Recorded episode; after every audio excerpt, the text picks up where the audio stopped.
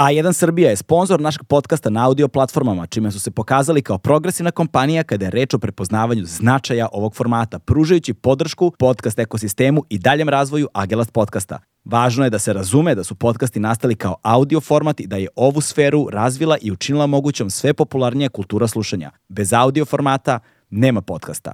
Veliki pozdrav svima šalje ekipa iz Lašteka, najopremljenijeg i najvećeg CBD head shopa u ovom delu Evrope. Od nedavno u okviru Šteka postoji deo koji radi od 0 do 24 gde možete kupiti CBD headove, blantove, mrvilice i ostalo. Zlazla.com brand već 20 godina pruža podršku svim zaljubljenicima u kanabis kulturu.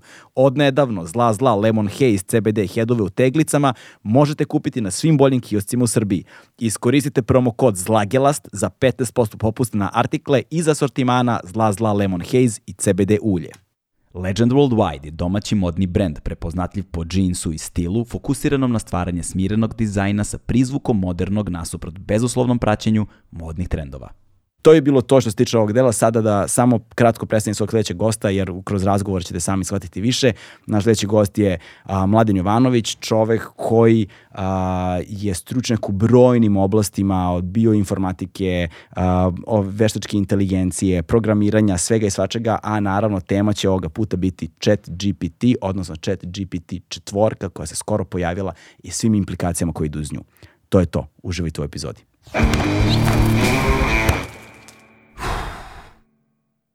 Hmm.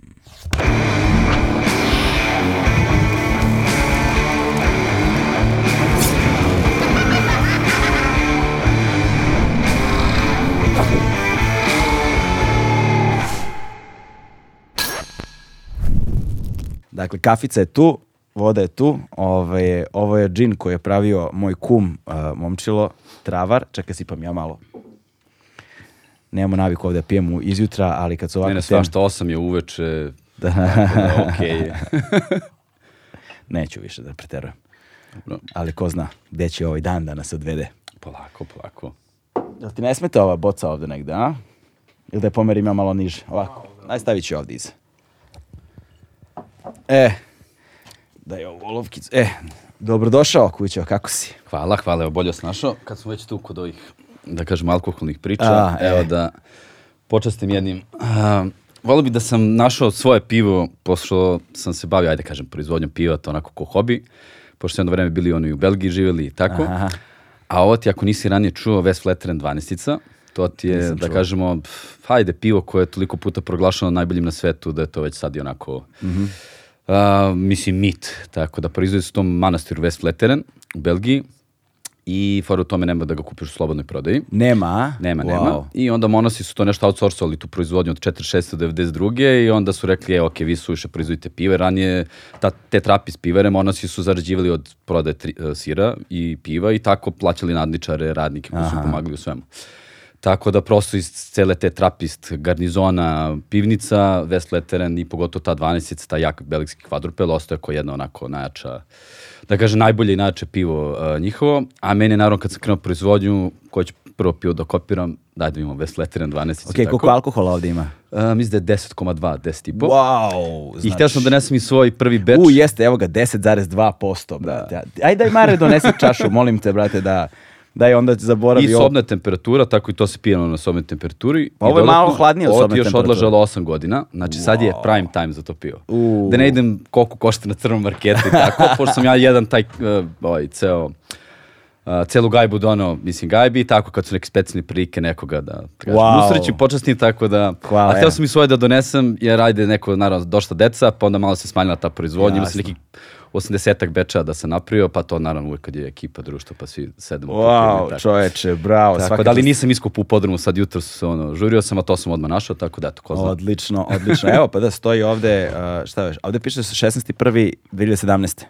E, to je do kad je kao rok trajanja, jer oni moraju zvanično da stave rok, a u stvari belgijski kvadrupeli mogu, nije sad baš da mogu neograničeno da stoje, Da, čekaj, čim li ga tipa, sada. kao. Ključ. A ključ mi neki treba samo, daj čeklju. Je, ček, mogu ja bre, daj, evo, ja ovim verničkim prstom otvaram A sve, ti imaš, a tebi vernički prsten otvarač za pivo, a? Vidi E, pa nije, nego je- Čekaj, vidi, vidi. da. Nego je matica, matica druga raj sad. Pravi si inženjer. Da, da, eto tako, Evo, tako da... E, ne treba mi, imam ovaj, aha, okej, da. Ćeš, ajde da podelimo pivce, brate. Hoćeš? Ajde, ajde, mislim, to je doručak, to je ko hleb, mislim, tako su, da kažemo, Sad dođu ja si- ljudi da zidaju manastir, znaš, kao počeste se pijemo ono ujutro, tako da, Da, ovo je tamno pivo. da, da, mislim, lepo, vidjet ćeš slatkiš, tečni slatkiš, tako da, tako da, eto, Samo da ga sipam, čekaj, ne mogu se fokusiram na razgovor. Aha, ovde, evo i ove malo. kvasa, to ti vitamin B, ovo ti pravi kvasac ono posle, tako da ovo pivo što je E, već isfermentisano pitanje. brate, sad ko da je... Ovako. Sad kod je stvarno 8 uveče, znaš. To, samo daj ovaj poklopac, onda ćemo ovu bočicu da sačuvamo negde, a? Kao, kao da se zna da smo ga pili, da smo ga imali, mada ostaje, evo, zapis, dokaz, stavit ću ovde sa strane negde, evo ga. Otvoreno pred kamerama, sve, Tako je, znaš, sve. daj novine neke, znaš, da se vidi koji je Otvoreno, datum. otvoreno vereničkim prstenom pred kamerama. Ajde, uzdravlje kućo. E, živjeli, hvala. Ajde, probamo. Lepo miriše, baš. Jako se osjeća, ono, Ne, pa mislim, a super je. to je to. A zapravo je dosta blagog ukusa. Nije, to je i fora da se zamaskira, mislim, da ti ne osjetiš alkohol, tu imaš dosta slada, ajde, Mm. glavne stvari na ukus piva, slad i hmelj, ali slad je taj koji daje tu slatkoću po noću, a hmelj da onako aromu. Da. I obično ta zahmeljena piva treba da se piju što sveže jer je hmelj svež. A za ove sladove, tu imaju ajde sad različiti proteini, enzimi, to prije im da onako odleže od stoje. Tako, zato belgijanci vole da od stoja, a bilo šta ovih IPA-eva i tako da je to što svežije. Tako da, Jeste, evo da, ovo je baš, bla- baš je, baš je blag, bla- blagog, je, blagog je ukusa, ali puno ne bih ukusa. provalio ukus. O, Da ima 10% alkohola, ma ni, Ma ni nema ni razno. u snu, ni Ma u da. snu ne bih provalio. U, kako se zajebeš sa ovim nečim, ali je, a, a stvarno je pitko lepo i znaš šta mi se dopada?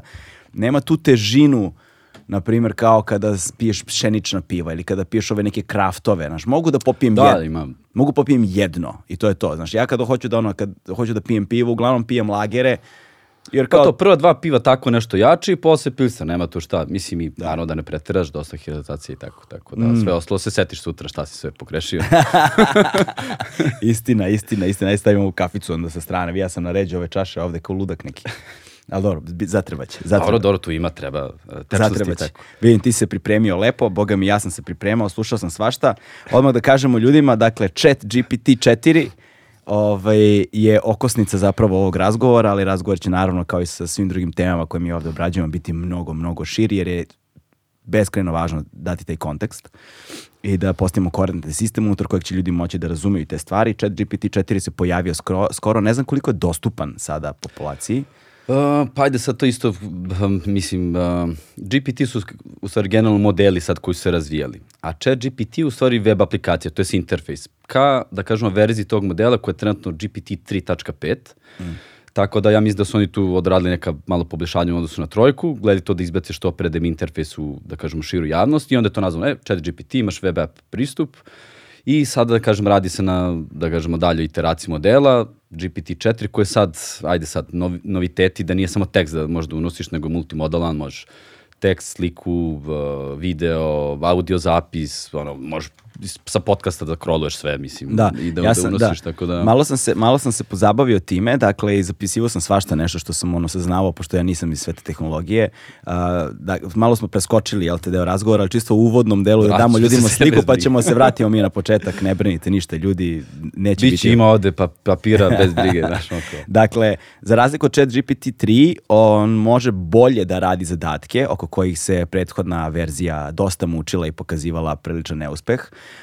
A, ono što je problem sa radom tih zadataka jeste da je eksponencijalan, zapravo kako su ga oni nazvali, duplim eksponencijalnim rastom, a, što je veoma teško obuhvatiti mislima, jer to znači da u toku jednog dana, ako praviš ne, recimo prezentaciju da bi objasnio nešto, ti više puta u toku tog dana moraš da proveriš šta se sa updateom desilo, jer je vrlo moguće će više puta u toku dana ono što imaš biti zastarelo. Ne, to koje evo samo u ovih, ne znam, kad smo imali preliminarni razgovor malo da popričamo Da, da. se čujemo da vidimo o čemu ćemo sve, tu izašao još noviteta koje sam ja morao sinoć da slušam i da pokrijam, znaš, kao evo naprijed već izašao pledge da se stopira chat GPT, potpisi ga, ne znam ja, Bill Gates, Elon Musk i tako da kažem, cela ova jedna ekipa. Da, peticija to jest, da, da. Pa peticija, da.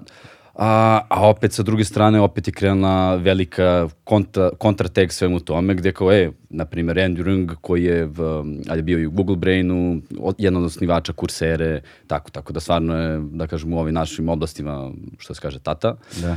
a, jedan ovako stvarno dobar advokat i uh, zagovornik svih onako humane upotrebe svega toga na pravi način, onako tako je stvarno super jedna figura i za pratiti mm. i, za, i za slušati. A tako, a on je sa druge strane kaže, e, ok, ne moramo da zaustavljamo sve, nije to rešenje, hajde samo da imamo, mislim, prosto veću diskusiju oko svega toga. Tako da, to ono možda i neka, ajde, ja sam neko gledao, koja je neka glavna poruka sad sve ode, evo, mislim, malo smo popričali tu, ja, pre, pre smo krenuli u studiju, Ali pojenta jeste da mislim da je ta tehnologija sada toliko napredovala i toliko nam kuca na vrata svima da više nije tu pitanje je, neko da li želi da bude upleten u to ili ne. Mm. Znači, pojenta jeste da je potrebno da svako zna barem osnove funkcionisanja toga da bi imao neku intuitivnu presu sve, svega toga, jer ako nema, ljudi se plaše, a kad se plaše onda se ponašaju ko zveri da. i onda loše reaguju i to je uvek lo, loša stvar. Tako to je, da. tu, tu je je razlog zašto me zanimaju ove teme jeste jer jedna stvar koju sam u životu do sada naučio to je da sve što je ikada uvedeno jednom u društvo više nije povučeno. A nema šanse. Jednom da. uvedeno ostaje. Zbitanje u kojoj meri, na koji način će ono da se Uh, da se kontroliše, na koji način će da se razulari, da se pusti, na koji način će da izgube ljudi na interesovanju, tako dalje, ali jednom uvedeno ostaje, u ovoj ili onoj meri ostaje. I sada je tu pitanje, dakle, kao što smo rekli, kao što si ti malo pre rekao, dakle, razlikuje, za razliku od prethodne verzije, dakle, sa tim zadacima mnogo bolji, što znači sa tim duplim eksponencijalnim rastom trenutno se stručnjaci u pojedinim oblastima, ne u pojedinim, nego stručnjaci u različitim oblastima muče ovaj, zato što je ova verzija chat GPT-a počela sada da rešava zadatke, da diagnostifikuje i da radi stvari bolje nego sami stručnjaci. U velikoj meri je ono egal sad dakle, sa vodećim svetskim stručnjacima. A, ono što je takođe razlika u odnosu na prethodnu verziju jeste što sada razlikuje fotografiju i tekst. Prethodni je bio text-based, je li tako? Mm -hmm Sada može, na primjer, možete da fotkate svoj frižider, sadržaj svog frižidera, doneste u chat GPT, da tražite recept i on će na osnovu onoga što vam se nalazi u frižideru izbaciti niz recepata šta se možete praviti od hrane. Primera radi. Jeste, jeste, mislim. Primera da. radi. Ono što je najveći problem jeste što mi bismo sad mogli da nabrajamo šta su sve implikacije, šta sve može, ali poenta je da sa, ni ljudi koji su ga kreirali zapravo ne znaju šta sve chat GPT može da uradi, jer je taj self-learning, odnosno uh, princip dakle samo učenja da ga nazovemo tako uh, sa chat GPT 4 uh, značajno značajno uh, skočio. Um, da mi samo gde sam još. Dakle problematika toga ovo je super bilo što smo slušali onaj a, Ezru i Tristana. A, da, da, da ovaj, kad kažu, Center for Human Technology. Da, ne, da. super, ko nije gledao to, mislim da se možda i već pominjao Social Dilemma film, stvarno je Da, da, da, oni su kre, kreat, da, kreatori Social Dilemma, ali mi ovde govorimo mm. o nečemu drugom, ne, drug, o nečemu drugom, neko tom predavanju koje su oni imali. Kaže, 50% inženjera uh, koji su kreirali, koji se bave AI-em, ovaj, veruje da postoji 10% šansi da ljudska rasa izumre zbog nemogućnosti da kontroliše AI.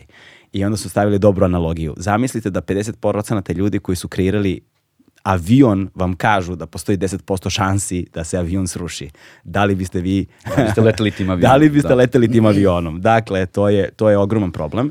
Ovaj, na, navećemo dakle dalje. Uh, ono što je važno takođe, eto, sa ovim ću još pa možemo da počnemo naš razgovor, uh, jeste da sa otkrićem novih tehnologija mi zapravo otkrivamo novi set odgovornosti. Uh, I to je od uvek bilo tako. A, mi pre interneta nismo imali, na primjer sa internetom se pojavio, dakle pojavio se internet i kada smo shvatili ono posle koliko godina postojanja interneta da jednom na internetu zauvek na internetu tek tada je počeo da se uvo, počelo da se uvodi pravo a, da budeš zaboravljen tako pravo da budeš zaboravljen. The law to be forgotten al tako? Da the, mislim da da. Tako nešto se zove možete tržite dakle pravo da budeš zaboravljen ovaj, koje je sada uvedeno, mislim, u Evropskoj uniji, postoji Argentini, ne znam koliko zemalja i to će verovatno da postane tako da ti možeš sada pravnim putem da zatražiš da se svi tvoji podaci izbrišu sa interneta. Uh, takođe, dok, dok kamera nije postala nešto što je svi imamo masovna proizvodnja i upotreba kamera na nivou, popula, na nivou celokupne ljudske populacije, a, nije postojala potreba za takozvanim zakonima prava na privatnost. U Jeste, obliku... to treba da se prati sa korak, prosto tehnologija suviše brzo Tako ide, je. ne možemo da imamo sad, što se kažemo, zakon mm. iz 20. veka, treba da se prosto Tako ide je. sve u korak. Ono sa čime imamo problem jeste da ako ukoliko imamo tehnologiju koja može da generiše moć, to znači da započinje trka a ta trka uvek završava tragedijom, osim ukoliko nemamo regulatorna tela i regulatorne principe koji mogu da kontrolišu način na koji, jer ne možemo retroaktivno to da radimo i ne postoji jedna kompanija koja će da reši taj problem. Pa dobro, to je uvijek ono, ajde, mi smo ta generacija Terminator 2 i tako, ja, Skynet i sad ljudi se, uvijek se neko plaše svega toga. Sad ja to neko sticam okolnosti, mislim, ja sam neko završio da se bavim svim time i mogu iskreno da kažem, da kažem da mi je cela ova situacija, ajde ne idemo sad malo uh, definicije šta je veštačka inteligencija, da ne idemo sad opet, uh, već smo prošli neke Da. sa, sa kolegama u prošlom podcastu, ali ta artificial general intelligence, znači ta neka generalna inteligencija koja je gde, da kažem, ako čovek ili mašina naučila jedan set stvari, instrukcija, da može za neki potpuno drugi nevezani problem od toga da koristi to pređašnje iskustvo da bi naučilo nešto drugo. Da ne mora sad neki novi model no, nanovo sve da se trena. Tako ućemo neko i detalje šta je neko tu. Baš. Ali ajde da počnemo mi od tebe. toga. Može, ajde, može, poč, da, ajde da počnemo od tebe. Ko si ti i zašto si ti ovde? Dakle, Mladen Jovanović, Anja Ivanić, da. A, odakle si? a, si iz Beograda, si Zvezdare, Liona. Da. Da, da, okej, okej, okej. Ti si isto kao i naš uh, drugar ovde koji je bio Igor Simić, išao u matematičku gimnaziju. A, ba da, da. Eto, tako? Da. Jeste, ali eto, mislim, ne, ne znamo se, iskreno čak mislim nismo se ni upoznali nešto sad pre ovoga, mislim, ajde sad, pominjali smo i da se mi nismo sad nešto Da. u gradu pre ovoga negde sreli i družili više, ta, tako da, otko znam, ajde, sticamo konsti, mislim da sam ostao neko ovde u zemlji, što ajde, naravno, najsad, mislim da je to neko i dobra stvar, pa naravno da onda kad smo već ovde, hajde da damo sve od sebe da ovde napravimo, da kažemo, da bude što bolje mesto za život, na koji god način svako od nas može na, da utiče na to. Ok, Tako da, dakle, to ono. išao si u matematičku gimnaziju i Pos- nakon toga? posle toga ETF, ajde šta je neko možda specifično uporedo sa tim nekako da, od, uh, da sam rano krenuo da radim, ajde neko to, da ne kažem, bila i kultura u kući, prosto uvek se nekako tu, učili smo to da pomažemo roditeljima, idemo s tatom, učimo ovo, učimo ono, znači uopšte to bilo bitno je da ja sutra se bavim time, mislim kao, jel idemo nešto da radimo, neki manualni posao, super, hajmo, i onda sve sam to neko gledao kao super stvar i stvarno je, stvarno sam neko beskreno zahvalan na, na tom nekom načinu vaspitanja. A onda opet kad se neko ot- otvorilo, da kažem, neka prilika u ovim nekim oblastima kojima se danas bavim, ajde, to je neko tehničko, pa programiranje, neki osnovi počeci i tako. To sam neko iskoristio tu sa 17 godina, jel, drugar koji je već radio, bio zaposlen, pa je onda po- pozvao eh, je- jednog od nas, pa drugog i onda smo tu ta neka naša, da kažemo, core ekipa od nas trojice smo radili onako par godina zajedno. Uh, naravno, sad kažem, ajde, potpuno to neko drugačije uporedo se studira i radi, tako kažem, možda nisam bio baš najbolji student, možda bi eto sad vraćam film, možda bi to malo drugačije uradio, ali opet nije to ništa, mislim, prosto moj put neko bio drugačiji. I dodatno, ajde ovako, uvijek su me zanimale sve stvari, mislim, nekako, ja sam volao nekako i težio tome kao, ja, volao bi sad da imam samo tu jednu stvar, 100% posvećen tome i da me ništa drugo ne zanima. I onda prosto jurio sam tako te stvari, imao sam ih, ali prosto ne kaže sad ništa mi nije dovoljno dugo držalo, nego nekako budem tu, posvećen tome sam 100% i onda onako to onako neko malo pusti, neki tempo. Tako da, tako mi ja to što se neko izdogađalo i što se tiče posla, sam prošao neki celokupan krug. Znači evo koliko je to, 21 sad, dve godine koliko, koliko radim ono uh, neprekidno, ajde sad i tu isto. Uh, pa sam prošao od dizajna, programiranja, web aplikacija, standardni software development, mislim to je još ono doba svega i svačega, mislim neki arhaični sad jezici i biblioteke, ne previše. A, tako da mi je neki onako karijer shift u stvarni za, u ove vode bio 2000, sad 30, 14. Uh, kad sam neko gledao, već je tu bila nas ekipa, onako, radimo, imali smo direktno posle sa Rusijom, sa Amerikom, direktno klijenti, mislim, prva ruka, da kažemo, posla, razgovora, svega.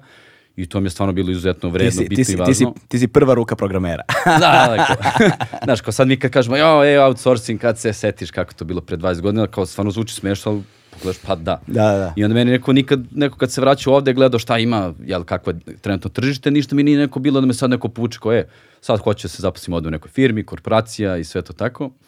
Tako da mnogo nam je prio taj neki naš interni razvoj, družili smo se, zajedno radili, mislim, to je neko nezamenljivo stvarno. A, ali evo, mislim, moram kažem tu 2013-14. Sam Bridges došao tu na razgovor, sve to pogledao. Samo polako. A da, Previše se. toga ti se podrazumeva. dakle, Da. a, Seven Bridges Genomics, Genomics, da. tako je. A, dakle, e, šta, šta je genomics? Šta genomics znači? Odnosno, odnosno bavljanje genomom. Pošto je va- važno, ti si tu zapravo bio u bioinformatici. Da, da, u bioinformatici, bioinformatičkom timu. Sada, evo tu genomika, kažemo, možda neka nauka, disciplina, naučna izučavanje ljudskog genoma, sad šta je neko ljudski genom, mislim da je sad isto da uh, Sad gledi- gledi da vratimo bude- nazad, gledi da znam, to- da to- sve to vratimo to. koliko može. Okej. Znači, prosto DNK materijal koji postoji u svakoj ćeliji koja postoji u našem organizmu, ima neki, da kažemo, blueprint, znači neki kod, to je ko neka ultimativna knjiga recepata za formiranje same ćelije. Kako se ona deli, šta radi, kako izgleda, da će posta ćelija da postane tkivo bubrega, tkivo kože, znači sve to zapisano u tih dve, koliko, 3 milijarde baznih parova. A1 je prvi prijatelj audio izdanja Agelast podcasta. Tako da ima Kako, koji su beže? A, G, T, adenin guanin diminicitozin. C, A, tako G, da- T, C, tako je. Da, da, tako jedno se vezuje sa drugim. Uh, I sada fora u tome imaš 3 milijarde karaktera, mislim to je ovako baš impozantan neki broj. Naravno sad nisu svi karakteri i svi regioni podinako bitni, sad se tu polako učimo, znaju ljudi otprilike ovako šta su geni, da kažu da ima 22.000 gena, znači tu su sad opet neki delovi. Tog DNK od 3 milijarde baznih para, znači koja smo razvukli, ne znam, preko celog stola ne znam, jednu liniju, v, kobasicu, šta god, i sad stavimo, jel, da mm, jedan deo toga je ekstra bitno za formiranje ćelija, a drugi deo onako možda nije toliko bitan. Uh, pa onda sad, kažem opet da ne ulazim mnogo u detalje, onda ti delovi koji sam mislio da nisu bitni su bili nazivani recimo junk DNA, kao, e, pa ovo ne služi ničemu, posle ispostoji družene da služi nečemu, nego tu su regulatorni faktori da će neki protein uopšte se napravi ili neće i tako, na primjer. Da li je, šta je odgovor za, ne znam ja, neke ovako osobine, boje očiju ili neke druge stvari. Sad imaju te kompleksne stvari koje se tako nasleđuju i tako. Tako da, mislim, dosta tu ima stvari. Imaju, na primjer, delovi genoma koji su mnogo variabilni. Znači, evo recimo, ajde ovako malo, nećemo sad nešto mnogo oko toga, ali da bi se uopšte to istraživalo, bilo je po, potrebno, bilo nužno da se napravi nešto što se zove referentni genom. To je ko da kažemo da mora postoji neki koordinatni početak. Znači, ako sad mi nešto radimo ovde u sobi, ti treba znaš gde su vrata, pa znaš koliko si udaljen od vrata, gde si otišao i znaš neg, negde gde, gde se nalaziš. Tako u tom genomu se formira taj referentni genom, pa onda razlike u odnosu sa taj referentni genom, one mogu da se beleže. I onda kažemo 30% populacije na 7422 mestu ima C, a neki drugi ima G. Ako ima C imaćeš plave oči, ako imaš G imaćeš brown oči. Ovo je maksimalno podnostavljeno, nije to tačno. Jasno, jasno. Ali eto, otprilike tako nešto. Ali zbog, ono, uh, zbog uh, primjera, da, je- važno je da sve što govoriš, što više oslikavamo primjerima da bi ljudima bilo Slažem jasno. se to, dajem se od sebe, samo me... To samo tu lagano. je, skuluj me. A, da, tako da tu je naravno sada do, dok su uopšte jedan deo te ćelije, dok se sekvencira, vidi se koje je tkivo, naprimjer zašto je sad to bitno, recimo ja ukratko da, da neko, ajde gledam da ne razvodnimo tebu suviše, recimo. Ne brini ništa, za samo same- polako, samo polako. za Važno samo- me- da. Najvažnije je da, da te ljudi razumeju, a ne Dobro. da ubrzamo stvari. Ok, ok. Ovde barem imamo vremena koliko hoćeš, samo se opusti Ok, i ok, polako. Ništa, onda ćemo polako. Ovako. Tako. Um, pa da, uh, znači sad cela nauka tu ima koji istražuje jel, šta su ti geni, kako rade, a onda koje imaju nešto što se zove recimo pathway u organizmu, znači to je prosto niz Putevi. putevi, znači neka putanja kako se nešto recimo formira nešto u ćeliji. Evo, ne znam, ajde, možda neki glupi primjeri, mislim možda koji nisu tačni, ali uh, čisto da oslikamo Slikoviti, nešto. da. Sli, slikoviti, recimo sad ti po, pojedeš nešto i luče se neki specijalni zimi recimo za razgradnju masti i svega toga. Tebi da bi se, na primjer, ćelije koje su recimo, ja mislim da ćelije pankrasa uh, produkuju da enzime za razgradnju masti, da bi ćelija pankrasa to uopšte mogla da produkuje, ona treba da ima neki eksitacioni moment. Eksitacioni moment nije ništa drugo nego input i output. Znači ima neki sistem koji dobija neki signal da nešto uradi. I ima i neki izlazni signal oko svega toga. Recimo, na primjer, sad kažemo, je, treba neko od nas dovede do prodavnice. Mislim, kažemo, mo, ulazni signal za tebe, da ja kažem, je, galebe, evo, ne znam ja, 2000 kinti, treba na, ne znam ja, dva piva, dve čokolade i kao to je to. A output će na kraju da bude da je neko otišao do prodavnice i sve te stvari na stolu. I sad, svak, sad zamislimo, svaki, svaki taj pojedinačni sistem ima svoje ulaze i izlaze na koje je na, naučio da funkcioniše.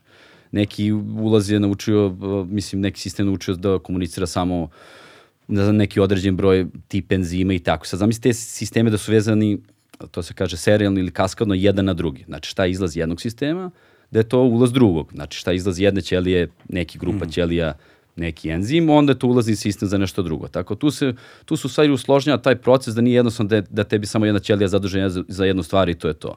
Zato i cela ova da kažem, nauka, to je, mislim, naravno, i molekularna biologija iza svega toga je izuzetno kompleksna, komplikovana, gde mi, mislim, to se dalje razvija, mi tu razabiramo neke stvari i dalje, dosta se znali, koji one standardne stvari, što više znaš, ti si bukvalno se, ja jebate, osjećam se mnogo bolje prema što smo krenuli sve ovo. Da, da učimo, znaš, ko, ba, ba, baš si onako duduk, znaš, onako, ni, nisi siguran u šta više šta sve znaš, ali zato za sve te stvari za nauku, mislim, ko što ćemo vidjeti ovde i za veštačku inteligenciju, stvarno prije taj moment da malo se povučeš nazad, onako, da napriš neku širu perspektivu i pogled, kažeš, e, ovo smo stvarno super uradili i napravili. Evo da povučem malo paralelu isto, naprimjer, sad što pričamo o tim delikatnim procesima u ćeliji, o genomu, o svemu tome, to nije, da kažemo, ljudska neko tvorio, nego je recimo neki proces evolucije kako već e, sve funkcionisalo. A ovi sistemi koje su mi danas napravili su man-made. Znači, mi smo ih pravili. Znači, ljudi kao vrsta i ovo su najkompleksniji sistemi koji su ajde ne kažemo veštački napravili. Mislim, šta znači veštački? Mi smo ih napravili. Znači, da.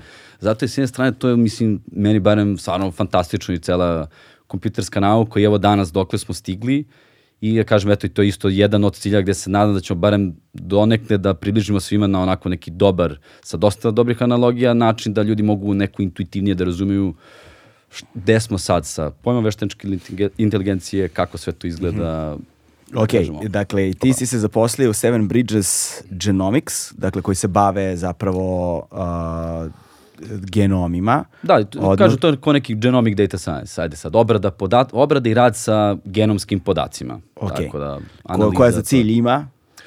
Pa sa cilj ima pod jedan, kao svaka nauka, da ne kažem bazična, cilj je da spoznaš rad sistema što više, jer kako poznaš rad sistema što više, ćeš moći da pomogneš. Znači, mm.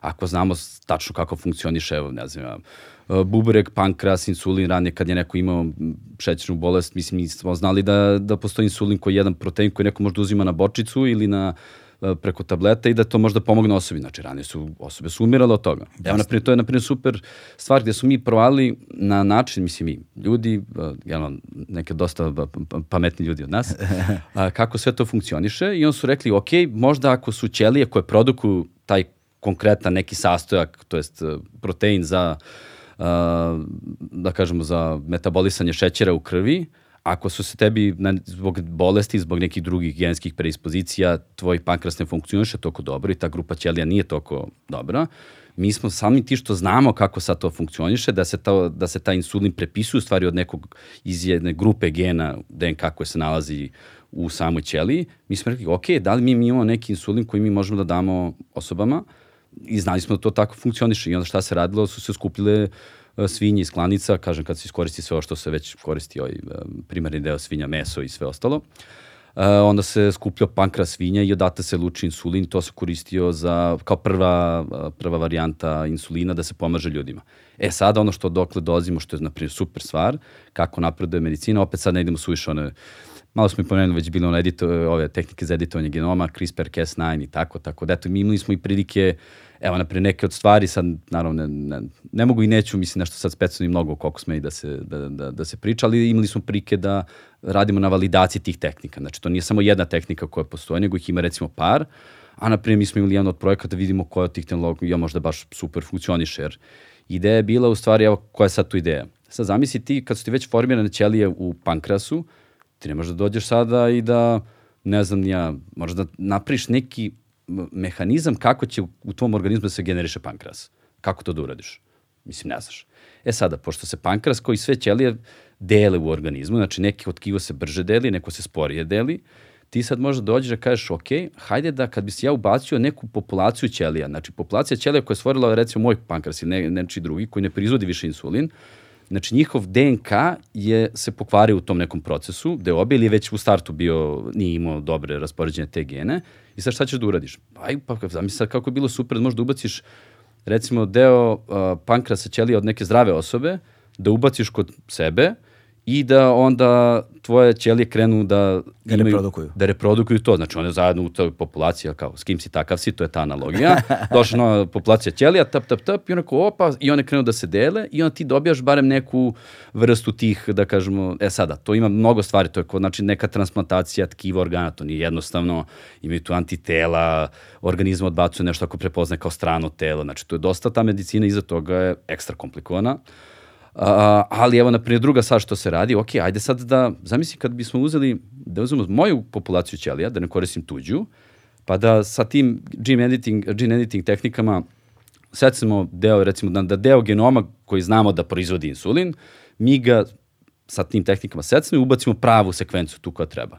I zapakujemo, jel, zašimo sve to nazad, naravno, hipotetički, i vratimo sve to jel, nazad u pankreas i onda ti imaš u stvari svoju ćeliju koja ima dobar DNK, kapiraš, popravljen. I to je, eto, to je, na primjer, ovako neki, mislim, primjer koji je baš onako super, nadam se da sam ga dovoljno dobro Da, do, do, do, dovoljno jednostavno i dovoljno slikovito. To je ono što nam je važno. Znači, sad ljudi koji se stručno bave time, verovatno im ono, Vataju se za glavu Vataju se za ma glavu. zvaći me svi posle.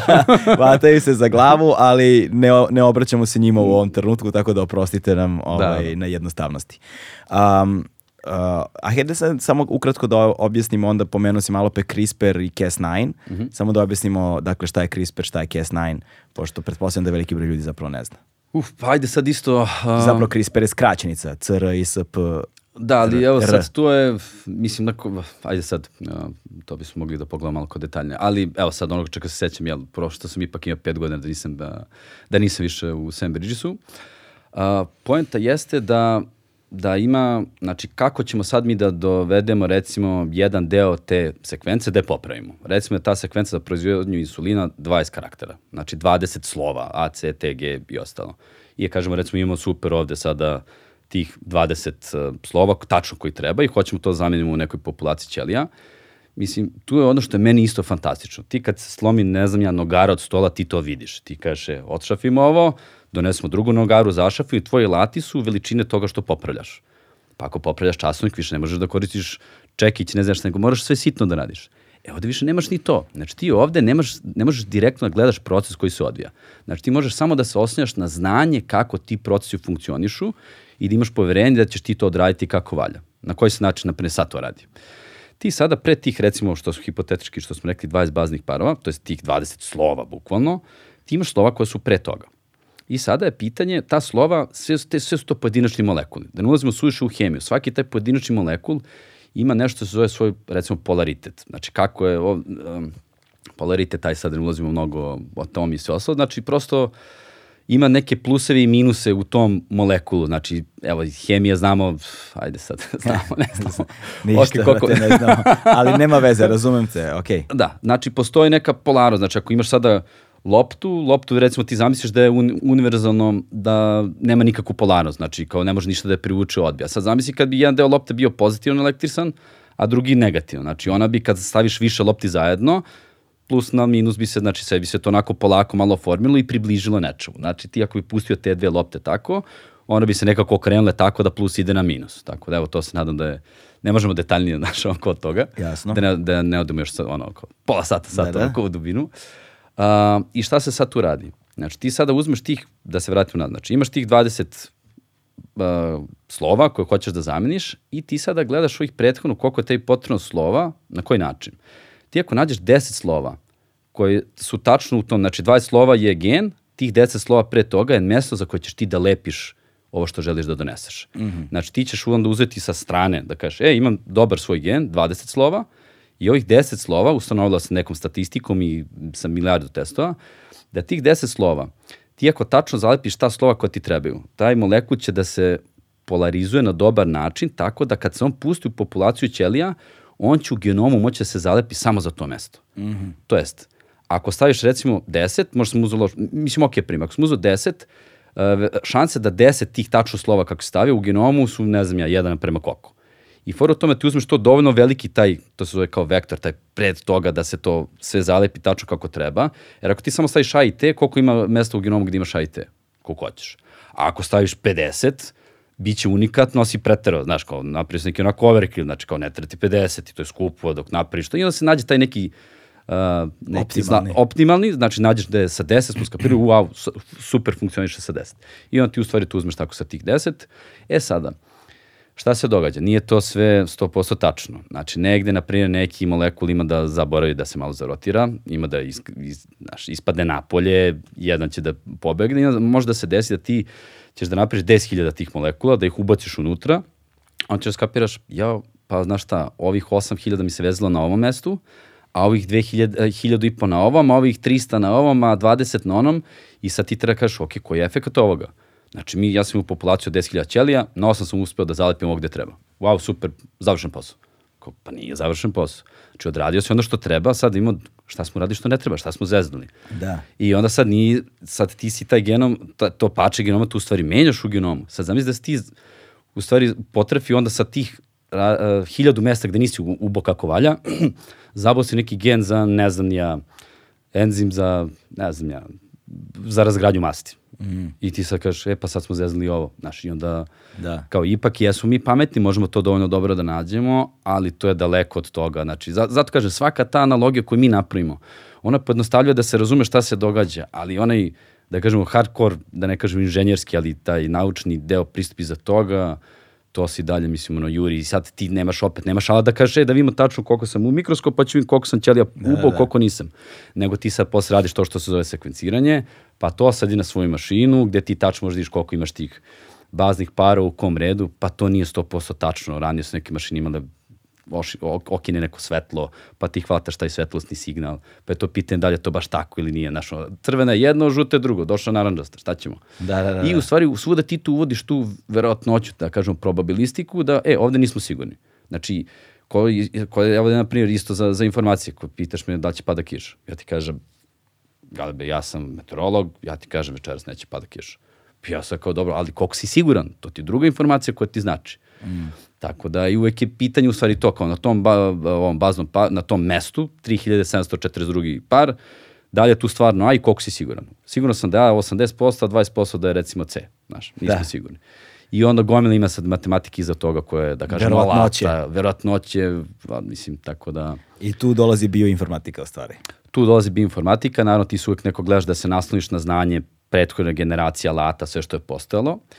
I tu bi, ajde, e, meni na primjer isto jedna, ajde, super ovako, ova izreka, ajde sad mislim da ga imam i ovde, Jim Keller, na primjer, on je stvarno, meni barem jedan od ono top inženjera, da ne kažem ono kobaja, a, koji je radio na razvoju mikroprocesora, pa svuda, mislim, AMD, Intel, Tesla, znači svuda. Tako da, evo da ga baš citiram, ako sam već stavio, kaže, if you constantly unpack everything for a deeper understanding, you'll never get anything done. Kaže, and if you don't unpack and understand when you need to, you'll do the wrong thing.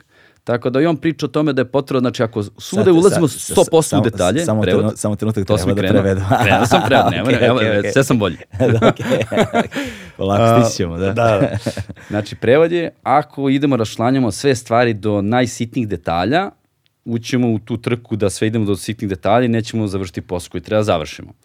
A ako ne uđemo u detalje kad treba, nećemo razumeti tačno šta se uradilo i napravit ćemo pog pogrešan neki izbor. Tako da iskreno rečeno, ja se kad gledam neko ovako posle koliko, jel, x godina radi i tako dalje, mislim da neke te stvari, odlučenja, to svedeš, to, ne, mislim, tako ti izgleda neki tvoj ono dan. Da. Non stop procenjuješ stvari, znaš, ko- koliko znam ovo, da li treba da znam više. Da li treba da challenge ljude, to je da ih upitam njih da znaju više, koliko smo detaljno ušli u nešto.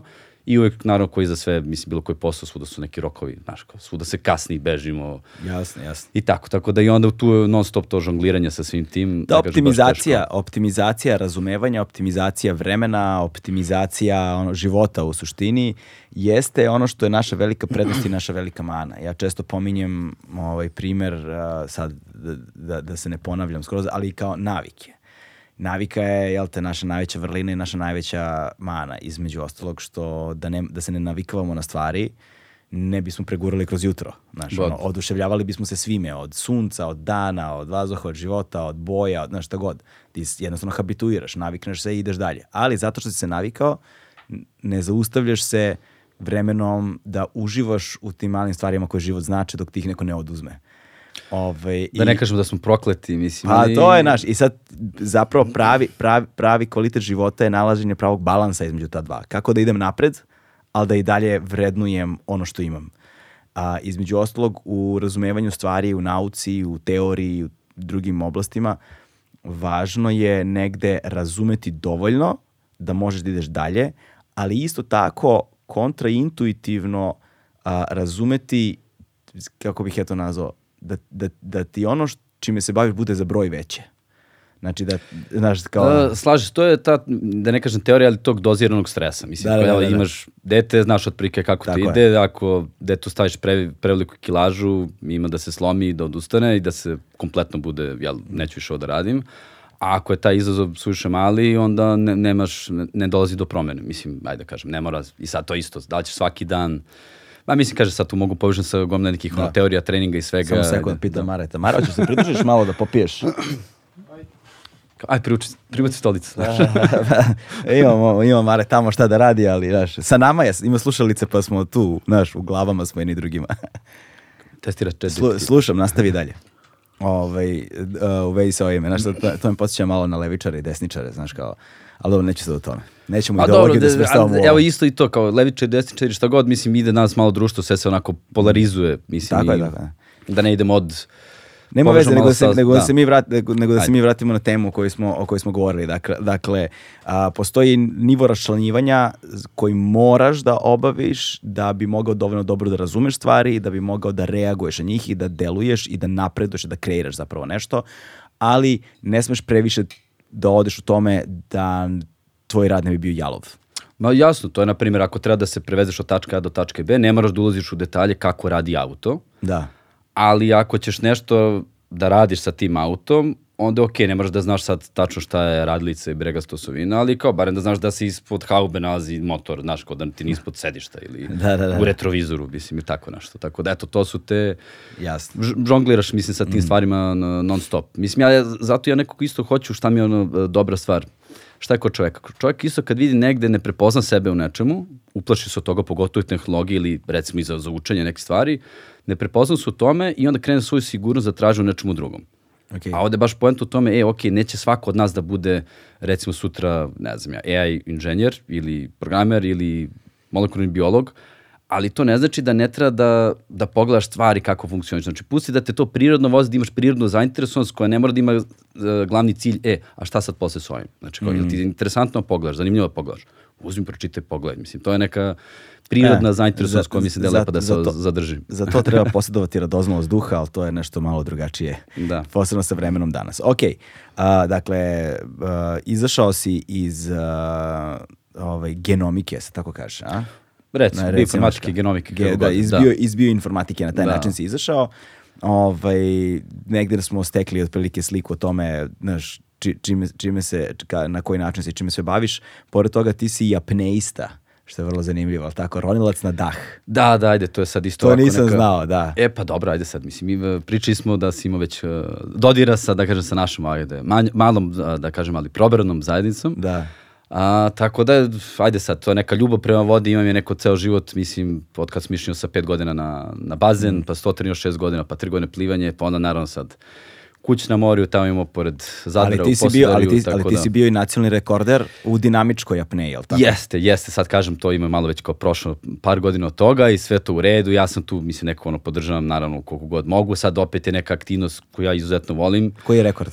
Uh, uf, uh, sad se to već pomenuo, to je sad već nekih 150 metara, ja sam tu bio nešto da li 130, 140, ne mogu da se setim, ali neko ti metri ljudima nekako i ne znači nešto mnogo, ali kad neko kaže kao, e, kao šest i po minuta drži dah, e, jeste, znaš, kao, Da, da, da, da. ajde, znaš, kao, kao kako, pa kako, kako ono, tako da, ajde, to je isto, da, e, mislim, jedna velika, ajde, barem neko i moja neko ovako ljubav, volim da sam vodi, bazen, plivanje, sve što je neko povezano sa tim, dodatno, posle takvog nekog iskustva, bukvalno jedno more ne može više da vam bude isto. Znači, more postaje dosadno ako nisi. Znači, kao letujte u moru, a ne pored njega.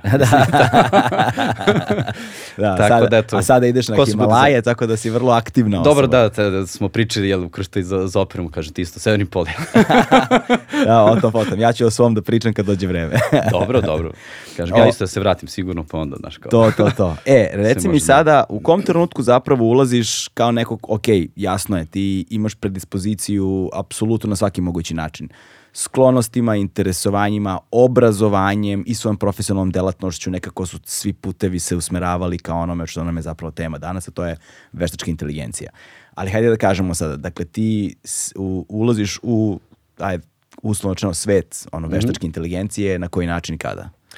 Pa evo, bukvalno se ulazi, recimo, uh, mislim, bitno pomenuti što se tiče veštačke inteligencije, da ima, da kažu, ljudi znaju, čuli smo za termin data science, znači nauka o podacima. Mm -hmm. Znači, prosto bilo koja, da kažem, veštačka inteligencija ne može da postoji bez podataka koje svi da kažemo, koji se beleže suda na svakakve načine, tako da pre toga u stvari to se iznedrilo iz jedne, da kažemo, brige o podacima na dobar način. Znači, analiza tih podataka je prvo morala da postoji na dobar način, pa onda odrada neke statistike svega toga, šta se tu događa, da znaš svoje podatke, da bi ti uopšte mogao da kreneš da praviš neke modele, znači neki ko program koji bi mogao da obrađuje te podatke na neki onako dobar način. Sad eto isto što meni nekako onako možda sticam okolnosti, što se neko pominja da me zanimalo ovo pa ono i tako. A, onda sticamo okolnosti neko sam neko ja i bio i u, da kažem, striktno korporativnim okruženjima, velikim sistemima, onda isto i u dosta, da kažem, ovako par već startapa. Uh, tako da ima se neko prike i onda naravno svaka kompanija radi jedan drugi vid te obrade podataka, analize podataka, mašinskog učenja, veštačke inteligencije i svega. Uh, A, tako mi baš neko, meni barem onako baš mi je super, baš mi je drago da onda dobiješ neki onako veći dijapazon, uh, opseg, spektar stvari koje možeš da radiš i koje možeš da razumeš i meni to uvek, uvek, bilo, uvek bilo super. Tako mi zato i neku, i sada da ne kažem i lakše kad dođem u neku novu ekipu ljudi, sednemo, recimo novi projekat, nova kompanija, hajde da krenemo da vidimo šta ćemo da radimo. Tako da, ajde, čisto kratki neki presok oko toga, neko posle Sam Bridgesa nastavio sam samo sa striktno data science, AI, ML pozicijama. Uh, Šta je ML? Uh, mašinsko učenje, machine A, learning. machine learning, Machine okay. learning, mašinsko učenje. Uh, da bi se to rezultiralo mojim nekim odlaskom na, što se kaže, sabbatical, to je, da kažemo, ne kažemo, je, dosta mi svega, ali neko sam skapirao neko da mi potrebna neka pauza, jer iskreno čenog, kad 20 godina konstantno radiš, a između posla ne priš nikakvu pauzu, mislim, nagomiluje se malo stvari, onako. Izgorao si. Pa da, ali sad to izgorao, znaš, kao sad izgorao, sad sve ljudi, mislim, to nije popularno u IT-u sad da neko priča o tome i svi se nekako, to dela ako pričaš o tome da nisi dovoljno jak, da si, znaš, kao da nisi to baš odradio kako valja. Ja sam baš neko gledao, kad sam video otprike da to ide, ja mislim da sam uhvatio onako dobar trenutak da ne odem u kompletnu tu situaciju, on sam neko bio kao da budem iskren sam sa sobom, kao da ja sad sebe kapiram kao, ne znam, vrednu, jaku osobu, da, ali kao i tako me razumiju i drugi ljudi. Pa onda samim tim ja imam odgovornost, ako se meni nešto događa, ja imam odgovornost, ako ja neću da kažem da, e, meni treba pauza, ono, mesec, dva, tri, pet, Mislim, kako ćemo mi onda da edukujemo ostatak populacije da neko kaže, e, da, da prihvati da je u redu je da ja imam pauzu. Da. CBD je, pored THC-a, najistraženiji kanabinoid iz sveta industrijske konoplje, samo što on nema psihoaktivno dejstvo. Mnoge studije potvrđuju njegove pozitivne efekte i pomoć pri problemu sa spavanjem. CBD ne uspavljuje niti omamljuje, ali je san čvršći i kvalitetniji. Tako reći, budimo se odmorniji. U vezi sa ovime što si malo prepomenuo, dakle, uh, prateći dakle, negde sad ovo naj, naj, najbazičnije za, za ljude koji, koje žele da razumeju negde prvobitni razvoj takozvane veštačke inteligencije. Zapravo prvi neki ozbiljni razvoj veštačke inteligencije taj kao spajanje se dešava otprilike negde 2017. godine, jer kao do tog trenutka, koliko sam ja razumeo, su bili različiti aspekti veštačke inteligencije koji su bili toliko drugačije nauke da ono, bukvalno jedni drugima nisu mogli da čitaju ono naučne papire koliko je bilo drugačije. Znači, ako si išao za, se baviš ovim aspektom, išao si bukvalno u drugu zgradu da se baviš drugom naukom. Da, da, to, znači, deo to, znanja nije postano na nivou na kojem postoji danas. Primera radi, ne znam, machine learning uh, je bilo jedna oblast. Uh, computer vision je da, bila da, kompletno drugo. potpuno druga je, oblast. Da, da. Uh, ne znam, speech synthesis je bila, odnosno sinteza govora je bila skroz treća oblast. Facial recognition, na primjer, prepoznavanje lica je bila potpuno peta oblast. Ono, išao si u, u drugu zgradu da slušaš potpuno drugi set predavanja i jedni drugima niste mogli da čitate naučne radove. Poenta kod veštačke inteligencije danas, znači to je sad nekoliko godina kasnije, svega od 2017. do, kažem, 2020.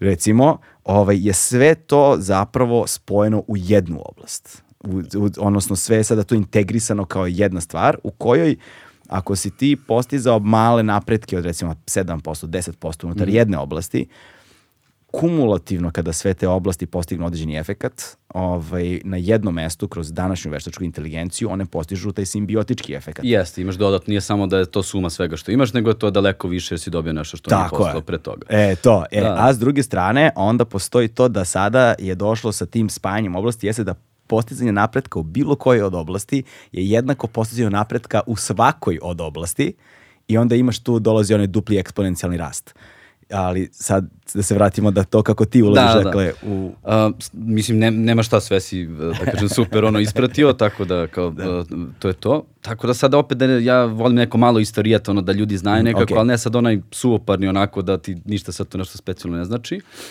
Ali evo da objedimo nekako sve te stvari, šta je neko tu u stvari e, neka, ajde, ne kažemo, paradigma, šta je paradigma? Recimo, način razmišljanja ili modeliranja nešto kako funkcioniše, uh, je recimo došlo još, ajde, neko izučavanje uh, mozga, kako funkcioniše, sad opet nervne ćelije, kako komuniciraju jedna sa drugom, to su isto neke stvari koje nismo znali pre 100 godina, sad otprilike znamo bolje, mislim dosta bolje. I mi u stvari, kao što smo dosta puta u nekom razvoju nauke svetske, smo se vraćali, što se kaže, korenima i prirodi kako nešto funkcioniše, tako smo, i, e, smo pokušali nekako uspešno za sada, ja se nadam još bolje, a, da prenesemo taj neki, neko ponašanje prirode na dobar način. Sada, šta sad tu imamo? Krenuli smo malo, uh, pričali smo malo o ovim inputima, outputima, šta je otprilike to. Znači, ti input i output i taj zatvoren sistem, to je nešto, možda su rogobatne ovako reči, ali pojenta jeste da ima nešto što možemo da kažemo crna kutica koja radi nešto. I sve, mm. sve kad se pogleda na tom nivou abstrakcije, sve možemo posmatramo tako. Mi možemo naš bubreg da posmatramo kao crnu kuticu koja ima neke ulazne podatke iz krvotoka, ovo ono, izlazne podatke neke druge i to je to. Znači sve može tako da se kažemo, to kažemo mi abstrahuje. Znači prosto ne bi ulazio u detaljno sve, kaže da je pojednostiš da bi nekom objasnio, e, to možemo gledamo ovako. Tako da, tako je kad smo došli do momenta da vidimo kako nervne ćelije komuniciraju jedna sa drugom, mi smo hteli da oponašamo to, da kažemo, u kompjuterskom to nekom modelu simulacije. A to u stvari sad ovako stvarno nije ništa specijalno komplikovano. da kažemo neku analogiju možemo da napravimo prosto kako komuniciraju ove nervne ćelije, da ne ulazimo opet suviše u hemijsko-fiziološki aspekt svega toga, opet će neko da mi uze na zub. A, šalim se, a, znači poenta jeste da imaju nervna ćelija, recimo možemo zamisliti onako kao neku lopticu koja ima jedan veoma, ima neke trepljice onako male, ove a, dlačice recimo svuda po, po, po površini i onda jedna velika, mnogo dugačka dlaka koja ide negde skroz a, dalje, znači recimo 20 puta duža ne, nego ove ma, male te treplje koje postoje. I, I fora jeste da se sve te trepljice otprilike koriste kao neki ulazni signal za samu nervnu ćeliju, a ta izlazna velika treplja se koristi kao izlaz. Mm. I tako da dobijemo dote da onda na jedna ćelija može da prima signale od x drugih ćelija. Okay. Opet da ne idemo sada u prirodu razvija, razvoja mozga, sećanja, ideja, kognitivnog mišljenja, ja ću sam isto tu da se zapetljam ono dosta. Ali poenta jeste da neke u početku, to se zove, da kažemo, mozak je skroz onako, jel, ne, nema nikakve te patve ustanovljene. Kako se mi razvijamo i učimo, neke te veze postaju bolje. Znači, od tih, recimo, 50 aksona, opet hipotetički, koliko ih ima, jedan, uh, jedna nervna ćelija, recimo, imaće samo ta tri aksona aktivna. Znači, imaće vezu sa samo tri nervne ćelije i to je to. Dok će nekad ima sa 100.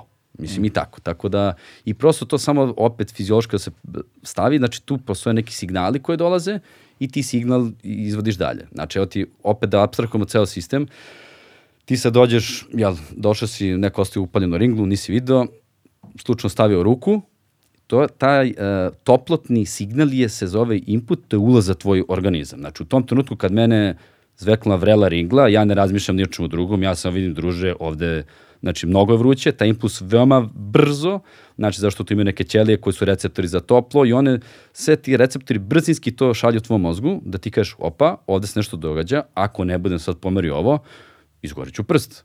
E sad, to, tokom munjevitom brzinom ide da i vama jasno da x puta se opeko, a da se nisi ni opeko, nema ni plika, nema ni ničeg. Znači, input je bio neki opet signali koji kažu ovde je mnogo toplo, a izlaz je bio, e, mora da se zgrče ove i ove mišićne ćelije da bi ruka se pomerila, da bi se ti spasio od toga. Tako, to su ti neki ulazi i izlazi do kojih, mislim, ne može neko se pobegne. Mislim, prosto je, to će sad iz ovo dalje razumevanje, bit će nekako onako, a, da objasnim taj osnovni princip, da kažemo, za tu za, za nervnu ćeliju, to je neuronsku mrežu i taj prvo modelovanje te jedne ćelije. Znači, ta jedna ćelija matematički kad se pogleda i ovako vizualno, ali sad, to sam isto pomenuo, i zato će bude teško, pošto ove sve stvari koje ja sad pričam ovde, mi, kad smo, ne znam ja, studirali, učili, radili, Znači, to se svede da ti gledaš 10 različitih YouTube videa na istu temu. Da. Zašto? Zašto neko, ni, to, se, to sad nije pitanje da će neko, do, neko zna da objasni, drugi ne znaju. Ne. Nego tvoje znanje je malo drugačije nego moje znanje i tebi će možda da ima mnogo da ti bolje padne video broj 8, a ne možda mnogo bolje ima da padne video broj 10. A, I okej. u stvari ti svaki put kad čitaš o tome ti vidiš da si naučio neku novu stvar, nešto ti drugo nije jasno, ali se tome vratiš posle. Da čitaš nešto drugo, pa se vratiš na ovo, opet čitaš, onda ti opet bude jasno. Tako su isto su i ovi koncepti neki koji kažem opet, mi ćemo ovde sada da sažemo mnogo stvari, ali opet gledam da ih držim dovoljno jednostavnim da može da se isprati ceo tok. Ali kažem, znači imamo tu nervnu ćeliju, imamo neke ulaze, signali, imamo neki izlaz. Sad ti ulazni signali, da se odmah prebacimo na kompjuter, da ne idemo sad istorijat ko je Jasno. tu, u kom labu, šta je uradio. Znači, poenta jeste da te ulazne signale mi ćemo sad da zamenimo sa svojim podacima. E sad vidjet ćemo šta su sve podaci. Znači, podaci, evo možemo ukratko, možda malo kod toga, to mislim da je isto dobra stvar da ljudi razumiju. Jer kao mi sad imamo, jel, podaci na kompjuteru, neko gleda kompjuter, podaci, memorija, Bog te pita šta se tamo nalazi. Ali fora jeste da sve možeš da ti zabeležiš tamo. Znači, evo možemo da uzmemo primer, um, ajde, evo recimo sama slika, video, evo uzmemo screenshot ovde sad da napravimo, kako taj podatak izgleda uopšte. Znači, to je nešto što se zove, znači dobijamo matricu, to je zamislimo kao šahovsku tablu i na svakom polju šahovske table, to je znači recimo vi rekli za ko malo prati više, rezolucija je bila 8x8, 64 piksela, veoma mala rezolucija, jel kamerica koju ćemo koristimo. I uh, svaka ta ćelija uhvatila je neku, da kažemo ovde, boju. Znači, taj piksel je ta, na toj čakovskoj tabli jedne jedinstvene boje. Mm -hmm. Sama jedinstvena boja, ajde da možda i pojednostavimo, da ne stavimo da je u koloru, ako u koloru, da ne, sad bi trebali da objašnjamo šta je red, green, blue, spektri i ostale, da podnosimo da je crno-belo. Znači, mi tu dobijemo neku vrednost od 0 do 255. Pošto toliko se gleda da, ja mislim, da ljudsko oko može da percipira nijansi sive. I tu stoji broj 0 ili 255. 0 ako je crna, 255 ako je bela. Ok. I to je to. Tako da to je taj neki input koji će na kraju da dolazi. E sad output je nešto drugo. Sad uh, da vidim da nisam ja nešto malo onako uh, vidim, i, i ti mi malo uh, znaš onako uh, Znaš kako ja sad razmišljam? Pitaš, gledaš, samo da vidimo da- da imamo neke o, o, tom, o tome što, dobre- o, da, o tome što ti govoriš zapravo um, uh, jeste uh, kad, sam, kad sam pominjao malo pre dakle, da su ovi različiti aspekti uh, veštačke inteligencije se zapravo spojili pod jednu krovnu oblast, jel te, veštačke Pa to možemo kažemo, to su u stvari neuronske mreže koje su recimo doprinele tome. Da, znači, e. zato je ta paradigma nivo abstrakcije, to je način razmišljanja i f- formulisanja problema izuzetno, izuzetno bitan. E, i, i da su oni svi, uh, da je posledica toga zapravo da sve može da se tretira kao jezik. Jeste, to je isto što su malo dotakli toga. To mi je, na primjer, fantastična stvar. Evo, pre pet godina, 2018. bio sam na stvarno super AI konferencija u Amsterdamu, Wor- World Summit AI. Znači, kao tu stvarno uh, top, da kažemo, i predavanja, biznis predavanja, znači nije samo ono tek stvari, predavanja ima daleko boljih tehničkih konferencija, ali ovo je bila neko super spoj toga šta su ljudi pravili, tehnički stvari, biznis odluke, onda pičovanje nekih startupa, sve i svašta. Znači, baš onako, uh, što se kaže, ono, sveobuhvatna konferencija za, za sve stvari koje su bile bitne. I recimo, tu je bio ovaj uh, Gary Marcus, uh, lik koji je tad izdavao tu svoju knjigu koja se zove Rebooting AI. I sada ona je onako malo, ne bih rekao da na možda na podrugljiv način, ali na neki način on tu malo uh, dosta de, demistifikovao, pojednostavio do možda nivoa banalnosti, banalizovao, da nemamo mi šta da se plašimo što se tiče, jel, veštačke inteligencije i svega, kao da smo mi miljama daleko od toga da se nešto drugo dogodi, jel, mm -hmm. to je taj pojam Znači, veštačka inteligencija, to jest i sami algoritmi mašinskog učenja i svega, došli smo dotle da možemo neke jednostavne stvari da radimo super. Znači, tipa, ne znam, imamo neki model koji može dobro prepoznati, ne znam ja, mačke i pse. Znači, recimo sad koja je upotrebna vrednost toga, ali ajde super, jednostavan je primer.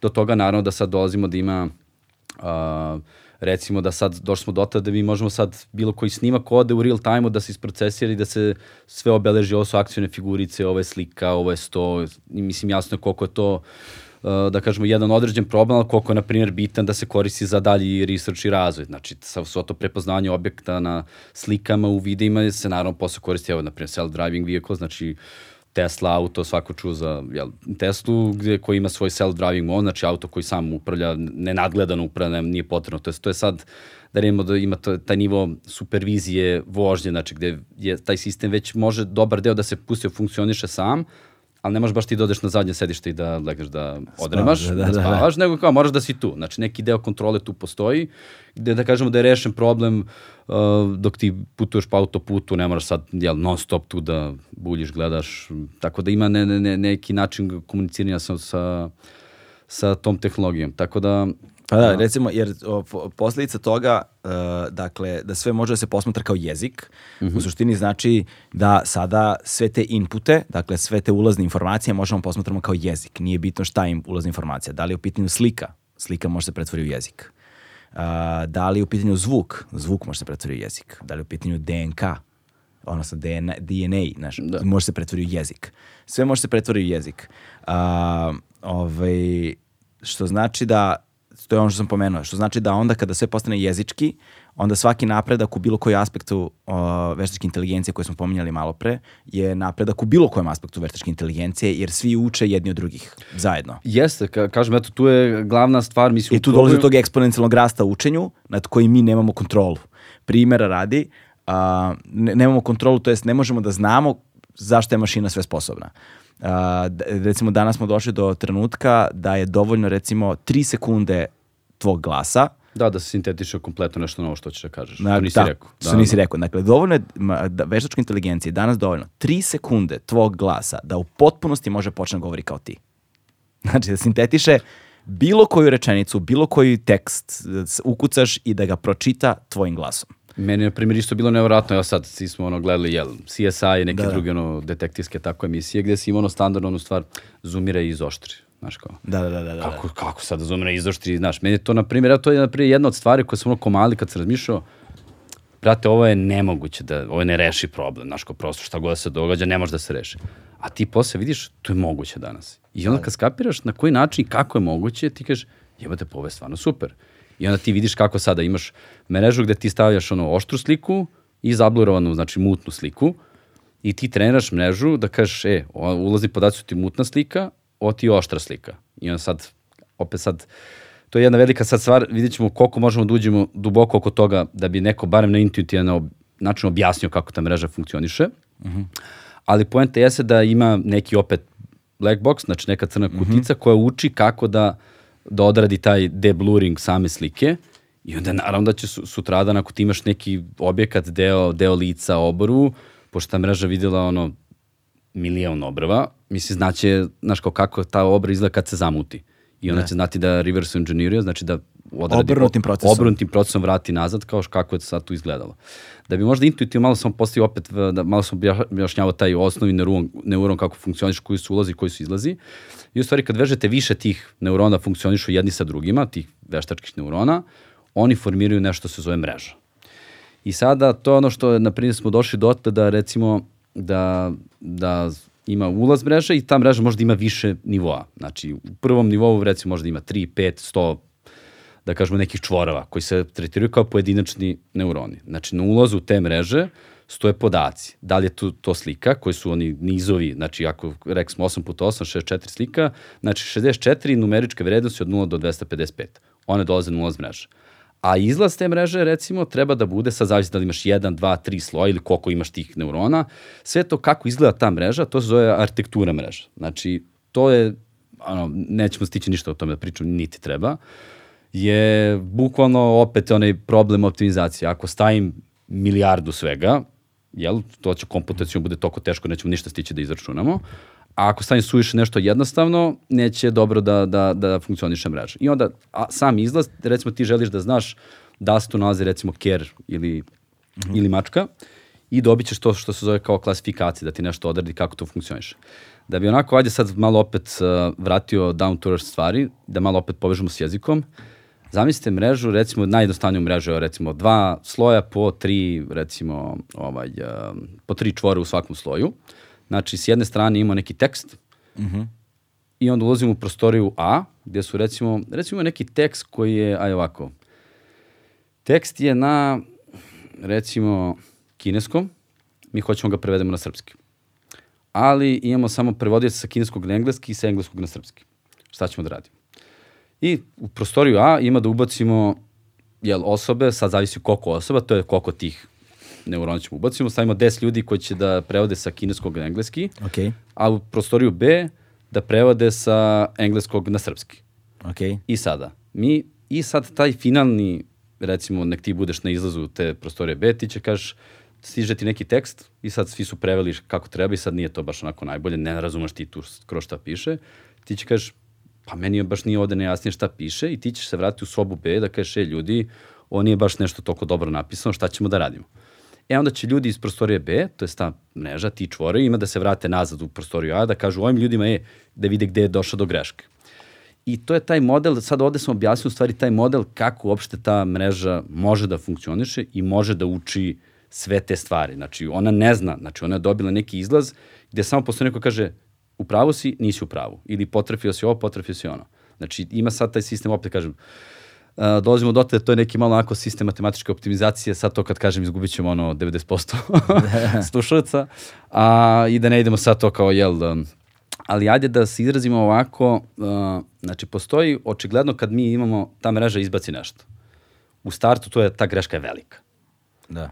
A, a na kraju dođemo do da ta mreža kaže tebi lepo ti ili prevede tekst ili ti kaže da li na slici maca ili kuca ili je ne znam ja projektil neki i tako. Uh, poenta je kako, kako se ta greška, razumeš, rešava. Jer, kako, jer ti ne, ne programiraš eksplicitno sistem. Ranije si ti, ako hoćeš da vidiš, recimo, mačku na slici ili recimo da prepoznaš, uh, evo, da prepoznaš fotografiju na slici, kako je ranije išao proces. Znači, bili su tu ljudi koji, jel, uh, imaš ekipa ljudi, imaš sada, uh, opet smo rekli kako se formiraju brojevi na slici, šta znače. Znači, eto, da li nešto svetlo skroz 255 ili nula skroz crno. Znači, neko je rekao, e, ok, ajde da vidimo, ako fotografija na slici, to je srami na slici, ako možemo da nađemo četiri linije koje se seku pod pravim uglima na slici. Pa kako sad da nađeš liniju?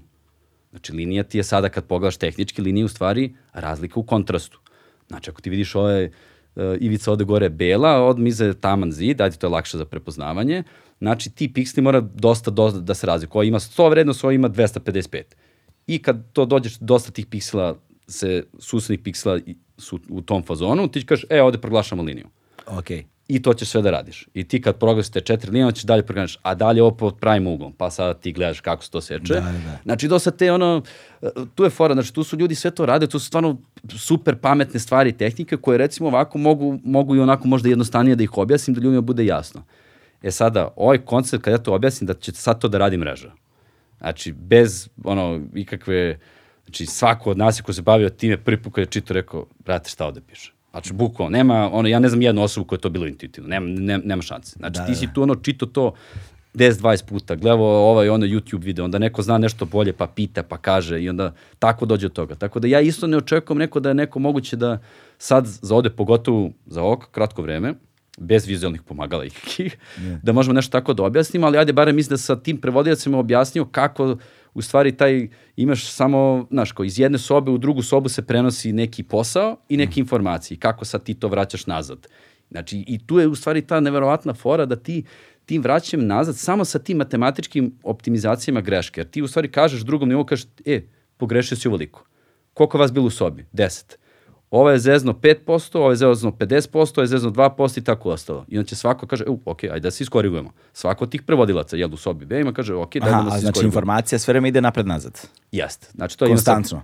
Da ne idemo sad opet termina za kog će znači Jasne, nekome jasne, ba- back propagation i tako, ali to su na primjer stvari koji su, zašto su izuzetno bitne za ovaj ceo a, moment a, što se pomenje ujedinjenja svega toga. Znači, stvarno su, mreže su a, tehnika, tehnologija koju smo pozajmili nekako iz prirode, koju smo uspeli da optimizujemo veoma dobro na naše podatke koje nisu prirodi, znači slike, tekst i ostalo, koji smo uspeli da napravimo da funkcionišu i mi te mreže sada samo različite nivoa dubine, koliko ima tih slojeva, kakvi su ti slojevi, šta rade, da li sabiraju, da rade neke druge stvari, koliko ih ima po svakom nivou, mi dolazimo do te kako to možda, da možemo to da koristimo. Znači, evo, kad se, mislim šta je isto super, oni su, kad je prvi put to je krenulo, mislim da je ono, ajde, IBM Research Lab ili MIT-ev Research, više ili Stan, Stanfordov, više sam mi zaboravio. Uh, u svakom slučaju, na primjer, tu dolazi do nečega što se zove AI zima, gde su ljudi rekli, druže, super ti je koncept, ali ti sad vežeš tu ono 10 tih neurona, brate, to nema, znaš, nema što da se izračuna, znaš, ko mnogo komputacijno zahteva, kao,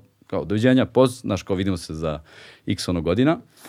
I onda u stvari uh, tu imaš, uh, mi je to super kad pogledaš, mi imamo koncept koji je bio dobar, ali nismo imali komputacijnu moć. Odnosno kompjutersku moć da ga... Jeste, da, da neko može to da radi. Nismo imali sadbira, hardware dovoljno Nismo imali razvijen. hardware dovoljno dobar za, za tako te stvari. Opet da nemamo sad i tu hardware koji su specijalizovani za ovo, za ono, znači, kažem, u svakom nekom kompjuterskom sistemu postoji nešto što se zove, jel, ne mora sad nužno CPU, ali neka mozak, neki celog tog kompa koji je optimizovan za neke stvari. E sad, jasno je, jedan mozak je optimizovan ono kao trkači. Jedan je sprinter, drugi je maratonac, treći je nešto između, četvrti skaču u dalj, mislim i tako. Tako da i sve te stvari, došli smo dotle da da za ove specifične stvari, znači za te mreže, za rešavanje tih mreža, nama odgovara jedan specifičan tip hardvera, koji je bukvalno nastao u upotrebi jel, grafičke kartice, koje sa potpuno druge strane, e, preko samih ovih, da kažemo, korišćenja dosta tih matematičkih proračuna, izračunavanja se koristilo za, za same, za gaming industriju, za igrice i on se posle ispostavilo, hej, pa ovo stvarno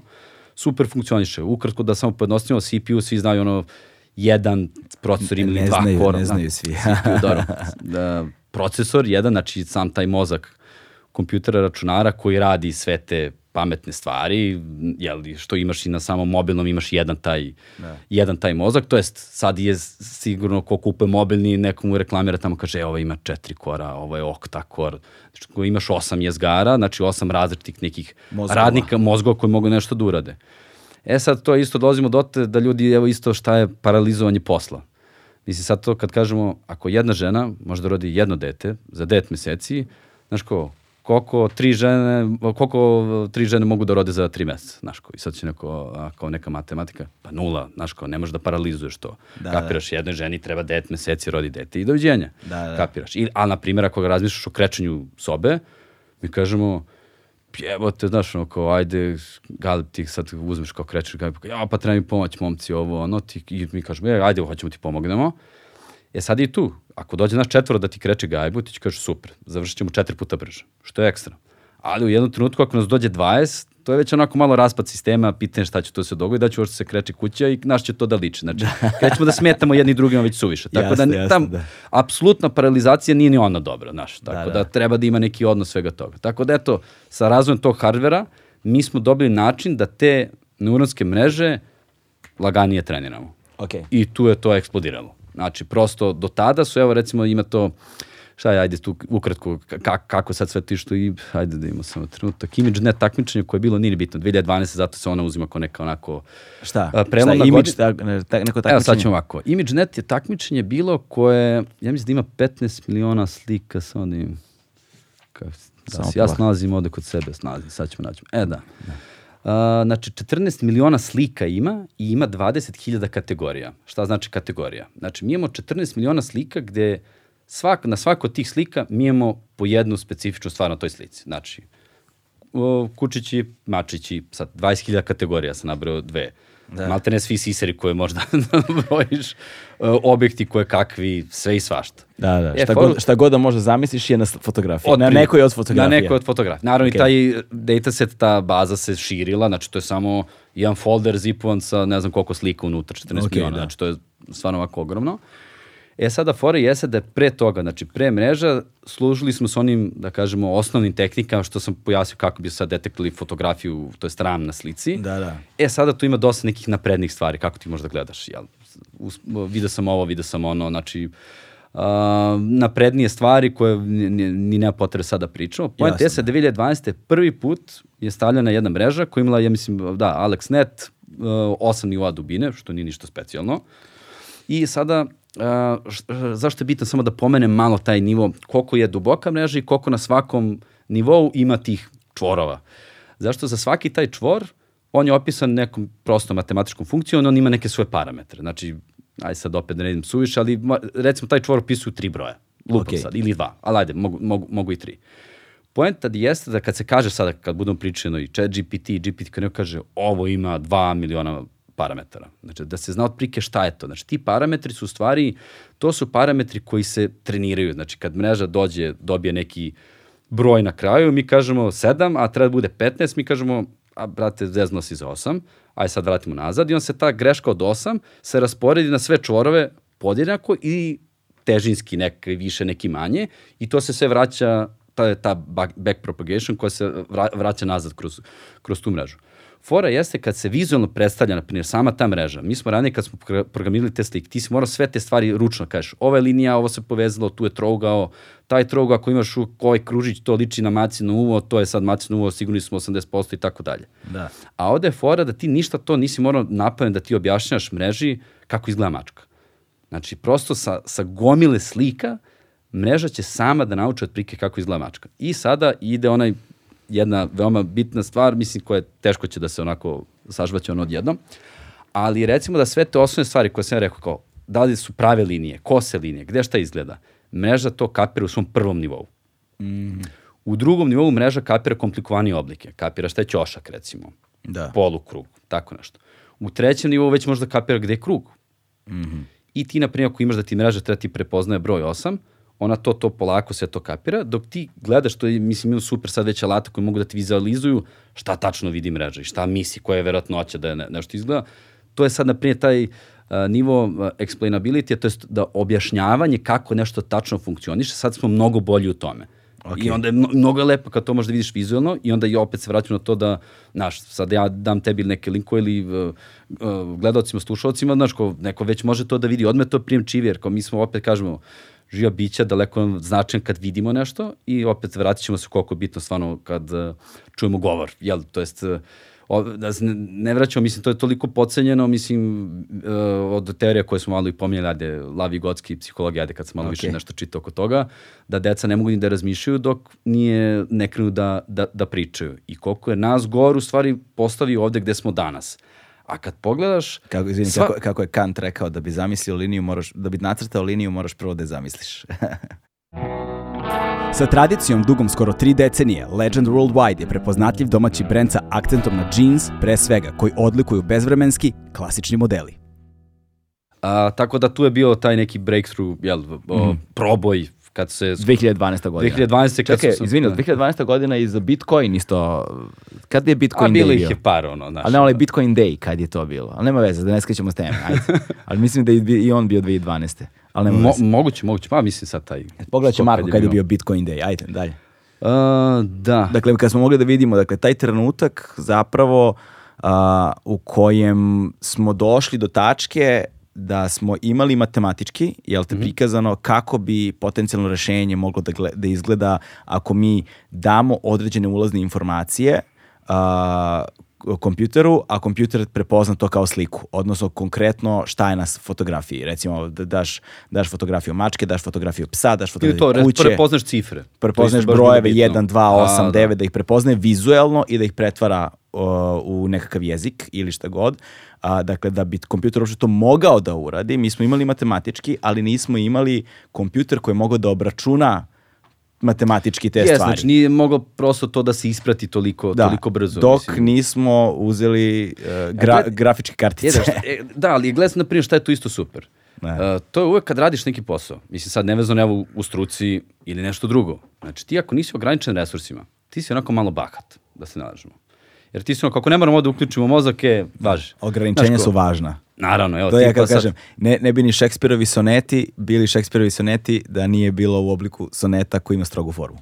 A, okej, Da, znaš. jeste, ne, jeste, jeste, mislim, Takva umetnost izlazi iz, I iz opet strogoće svako, svoje forme. Sva, svako vaga neke stvari. Ako nešto bitno, ćeš da se razmisliš. Ako nije bitno, onda, znaš, ako ćeš za svaku stvar, mislim, mi ono, u toku dana napravimo, ne znam ko je pričao, da li 2000 izbora napravimo u toku dana. Da. Ako za svaki treba ti da napraviš izbor, tu umarajuće. Ako Mislim, za svaki je- izbor moraš da se baviš... razmisliš, da se baviš, ba, baš onako. Ako nema automatizacije u izboru. Pa, pa, šta hoću da kažem, lepo ono u nekom trenutku kad možeš da kažeš samo ja, stig, stigli resursi, ja, znaš kao, daj da grunemo sve ovo da vidimo kako izgleda. E sada, to traje samo donekle dok ti nekako ne, nisi, evo sada, uh, Izvini sekundi, ka, kada je bio Bitcoin danas? I pogledao, Mare? E, Jesam od 2010. A Onaj 10. lik kad je kupio piću. Pit, to- da, zna, da, da, 2010. promašio sam za dve godine. A, dobro, sve tu. I, do, ali to je to, tu je tu, znači, ono, u, u, u kratkom vremenskom periodu se desilo više proboja. Ne, ne, ja sad nekako, znaš ono kad neko kaže ja živim u neko doba i baš je zanimljivo, ja to, znaš, ko nisam nešto kapirao i doživljavao, sada, puf, mislim, sad je stvarno, znaš, super, da ne kažem onako, ajde, pomenjam malo onako i filmuje dosta, jel smo pomenuli tu, da, Her, Ex Machina i tako, svi ti. Da, da, da. da, Naprijed, da. Ex Machina je specifičan, ajde, mala digresija, jer je, znaš, onako kad gledaš filma iz svoje struke i onda si kao, dobro, brate, ovo ne može, znaš, kao, ovo ne može baš ovako. Taj film, svako malo, znaš, kao, ajde, da kažem da ga odgledam onako na dve, tri godine, svi osnovni koncepti su i dalje tu, ništa nije, znaš, kao poremećeno i baš onako lepe pitak film za šire mase, naravno ima dosta boljih nekih tehničkih filmova, znaš, od ne znam, sad možeš Odiseja u svemiru, Solaris, znaš, kao šta ko, koje koncepte Jasne, tu jasne, propagira i tako, ali ovo je baš neko onako... Meni se kod Ex Machine stvar. sviđa zapravo taj ta, ta, taj trenutak f- i filozofska ta zapravo ideja kako kompjuter prepoznaje da je kompjuter.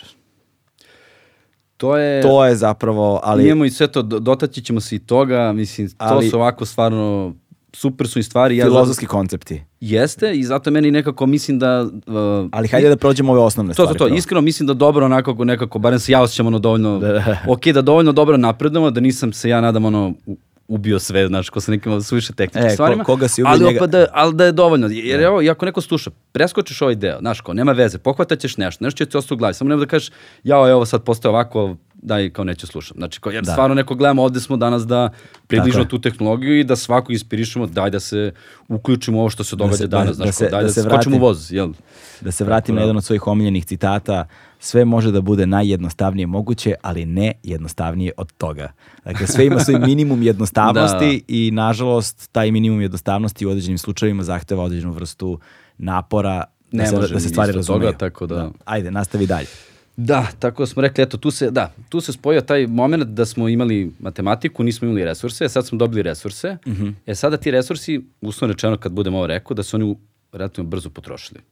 Na koji način? Svi smo krenuli da, znači krenuli se, se treniraju mreže, rešavaju neki problemi i onda svako dalje rešenje, šta misliš šta se događalo, svi su rekli, ok, aj uzmemo mrežu sa više čvora, veće dubine i ostalo. Da. I onda naravno se udario limit, jer hardware ne napreduje toliko brzo koliko bismo mi hteli, šta ćemo sad da radimo.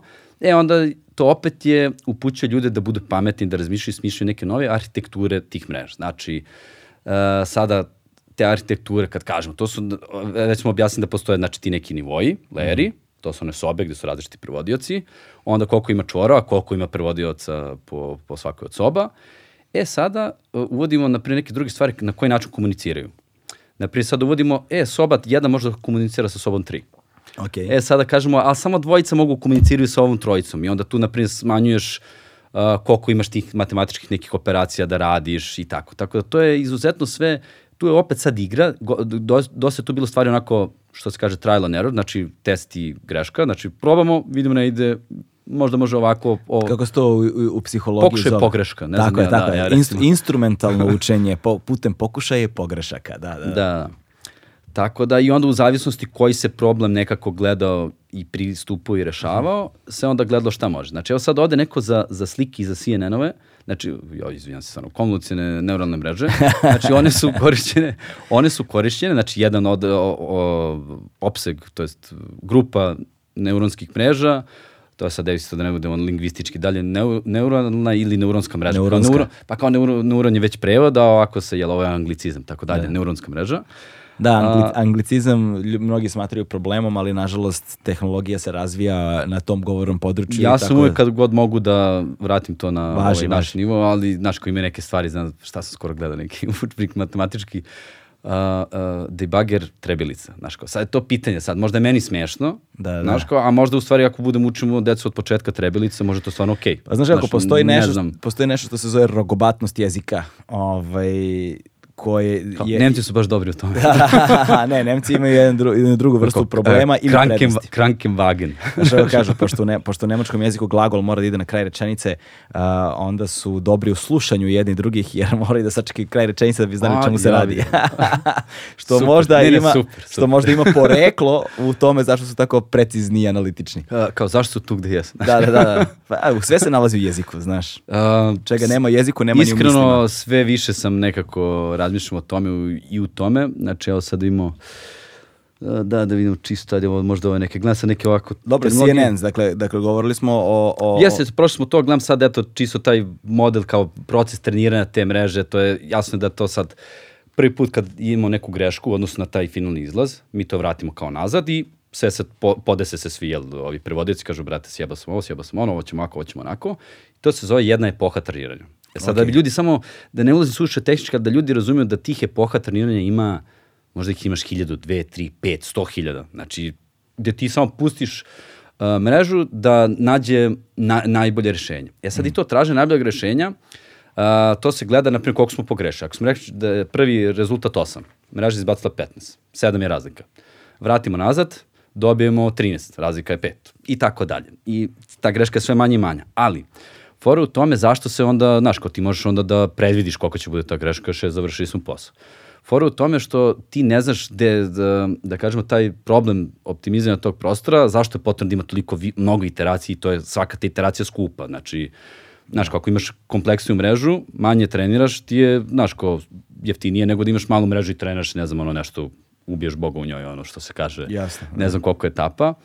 Ali je fora u tome što možda do, dostigneš nešto što se zove kao lokalni minimum ili lokalni plato neki, maksimum, šta god, ali to ću da objasnim ovo isto ovako. Znači, to je, recimo, to ti isto ono dobar primjer, a, uzmeš na primjer kako ovaj komarac leti po prostoru.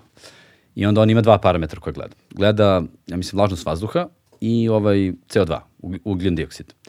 I onda on bukvalno leti i dok se da, ta dva parametra povećavaju, on ide ka tome. Kad krenu da se smanjuju, on random promeni pravac gde će da leti. Jer mu to najsigurnije bilo. Da. I ovde ću malo samo da se dotaknem toga šta znači isto random. Znači, to, to je Nasumičnost. nasu, nasumičnost, ali čisto bitan je koncept posle kad budemo malo pričali o ovim modelima i o uh, generalnoj Ok. inteligenciji, baš onako da, da ljudi razumiju, na prije pojam nasumičnosti svi uzimaju zdravo za gotovo. A ti kad pogledaš pojam nasumičnosti, znaš kao šta, šta je na primjer nasumično?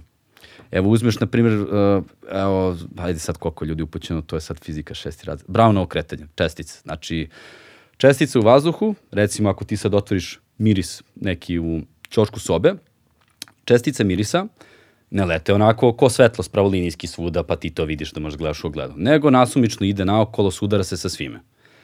I sada, s jedne strane, filozofski, znači ovo nisu neka rešena pitanja, znači prosto i dalje sve za debatu, da li ti možda posmatraš da je to kretanje čestice, ako je uzmeš i snimiš u 3D koordinatnom sistemu, kako se kretila, ti kažeš, brate, ovde ne postoji nikakva logika.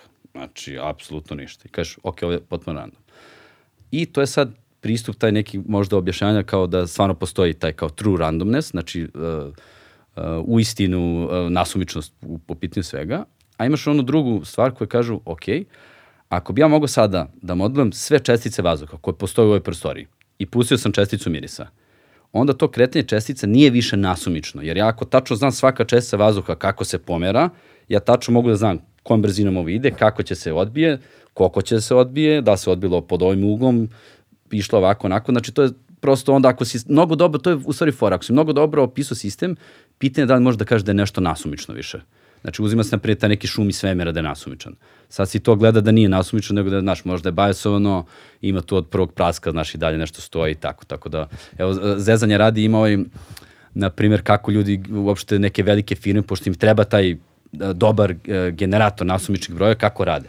Pa, na primjer, Cloudflare, e, Cloudflare koji je recimo zadužen za 10% internet saobraćaja, i ono, security firme i tako, oni su šta su uzeli lava lampe.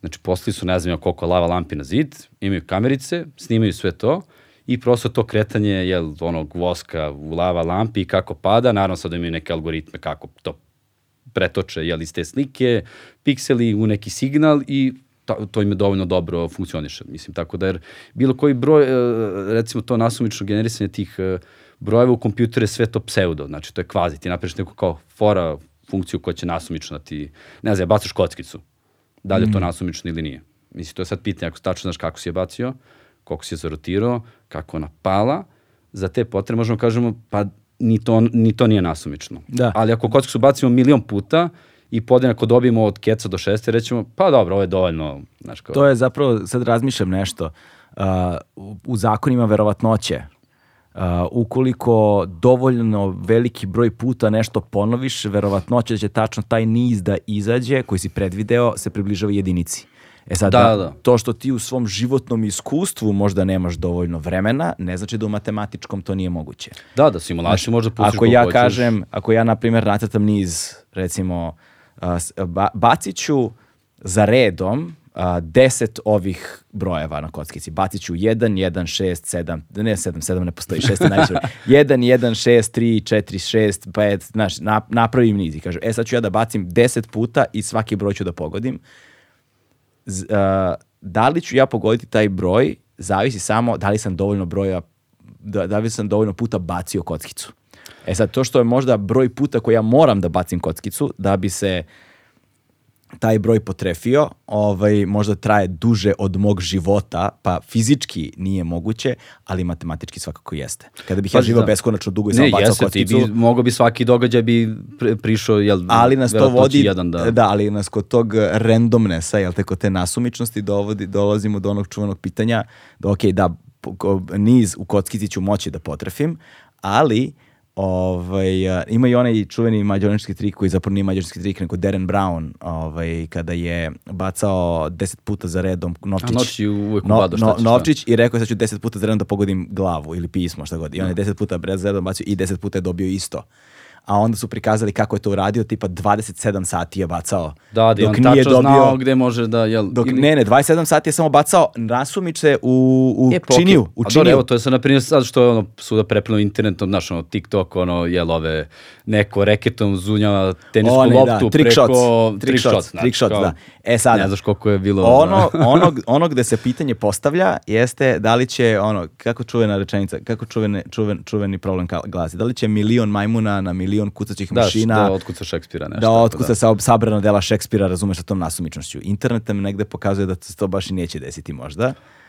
Znaš, ali u beskonačnosti vremena Slažem se koncept beskonačnosti se teško razume, tako da. Ali da, ali razumeš šta hoćeš da kažeš, nasumičnost kao problem. Pa da, evo, na primjer, isto Apsolutna tu, nasumičnost malo da, da, da ne kažem da se i mi malo odbranimo sa, sad ovde, da, da kažem, pokušamo da ob- objasnimo nekako, a, da ne kažem kao struka, ali pokušamo da objasnimo neke onako baš kompleksne teme, jer pa i sad kako to funkcioniše. Ti imaš neke super ljude, nešto super pametno smisle, što ti jedva skapiraš. Znači, ali jedva ispratiš.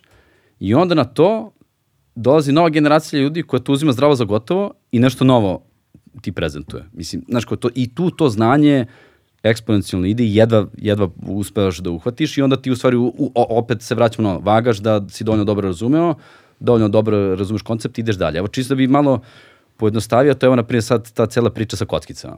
Mislim, to su ono, da kažemo, zadaci malo ono, osnova gimnazija. Mislim, sam znaš ovako koliko je neko, da kažem, iz ekipe u deljenju neku fazonu kao, druže, brate, zebim ti kockica, znaš šta, ništa mi nije jasno, znaš kao, to je to. A nešto je što je blizu, što ljudi mogu da vide, ali eto, možda taj koncept matematike, znaš, kao zašto kao matematika nije prirodna nauka, znači to je opet nešto što smo mi izmislili, da kažemo, kao modalite, dobar modalite za objašnjanje svih stvari. Sad, sad zato moje, onako- moje pitanje, da li, je, da li je to bio osnovna problema, pošto ja to zaista ne znam pa pitam, da li je to bila osnova problema na, recimo u kompjuterski generisanoj slici, ono CGI-u, jel Mhm. te, kada govorimo o animacijama i to, da se prikaže realistično, na primer, površina vode, na mora, na primer. U, evo, ili- e, to je na primjer super primjer. Ajde sad, ja sam ono svojevremeno, nešto sam ono i ranije, i 3D studio te i tako, koje sve bi trebalo da budu, da. te stvari koje bi trebalo na izgled da budu nasumične i beskonačni paterni. Evo, gledaj sad ovo, opet se vraćamo do one, do one situacije gde recimo kiša u igricama. Jel, ranije kad nije bilo ne znam koji GPU, ti si mora da imaš ljude koji će pametno napraviti tu kiš. Znači, nemaš resurse, ako nemaš resurse, možeš da budeš mnogo pametan. Šta su radili? Onda su imali, recimo, onako, o, iz projektu jednu ravan koja ima onako polu propustljivu transparentnost. Znaš, ko da si stavio osam po oblak na, na slici i onda vizualnu prostoru stavio recimo deset tih uh, ovih kao ravni i onda ti ako si negde ono, jel, pikaš Delta Force ili ne znam ja, Call of Duty ranije varijante, tebi to iz daleka deluje kao neka magla. A danas ti nemaš potrebe da radiš, što nego kažeš, e, brate, ja ću izmodelujem ovde a, milijardu i po čestica, promera veličine prečnika od milimetar do pet i to će stvori ucak magle. Mislim, i to će jasno. daleko biti realističnije. Da, da, da. Tako da, bit će realističnija za, bit će komputacijno mnogo zahtevno, mislim, tako da, evo, tako i to modelovanje vode, kako bi sad radio. Znaš, s- s- a, a, za neke stvari je ta komputacijona moć snaga kompjutera i tih procesa za izračunanje već dovoljno jaka da i možemo jedan naprema jedan da izmodeliramo nešto kao što je u stvarnom svetu. Znači ti ako hoćemo sad ovde CGI da ubacimo kišu, mi ćemo da snimamo ovo video, snimit ćemo 3D prostor kako izgleda i onda ćemo jel, negde ono sa strane u tom 3D prostoru koji detačno izgleda kao ovaj, izmodelirati svaku kapicu koja, koja će da pada, to ćemo da preklopimo s ovim snimkom i kažemo, druže, evo ti kiša, ono, ne možeš da prepoznaš da nije kiša, znaš. Da, da, da. da Tako da, eto sad... To, Ali su potrebni moćni kompjuteri da bi Pa to da, mogli da urade. mislim da se ne lažemo, mi su svi gledali, ja, super igrica, ja, pa kiša ne izgleda baš realistično, znaš, onako. Da, da. I onda, eto, tu smo se nekako, Okej. da kažemo, su Da, ljudi da, dovijali dakle, na... dak- dakle a, koncept nasumičnosti, dakle, ono što, smo, ono što se počeo pričaš jeste da objasnili smo negde neuronsku mrežu, Mhm. objasnili smo te nivoje dubine negde neuronske mreže, ali smo došli do toga da neograničeni resursi ne dovode do maksimalnih rezultata. Ne možeš ti samo neuronsku mrežu da učiniš beskonačno dubokom i velikom i samim tim da postigneš beskonačno dobar rezultat. Uh, da, znači evo sad tu isto nećemo ulaziti u ove neke, vidim da sam stavio, nema veze, ove kao neke metrike, da li nešto tačno nije. Mislim, to će čisto, ajde, ukratko ću, na primjer, recimo ovako, za svaku stvar koju praviš, znači ti praviš neki model, da li je to machine learning model, da li je mreža, da li iza toga samo neka jednostavna matematička funkcija. Uh, ti uvek moraš da razmisliš, tvoj model nije 100% tačan, znači on greši. I imaš dve vrste greške. Da se nešto dogodilo, a da si ti rekao da nije, i da se nešto nije dogodilo, a da si ti rekao da jeste. I sada to, to različito košta. Kao i u životu. Da, da. znači, to različito košta. Sad, ako, uh, znaš, kako tvoj model nije prepoznao macu na slici, kao, a šta sad radimo, nisi, nisi prepoznao macu na slici, bože moj. Ali ako ti, na primjer, sada treba da javiš pacijentu da li ima, recimo, rak, Mm, da. veoma je pipavo. Sada je tu je pitanje, on je dobro pitanje te type 1 i type 2, uh, tip 1 i tip 2 greške, a to je uh, da li je bolje pacijentu koji nema rak da mu saopštiš da ima možda rak ili pacijentu koji ima rak da se zezne da smo rekao da nema rak. Tako da kako se sad to pokrija? Znači prosto hoću da kažem da ovde malo sad za- zadiremo i onaj moment, da ne kažem etike, i ne samo etike, nego a, da kažemo, etičke upotrebe tehnologija. Ne mogu ja da budem sad da se, to ja na primjer sad, evo sad, bilo gde, u, gde god sam u firmi, u timu i tako, gledam neko tako da, da uči, mislim da, ajde da kažemo, obrazujem ljude na dobar način, smatram da je dobro i tako smo se mi svi koji smo već evo koliko ih godina u tome videli da je to izuzetno bitno, mislim da ste i pomenuo u ovom prošlom uh, podcastu na, na, na temu AI, koliko je bitno da, sa, da se inženjeri isto uče Tako je. etici, etičkoj upotrebi svega. To je ranije sve bilo kao ha, ha, ha, znaš, ko je, ko će sad da se smara s ovim. Pa kao nije, praviš sistem koji će neko koristiti, možda budeš depersonalizovan, dehumanizovan od svega toga. I onda šta se sad radi evo, kog- za taj konkretan primjer raka? Gleda se, ok, bolje je sistem da bude senzitivniji, da pokupi sve moguće uh, uh, ove Parametre. pa, uh, uh, rakove, ajde, kao cancer pacijente, znači da. pacijente kojima je diagnostifikovan rak, pa da im kažeš, e, postoji verovatnoća da ovaj test, ako ste pozitivni, ako je proglašeno pozitivno, da možda 3% šanse da možda i nije, ili 20% šanse da možda nema, da je, da je lažno pozitivan. Uvodi se verovatnoća greške. Jest, i ti kad to objasniš osobama, onda kažeš, evo da ima sada drugi test koji je dosta precizniji radi ovo i ovo, jer naravno taj dosta precizni test duže se radi, skuplje košta. Znači ne možeš da radiš neku širu jel, populaciju da kažeš, mm -hmm. evo radimo, ne znam ja, neke biomarkere iz krvi i tako, tako da. I onda opet imamo dubine. Jest. I opet ti tu moraš da vagaš sa tim, ali taj moment, što hoću da kažem, nije sad tu bitno da li je taj uh, model za rak, ne, ili je to, ne znam, neki fraud detection, na primjer, prevara, koristiš neke karticu, da li je to bila fraudulent transakcija ili nije, znači da li je neka prevara, da ti neko mazno karticu ili ne.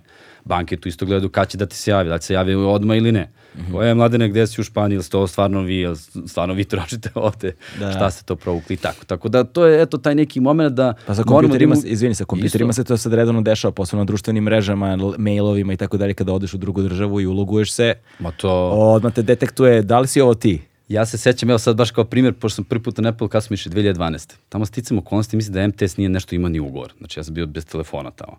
Ne znam kako sam na, ono, tamo onda ku, kupao neku karticu, stavio a, je, i onda bio onaj, a, bio neki, nije GVAP, nešto, znači, mislim, možda zamisliš ono prvi oni e, e, ekrani u boji, mm -hmm. ja sad pokušavam da se lugujem i treba da kažem da nisam, ne znam, da nisam robot, znaš, ja dok onom telefonu, dok ja to pristupim, dok sam otvorio mail, video da ja ukucam tu neku šifru ode, brate, znaš, onako, i nisam ono imao ni mail ni ništa, kao, dobro, kao, ajde da se kao pozdravimo s ovim, tako da, Ok. da. Ok, dobro, dakle, uh, razumeli smo da optimizacija, samo da se vratimo na neuronske mreže, dakle, e, da smo morali, ponovo smo skapirali, ok, i s jedne strane napravljena je mreža, a, razumeli smo da dubina mreže donosi kvalitet rezultata bolji, poveća verovatnoću tačnog rezultata, da kažemo, da kažemo preciznije. Ovaj, I onda sa povećanjem resursa, kompjuterskih resursa, ovakvih, ne, ovakvih, onakvih resursa, bili smo u fazonu, e, sad ćemo da povećamo, težimo ka beskonačnosti dubine mreže. E, Ali ima se- i tu, pazi, i to bi čak bilo super da je samo ograničenje resursi, ali imaš i drugu stvar.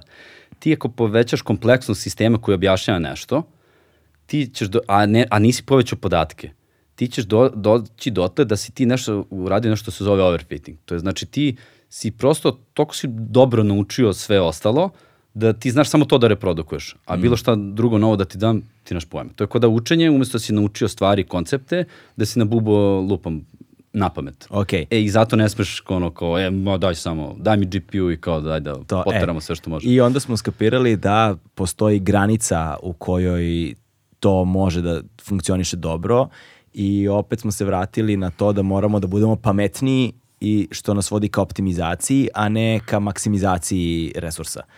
I onda kad tome smo došli nazad, došli smo do te tačke kada si objašnjavao kako zapravo sada smo počeli da menjamo načine na koji ono iz sobe gde su prevodioci, da ja se vratimo na tu Da. temu, a, ograniča, Super, ograničavam... vidi kad je referenciraš na... Da, da, ogra- ograničavamo ko s kim i na koji način i koliko može da komunicira. Što vodi dalje ka optimizaciji zapravo tog učenja, procesa učenja neuronske mreže. E, to je na primjer isto super, evo sad idemo dalje, vidim da sam isto stavio tu nešto što se zove tran transfer learning, sad opet Ok. kao, da- ne, ne znam koji bi bio tačno srpski prevod, mogu sad nešto izmislim, nisam ga čuo sigurno do sad, Da. ali poenta jeste, evo sad vraćamo sada neko... Prenosivo učenje neko. Da, znači neko backtrackujemo, vraćamo se nazad šta smo pominjali, kako se svo sad učenje ujedinilo pod jednim krovom, kapom i jednom mrežom i tako. Ok. A, znači sada šta je bilo ranije problem? Ti napraviš jednu mrežu za svoj specifičan problem, fantastično funkcioniše. I sada kako su postali sve arhitekture te kompleksnije i veće, a, dolazili smo dotle da je postalo skupo da to treniraš. Znači kao tipa ti kao tim, znaš, e, ne znam, ja nemam na raspolaganju 20 GPU-a gde svaki košta 10.000 dolara, na primjer, ja mislim, ne znam koliko je sad Tesla V100, mislim da su, iz- ajde, imaju sad i nove ove arhitekture i tako dalje, da, da ne pominjem oko toga. Ali, kao- ali skupo je. Ali skupo je. E sad to isto, ajde, mala digresija, to što je skupo, to je sad pitanje isto dostupnosti treniranja svega, jer to automatski uh, stavlja privilegiju na velike big tech kompanije koje mogu to da rade. Da priušti. Jeste. Ranije taj research bio je, je bila i stvar prestiža, imao si dobre projekte i to je bilo sve akademski, znači pri institutima i tako Fakultetima, fakultetima, univerzitetima. Sada, sad to, znaš, kao, ono, top tech sada je glavno, glavna ono meka, jel, što se tiče Da, zapravo- razvoja svega. I to je pitanje da li je to onda, znaš, kao, e, jer ovde je nešto što je trebalo da bude otvoreno, da se vraća zajednici, a ovde neko ostaje zatvoreno. tako Mm, Vidiš, da, to, je sad, to je sad taj zatvoreni krug ko, u kojem je važno uvesti moral i etiku. Je, je, jer onog trenutka kada je tehnologija postala toliko napredna, odnosno znanje je postalo toliko napredno da iziskuje tehnologiju koja mora da bude strahovito skupa da bi mogla da podrži ono što proizvodimo, mi se nalazimo u situaciji da univerziteti i fakulteti više ne mogu da priušte tu tehnologiju, nego mogu samo velike tehno, tek kompanije. Jeste. A mislim, kad imamo velike tech kompanije koji je njihov interes da investiraju u tu tehnologiju, dolazimo do problema u kojem se Mislim, se nalazimo setim, danas. uvijek je bilo kao dolazi internet i onda s jedne strane, jao, o, obrazovanje je dostupno svima. Mnogo lepo zvuči utopistički, onako super i kao, naravno da ti kao mlad student su wow, ovo je super. Ja se sećam na fakultetu, pazi, iz francuskog, sam imao neki seminarski, kao tehnički seminarski, ja uzem nešto gledali, čitali i baš tu na konto, jel, upotrebe interneta, ja posle pogledam, tad kad se nešto računa, što sad pre 20 godina, ti skapiraš da ovde neko sa svojom platom, ne znam sa koje su bile, bile brzine interneta, nije ni bitno, da si mogu sebi priuštiš, ne znam ja, neki flat rate ili barem, ne znam ja, 50 sati mesečno interneta. A pogledaš sa platom tamo, recimo u Gani, ono, uh, profesor, ono, da u srednjoj školi i univerzitetu mogu sebi priuštiti pola sata. Da. I kako, znaš, kao, i onda ti sad tu dolaziš da je ta tehnologija koja bi trebala kao da ispegla jaz, u stvari samo pravi još veći. Da. Mislim, da ne kažemo ono, jel, bogati postaju još bogatiji u vreme krize i ostalo. Sad, to je ono što neko treba, ja se neko nadam, celo društvo, barem ja neko dajem se od sebe daj da idemo ka tome šta može, mislim, da, da, da se to ne kupegla. Ali evo da se vratim na to, opet te pojedinačne slučajeve tih mreži, koliko je bilo skupo trenirati ih za neke kompleksnije stvari i veće modele, onda se javilo naravno nešto reciklaža i u AI-u, znači kao reciklaža. Hajde, znaš, ko napravili smo jedan model, imali smo jedan projekat, radio ne znam ja za slike palmi i ne znam ja čega, kao, pa daj da sad dolazi novi projekat. I on kao, pa okej, okay, da li mi imamo nešto što možemo koristiti od ranije, znaš? Da. I onda gledaš sad neku mrežu koju si potrošio već ne znam koliko vremena i za treniranje svega, kao okej, okay, da vidimo da li to može da se koristi. Znači, to je taj koncept, to kao transfer learninga. Zezam se ja kao reciklažu u AI, ali point jeste taj model koji radi tu jednu stvar specifično dobro, uh mhm. -huh. hajde da napravimo, da ga reupotrebimo. Da, I kako da. to može da se radi. I sada, tu je na primjer gde, eh, ajde ovako, top tech, onako top tehnološke kompanije, da ne idem sad, Google, Facebook, Microsoft, ispuštaću gomile, jel, Airbnb, Netflix, ma ne znam, you name it, ono, Amazon, Uh, gde je, na primjer, bilo nešto, ok, vraćamo se opet na ovaj kao ImageNet, uh, ovo takmičenje 14 miliona slika, Jasne. klasifikacija tih 20.000 kategorija i tako, ali je bilo, na primjer, super, gde, na primjer, uh, sad nisam siguran da su iz Google-a i opet iz koje ekipe, su ponudili ne samo podatke, nego i mrežu koja je već natrenirana, Znači, ajde sad tu je da je bila možda ta osnovna VGG 19 ili bito neke arhitekture, tako, gde ti možda skineš celu tu mrežu, model, da ne kažeš to ono maltene jedan tekstualni fajl i da e, su ti u stvari opisane, ako znaš tačno kako treba da ide arhitektura te tvoje mreže, ti samo ubaciš sve te parametre, tačno broju koji treba tu da budu. I ti ćeš dobiti nešto što je razvijeno od strane ono, top tech kompanija, dobit ćeš da ti možda koristiš za svoj posao. E sad, dodatno šta je sad tu krenuo se radi, što je super stvar. Vraćamo se na onu analogiju x slojeva, gde se na prvom sloju neke osnovne crtice, vertikale, horizontale, u drugom sloju ćoškići sve to tako, gde ti tek, na primjer, mreža tek u posljednjim nekim slojima svojim diferencira, recimo, da vraćamo se opet na slavne kuce i mace, diferencira kuce i mace. Ali ako ja sada uzmem tu mrežu, ja mogu da e, e, upotrebim opet, znači da ne treniram celu mrežu iz početka, to je izuzetno skupo, taj uh, uh, deo dok ta mreža ne uđe u neku konvergenciju, da dođe do nekog svog ono 80% tačnosti, to je ono, ne znam ja, sumanuta količina tih epoha i treniranja i kompetencijnih resursa i vremena.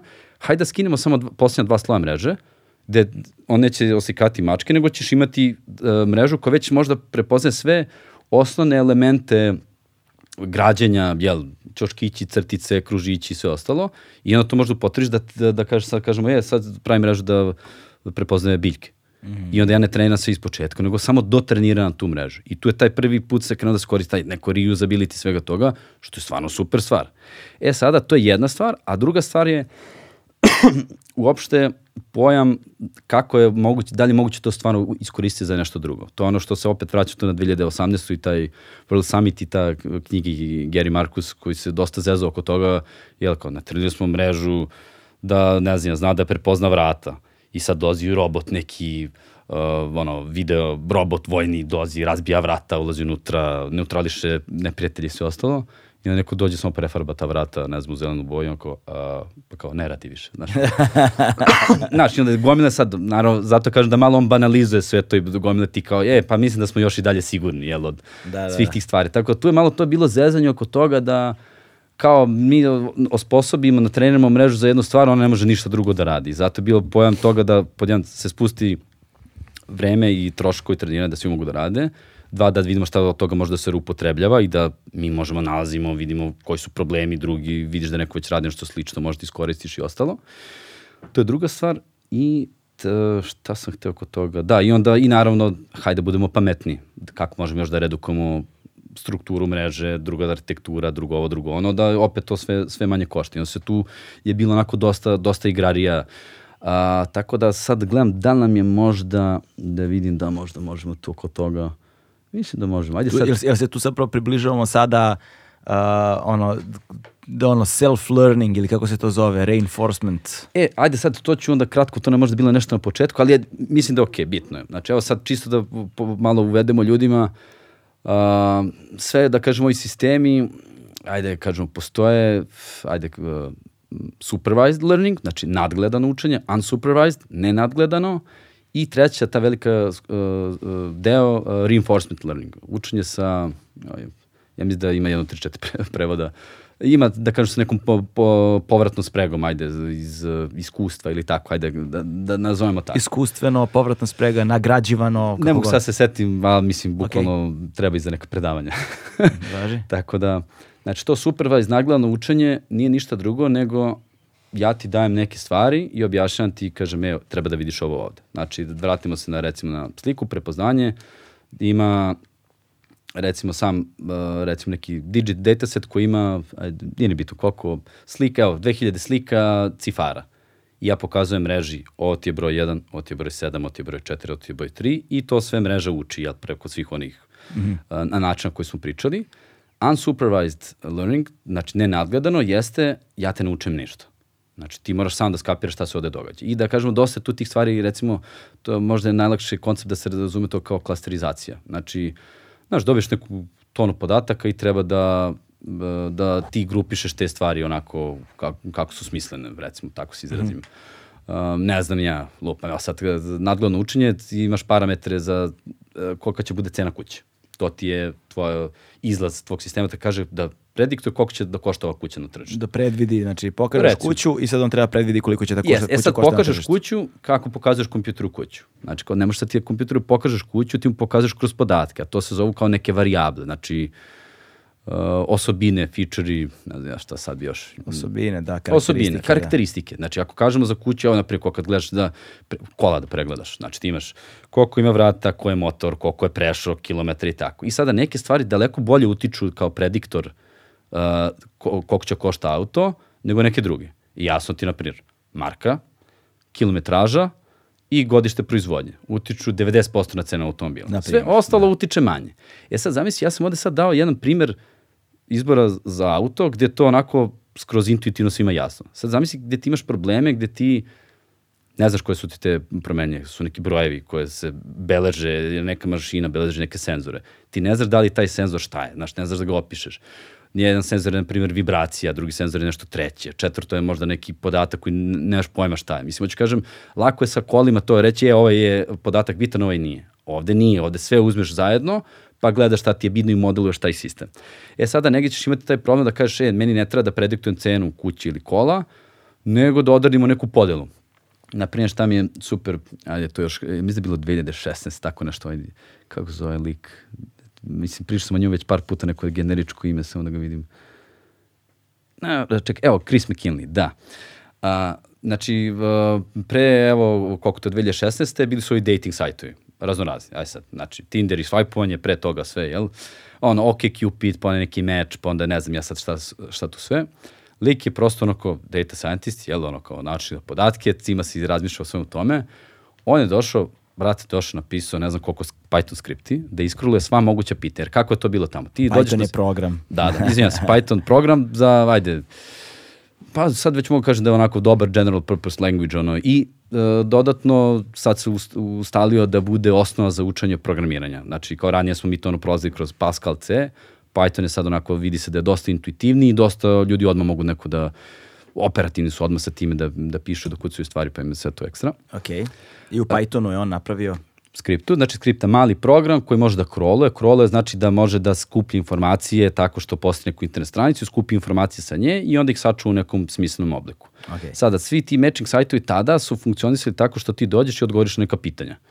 Znači, odgovoriš na ovo, odgovoriš na ono i onda dobiješ neki svoj profil onako, jel, ličnosti i onda gledaš koliko si ti sličan nekom drugom. E sad, to je fora tu, znaš, koliko si sličan. Znači, ti sad imaš tu ta analiza podataka koliko si sličan. Znači, kao, ne znam ja, da li piješ alkohol, da li pušiš, da li ne znam ja, voliš pozorište i tako, to su neke te, to čisto damo kako izgledaju neka ta pitanja. I Baja je došao i uzeo i iskrolovao sva pitanja. Znači, ono, napravio par lažnih naloga i pokupio sva pitanja kojih je bilo nešto, ne znam ja, dve, tri iljade. I onda on došao i odgovorio na sva pitanja na taj način, tako da on postane najpoželjniji u celom tom, jel, uh, univerzumu. Na kraju došao da je bio najpoželjniji, ja mislim, tamo u Kaliforniji, San Francisco, ono, Bay Area, ono, neženja. I došao do da kao ne može više da spamuju ga non stop i ono kao javljaju se uh, da kažem, žene javljaju se kao, ja, pa ti si moj idealni soulmate, znaš sve, mislim, on kao, brate, kako sad da idem, šta da radim, znaš kao. I šta je on uradio? Onda je on uzeo i sve te, da kažemo, entiteta, ne kažem, žene, osobe, uzeo i klasterizovao. Znači, po njihovim odgovorima na pitanjima, on ih je pustio, to je taj moment nenadgledanog učenja, gde ti ne znaš šta treba da dobiješ. On ne zna koliko treba klastera da se podele populacija, recimo ženska populacija koju on gledao da, da, dejtuje, ali je video da među svim tim parametrima, kad kažemo se izdvajaju nekako klasteri po nekim specifičnim stvarima. Recimo, jedan klaster može da bude ako ispostavi se recimo da ljudi koji puše, piju, idu u pozorište, čine recimo 50%, neki najveći Da, da. grupu ljudi, kažemo to je najveća grupa. Pa onda nešto drugo je možda bolji kvalifikat, možda neko voli cveće, znaš, da. hortikulturu da se bavi time negom cveći, da sadi svoju baštu, to je druga grupa ljudi. I on je tako napravio tih sedam. Okay. I onda je došao dotle da je rekao, ok, ajde izdejtujem, da idem na dejt, znači na sastanak sa svakom, sa svakom osobom iz te populacije po 2, 3 i tako dalje i onda je na kraju došao da je našao grupu klaster koji im odgovara i onda je lik išao na četiri dejta dnevno i 80, ja mislim druga osoba je kao ispala, ispostavila se da ona prava, sad ne znam da se oženio liku među vremenu prvi put kad se ga pitao, Znači- ali je super priča, znaš, ovako Da, da, znači, znači data science dovodi A, do, do savršene ljubavi. da, dakle, ne postoji soulmate, samo ne poznaješ dobro matematiku. Da, da. I bez zakon verovatnoće. Tako da eto, možda malo uh, Ok, ali je, ali, ali, je zani, ali je zanimljivo za razumevanje arhitekture, ono... Znači, ne nadgledano, nemaš a- a- ništa šta apl- treba da- Aplikacija za, za, za, za ono, dating aplikacija, jel te? Zna, to, je, to, je, to je vrlo zanimljivo. Mi imaš, evo sad ću tu da, da- ajde sad. Um, mm, Dobro, ajde, u- ukratko ću, neću ono kao mnogo, isto je oko toga, ne samo dating, nego ti imaš sada da ti odgovaraš na ta pitanja gde ima pet onako odgovora. Znači, je- jedna je neutralan sam, skroz se sla, a, slažem se, skroz se slažem, a, ne slažem se i apsolutno se ne slažem. I onda ti imaš gome tih pitanja koje možda odgovoriš, gde ti dobijaš neki koji sa, sad kao svoj profil oko svega Da, toga. izvini, znaš. to su, to su poznata pitanja iz psihologije, Jeste. na različitim testovima ličnosti imaš pet ponuđenih odgovora, ono na skali, to se oni jako lepo vide na koordinatnom sistemu, u potpunosti se ne slažem, delimično se ne slažem, ne znam, delimično se slažem i u Potpuno potpunosti se slažem sa konstatacijom, pa i onda ideš i onda samo stavljaju, kada ti određuju test ličnosti, samo zapravo stavljaju šablone preko odgovora i vide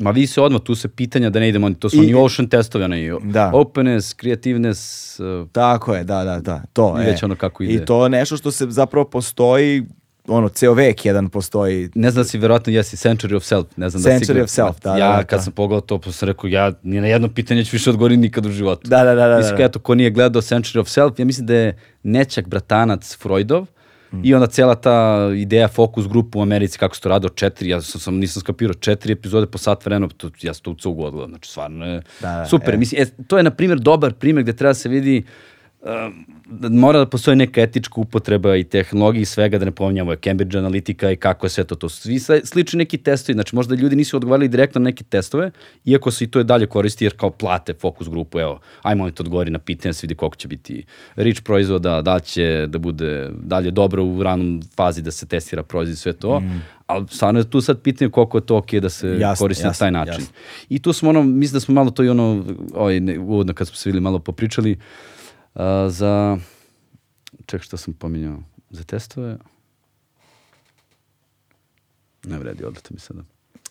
Da, da, da. Nema veze, ali važno nam je da razumemo, dakle, po, po, ja A da, pitao si, izvini, za Cambridge Analytiku, šta, šta sam pomenuo? Kad uh, imaš, da ne kažem, za data science generalno, za AI, ML, dosta tu onako još ono, da ne kažem štrebera, nerdi ljudi, onako, koji su baš ufokusirani u sve to, mislim, kažem, Da. uključujući sebe, jeli sve to.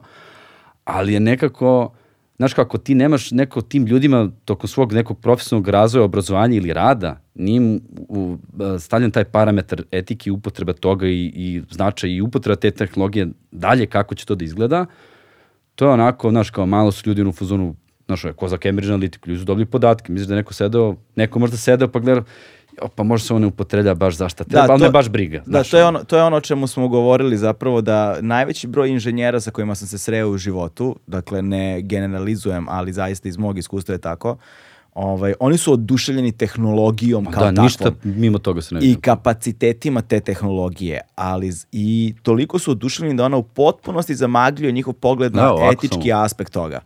I kad god se pomene etika ili moral u kontekstu uh, razumevanja i razvoja tehnologije, oni su mahom u fazonu to nije moj posao. Treba drugi ljudi time da se bave.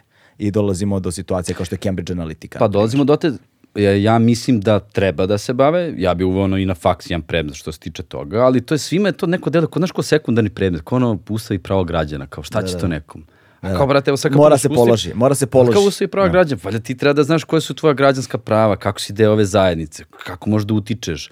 Znaš, nikom nije ode da kao da treba da postoji neka mesna zajednica gde ti možeš nešto radiš, da doprineseš. Mislim, to su neki koncepti koji možda su ode Jasno. strani, ali evo, isto se tako vraćam, gledam, ajde, možda ne mogu to na ovom državnom nivou da menjam što se tiče, ne Mm. znam, kako mi rastemo, razvijamo i obrazovanje, ali kao, ajde da vidimo, znaš, ko bare mogu ono, evo, to, to, u firmi, timu, gde god da sam, znaš, ko, ajde da sedemo i Mm. da uh, radimo stvari onako na dobar i okej način. Zato, eto, mislim da je to izuzetno isto bitno da imaju ljudi, jer kad je to već uhvati onako maha, da ti nekog tada ono, edukuješ je pitanje. Evo sad, na primjer, uh, recimo ako ni, nemaš inženjere konkretno za to, mislim da je okej onda imati tim koji se bavi neko time. Znaš, Da. tako i to meni je se, sad... pazi, meni, izvini, meni se sviđa jako ta analogija koju su postavili pametniji ljudi od, od mene, jel te značajnost, ja samo ono ponavljam. A, kada ljudi up- uporede, rad, prave analogije sa veštačkom inteligencijom, sa AI-em, sa chat Mhm. GPT-4 i tako dalje, oni obično kažu ovo je kao kada je izmišljena struja ili ovo je moć ovoga poput... Da, nas. na, ili moć poput nuklearne bombe, a onda oni kažu, ne, ne, ne, mnogo je gore. Zato što a, a, struja jeste bila revolucionarna nova stvar, ali ako upumpaš više struje, nećeš dobiti nešto novo što nije postojalo ranije. Znaš, kaže, a, da li je opasno poput nuklearne bombe? U prvoj fazi možda može da bude, ali nuklearne bombe ne izmišljaju nove nuklearne bombe. Znaš, a, jer a, sa AI-em je dobra analogija bila ovi, opet se vraća na Tristana i na Ezru koji su naveli, analogiju, ta analogija mi se sviđa, kaže, kada, kada daš čoveku ribu, nahranit ćeš ga tog dana. Kada naučiš čoveka da peca, znaš, nahranit ćeš ga ceo, za ceo život. Ali, znaš, kada, kada, kada, ako daš, a kada daš informacije o ribi ovaj, a, veštačkoj inteligenciji, ona će naučiti evoluciju, biologiju, ekologiju, a, znaš, kao naučit će sve aspekte moguće i on će da potrebi svu ribu koja E, to postoji na sad te planeti kažem, Zemlji. nećeš valjda završiti sa tim, ali kao dobro, Da, da. da, to, znaš, i, ovaj, i kaže, pazi ono što, i, a moral i etika se uvode na principima, jer kao pazi ono što želiš, jer ne znaš na koji način mašina to može da ti ostvari. Pa jeste, evo sad isto... Reci, izvini, da. reci, kako su oni to naveli, kažu, ovaj, nauči mašinu, uh, ne, pit, kaže, kažeš mašini, ej, želim da postanem najbogatiji čovjek na svetu, a onda ona ti na, na predviđen način, nepredviđen način ostvari tu želju tako što pobije sve ostale ljude na planeti. Da, ko, e, Znaš pa nisam mislio da će ovo baš Ne, ovako, znaš. neočekivani rezultat onoga što si dao, tu, kao poenta kod, kod ovoga. E sad, Jeste, jeste, mislim, zato ja mislim da je neko to treba tu da postoji, evo ajde sad možda smo propustili Mm. neko na početku, kratko, ajde sad, trenutno, ono, ja, ja sam na sabatikalu, jel nigde ne radim trenutno, tako sam malo aktivniji ovako po predavanjima i da kažem ovako a- aktivnostima drugim, što mi stvarno neko ok mi prija. A, dodatno, eto tu Serbian AI Society gde sam rekao da sam član u tom savjetodavnom odboru, ali evo na primjer što je super, tu već postoje, kao što sam pominjao, business, research, uh, uh, ethical i uh, educational grupe, znači koje su ono za obrazovanje, za, uh, da kažemo, akademski, za akademiju, za razvoj, ono, da kažemo, research papera, pisanje, grantovi i tako dalje. Onda biznis deo i imam, kažem, isto i taj etički deo i kažem, stvarno sve grupe su aktivne i opet se isto neko vraćam uh, koliko je to bilo nekako kažem opet, malo je bilo i podrugljivo između kolega zna, kad se malo po, potežu sve te etičke stvari pitanja. Sada više nije toliko. I to mi je baš drago. I evo ne, kao neko ko je radio dosta, znači evo koliko, od 2001. I u software developmentu dosta, ljudi su, na primjer, dosta su se zezali sa time kao GDPR, ja be, kome to služi, to niko ne poštuje. Znaš ti koliko su promenile stvari? Ali promenili su na onim glupim nivoima. To ne znači da je sad svako ono, skroz sve radi fantastično, super sa podacima, ali dolazimo dotle, na primjer, naravno, ja sad neću da imenujem ništa, ni firme, kompanije, sa, ono, gomila kolega sam radio, ali recimo, evo, sad smo mi data science deo.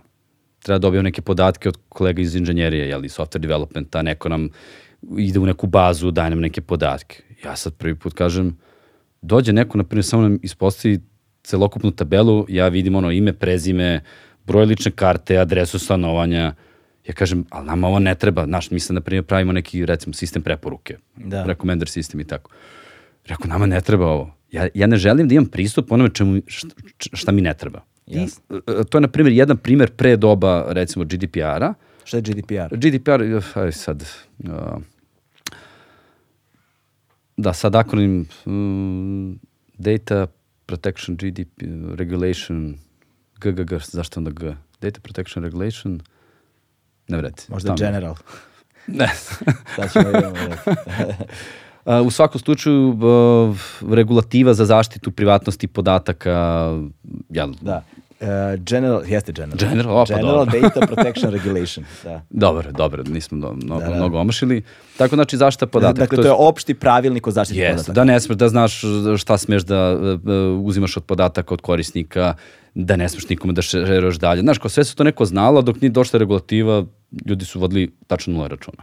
I onda fast forward, znači kao malo unapred par godina, mi je potpuno super, u drugoj nekoj firmi radimo neki sličan problem i dobijam slične podatke od kolega, s tim što sada nemam ja tabelu sa imenima i prezimenima, nego ono, anonimizovani podaci. Znači imam samo jedan to se zove key, znači jedan string onako nasumični, uslovno Da. rečeno naš, nasumični karaktera, neka cache vrednost, nije ni bitno, gde ja samo imam za mene to korisnik 48.522. I meni ne treba ništa više da bi ja radio svoj posao. Jasno. E, tu je ta lepa podla oko toga da kažemo, ovde hoću samo da izreklamiram koliko je tako, eto, ta jedna regulativa koju su se svi smijali, koju smo mislili kao bez veze i opet donela da svako na svom daily base, znači na svom dnevnom nivou kad radi svoj posao, zna da mora da vodi računa. Jer ja koliko bi god volao da smo svi lepo obrazovani i uh, lepo vaspitani, da uvažamo jedni druge, Brate, neko funkcioniše kad ga malo klepiš po glavi. Mislim da ne kažem, evo ja isto mogu budem dobar, da sve vodim računa 95% vremena, nekad ću da zaboravim, znaš ko, meni je okej da ima sistem koji će malo ćušne, znaš, ono, Da, da, da. e, mlade ne događa se okažu, e, važi, ajde, znaš ko, okej.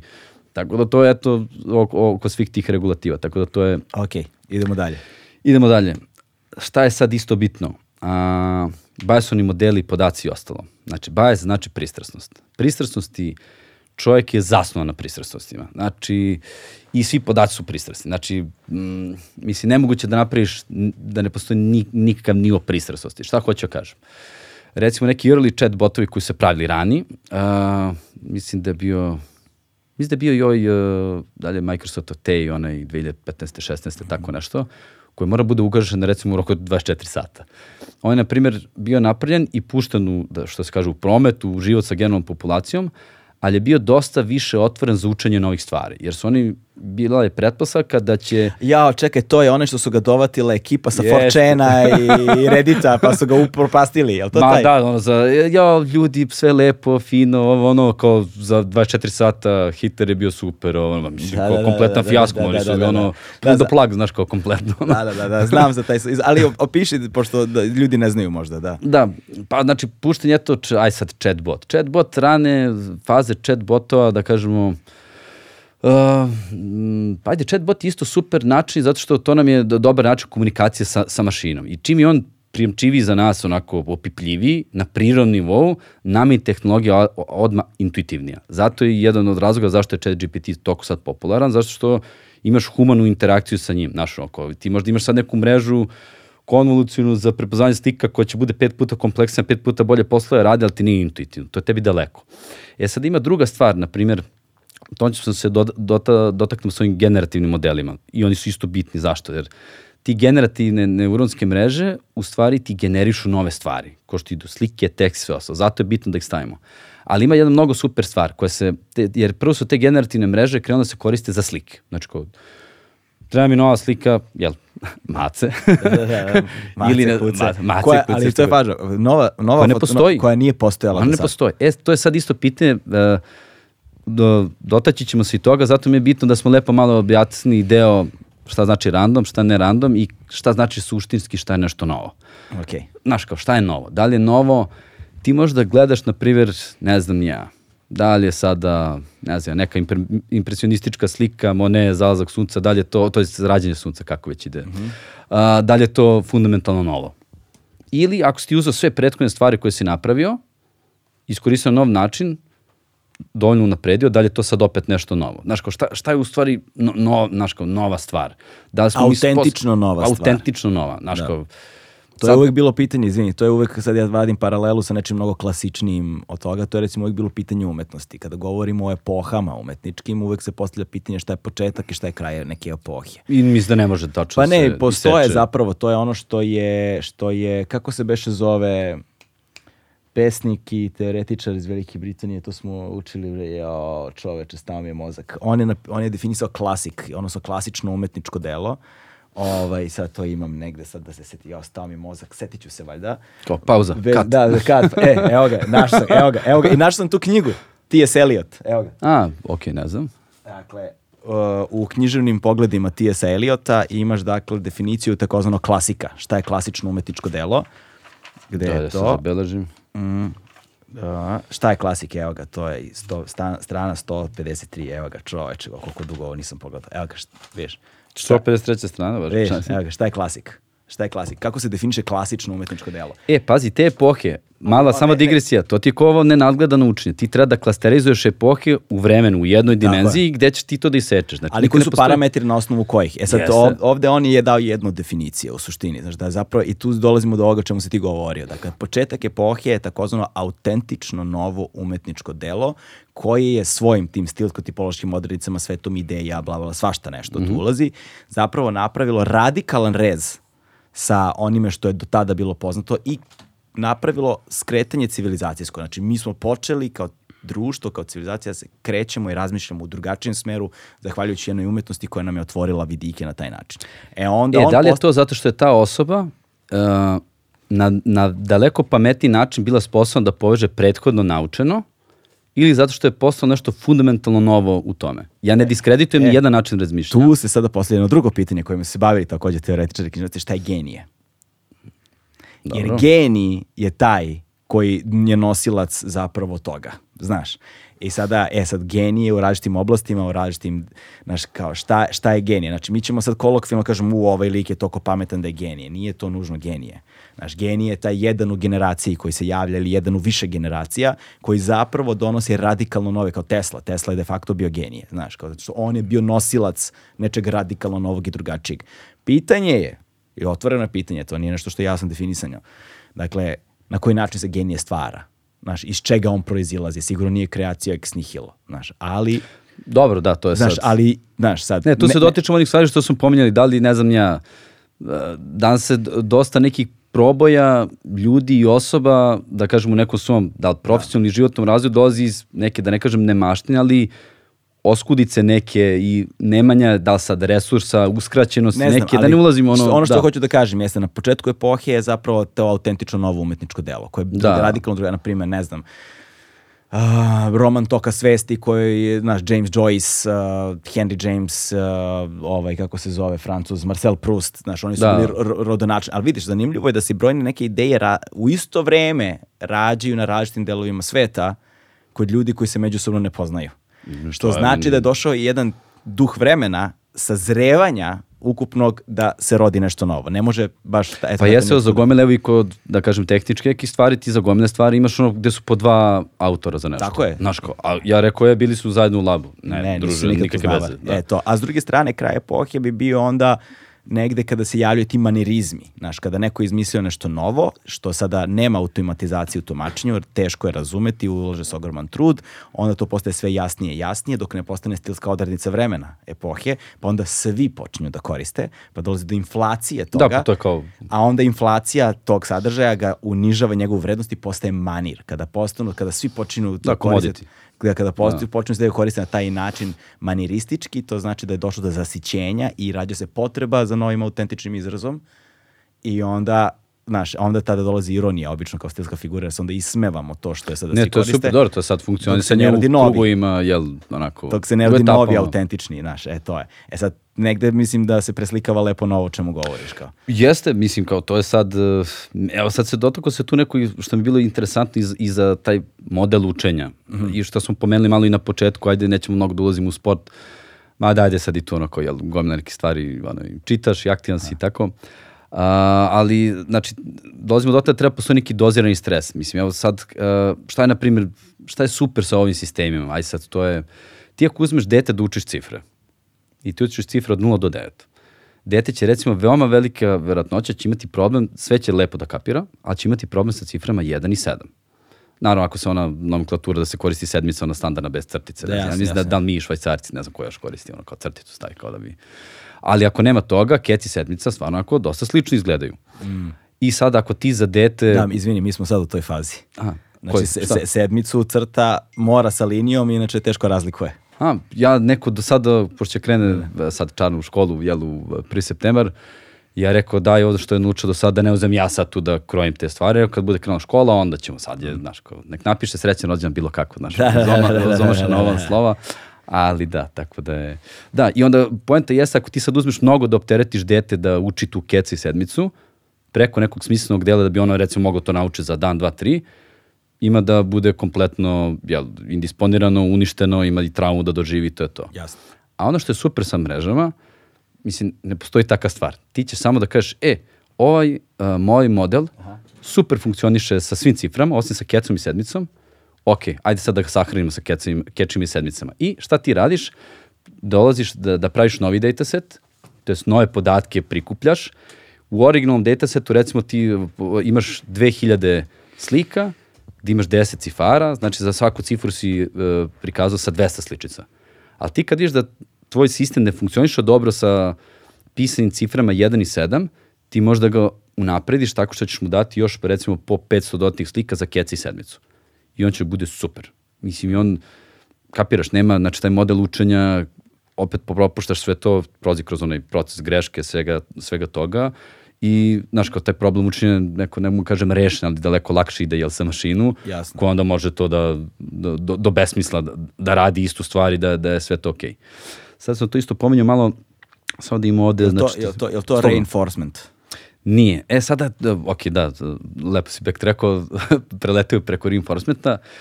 Reinforcement learning, na primjer, isto je neka oblast koja meni možda u početku, ne mogu kažem bila možda najmanje interesantna, nego je najmanje možda bila intuitivna, a u stvari tek sam posle video da je, kad sam objašnjavao malo ljudima koji nisu u struci, im je ekstra intuitivna. I to je, koncept je stvarno super. Znači, evo isto tu opet dolazimo do tog momenta gde mi ne programiramo eksplicitno sistem da radi nešto, nego ga mi učimo samo šta može, a i dajemo neke nagrade, ajde ne kažem kazne, penale. Znači, i ti nagrade, kazne i penali, jasno ti sve pretvaramo opet u brojeve. Znači, ima neka nagrada, jel, uzmeš, na primjer, ajde, prva igrica koja, mislim, koja se radila, ajde, ono, Pong, jel, na Atariju pomeraš one gore-dole, one pločice, loptica ide gore-dole. I ta, na primjer, igrica je veoma jednostavni super je primjer, zato što ti kad pogledaš šta ti e, sve možeš da radiš sa tim um, uh, kao malo terminologije, ne mnogo. Agent je nešto se naziva što ti ko- koristiš u igrici. Znači, agent u ovom slučaju je ta tvoja pločica. Ako pikaš Super Mario, onda si ti Super Mario.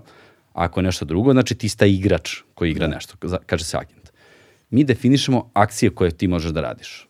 Akcija je ovde pomeri uh, pločicu gore 10 piksela, pomeri dole 10 piksela. I to je to.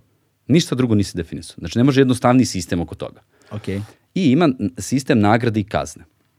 Znači, nagrade i kazne, sad, ne mora možda da bude nužno kazna, ali jasno ti ako stavljamo nešto da možda ide spektar poena od minus 50 do plus 50, onda pričamo o kazni i nagradi. Mm. Ako samo stavimo od 0 do 50, onda samo pričamo o nagradi. Jasno. Tako da, znači, sv- svaki sistem za svaku svoju akciju, on dobija neku nagradu. I mi kažemo, nulto početno stanje jeste pločica na sredini. Sledeće stanje, ako ja mogu da se pomerim pločicom gore 10 piksela i dole 10 piksela, imaju dva stanja. Znači, dobio sam dva. To je to. I sad od ta dva stanja onda se granjaju, jer ti posle svakog stanja ti imaš izbor, imaš dva puta. Pomeriš pločicu 10 piksela gore, izvini dole i da se ne pomeriš uopšte. Postoji toliko varijanta. Ok. Znači imaš tri neka opcije koje možeš da, da izabereš. Svaka ta opcija se, uh, na primjer, dosta puta ne dolazi ni do kakve, uh, ne dobiješ ni nagradu ni kaznu. Znači ništa, nula, nepromjeno bodova.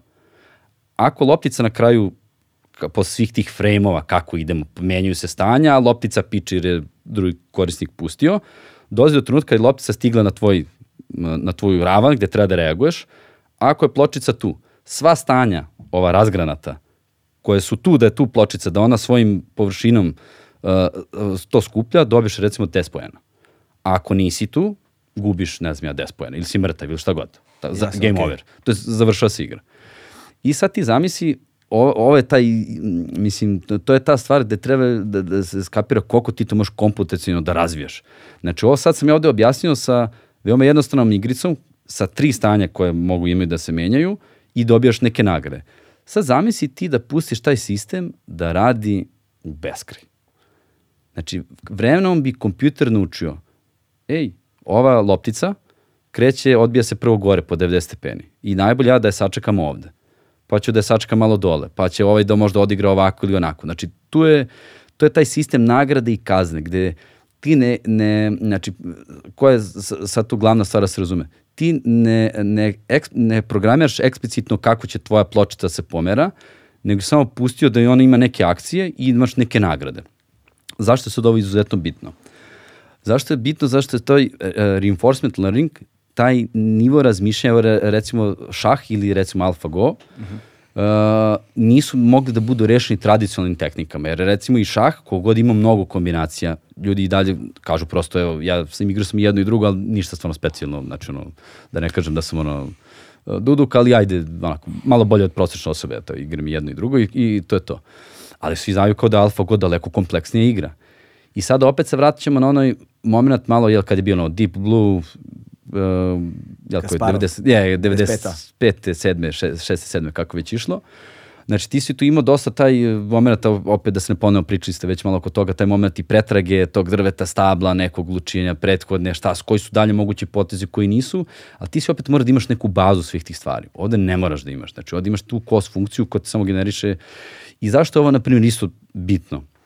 Mislim, barem ja neko vidim, a i ovo, da kažem, kako sam malo osvežio, mislim, znanje sad i ovih, ovih ono, par stvari, gledaš malo i ove filozofske poglede sad i na veštačku inteligenciju, šta se događa, vidiš da je isto sve neko tu. Malo je, e, se sada je pitanje da li, da li sama osoba, ljudska psiha i ljudski sistem i mi kao ljudi osobe funkcionišemo po istom principu, samo nam je period, to jest e, oblast a, de- delovanja daleko kompleksija naravno od pomera se 10 piksela gore i dole. I koji su nam sistemi nagrade. Mi kogod mislimo za sebe i želimo da verujemo da smo napredna bića, sve to tako i sve to okej, okay, ali opet dolazimo do onoga, da li ako ja kompletno objasnim, kad bismo imali znanje, da objasnimo čoveka, psiha, kako su povezani ti neuroni, kako se okidaju, da li ti kad bi kompletno sad objasnio mene do ovog trenutka, šta sam ja sad sve radio, kako sad pričam, kako mi se malo sušilo grlo, da li je skroz deterministički da ću uzeti sad da popijem gutlje vode i ću da ga ostavim ovde. Da sam ga sad ostavio opet, da li je to bilo random ili je bilo deterministički zašto hoću završiti rečenicu. Evo, Ajde, tu sam- popi malo vode, sad ću ti sipam još. Da. A dolazimo do pitanja determinizma. E, to, tako da to je neko pitanje gde je sada, da li smo i mi, e, recimo, koji su nama sistemi nagrade? Aj kažemo, sistem delovanja, jel, sve kompleksnije, nije toko diskretno, kontinualno, u smislu diskretno je kako se pomeraš na šahovskoj tabli, to su diskretni potezi. Kontinualno, ako ja sad svoju ruku mogu pomerim ovako, jel, do stola i to je to, ne pomeram je ovako iz 10 koraka do ovde. Znači, daleko je kompleksnije, ali to moramo da abstrahujemo, da uzmemo kao, evo, ok, nije to problem. Ali uzimo ove sve na, naše neke uh, fiziološke, da ne kažem, klacklice, dopaminske, serotoninske, Jasno. oksitocin, ono, testosteron i sve ostalo što nas, da li je ti kad pogledaš, mi radimo nešto kao da bi se osjećao dobro. Mislim, znaš, i ako radiš neke stvari, ako znaš da su teške, znaš da će posle biti dobro. Znači, mi smo tek došli dotle da možemo to da objašnjamo onako na intuitivan način, Ajde sad meni isto ono, Andrew Huberman i cela njegova serija podcasta, stvarno svaka čast, ono, prva liga i stvarno no, no, mnogo stvari tu onako da se neko nauči da se pogleda, ali onda opet neko gledaš da li onda to, jer svako od nas radi stvari i želi da se osjeća lepo, ajde da kažemo zdrava, normalna osoba, kako već sve to ide. I taj dopamin kad pogledaš pravljanje tako, nije napravljen da je to samo ovaj uh, hormon recimo zadovoljstva. Mm -hmm. Ti na primjer radiš istu stvar i znaš da ćeš dobiti nagradu i radiš istu stvar i, znaš, i ne znaš da ćeš dobiti nagradu. Daleko više ti se luči dopamino kad ne znaš da ćeš dobiti nagradu. Znači to je taj dopamin neko onako drive.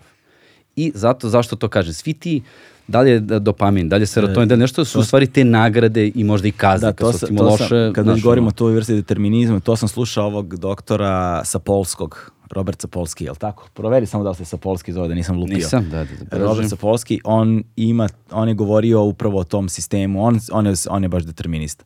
Ba, da govori, govori o tom sistemu nagrađivanja i zapravo kako kad uvedeš između akcija a, rezultat, ako uvedeš između ta dva znak pitanja, akcija, pa možda rezultata, možda i ne, zapravo dolazi do eksponencijalnog rasta ovaj, a, to dopaminsko lučenje i tako dalje, koji zapravo objašnjava kocku kao problem. O, pa da, ba, mislim, Znači, znaš, je- da, da ono, e, ok, ajde nastavljamo dalje. Da, da, e, zato sam rekao, Uh, mislim, ja se nadam da sam uveo dovoljno dobru analogiju zašto je reinforcement learning, meni barem isto kako sam ga video, kao nije mi toliko bio interesantna, kad vidiš koliko je zapravo super interesantna stvar i jedan mnogo dobar modalitet objašnjavanja uh, nas. Do te mere da sam ja mislio da smo, znaš, kao, daleko nas, mnogo, mnogo nas dobro objašnjava nego, znaš, kao Jasne, ranije jasne. što, što bi to mislio. Tako da, i tu treba, naravno, opet sad tu povele se diskusije da sad ne pominjam za ove generativni modeli za slike,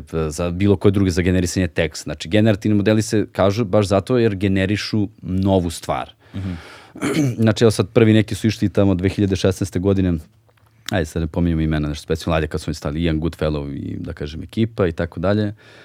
Uh, poenta jeste isto kako mi tu dolazimo, da ne idemo sad suviše tehnički, kako sistem može da generiše novu sliku.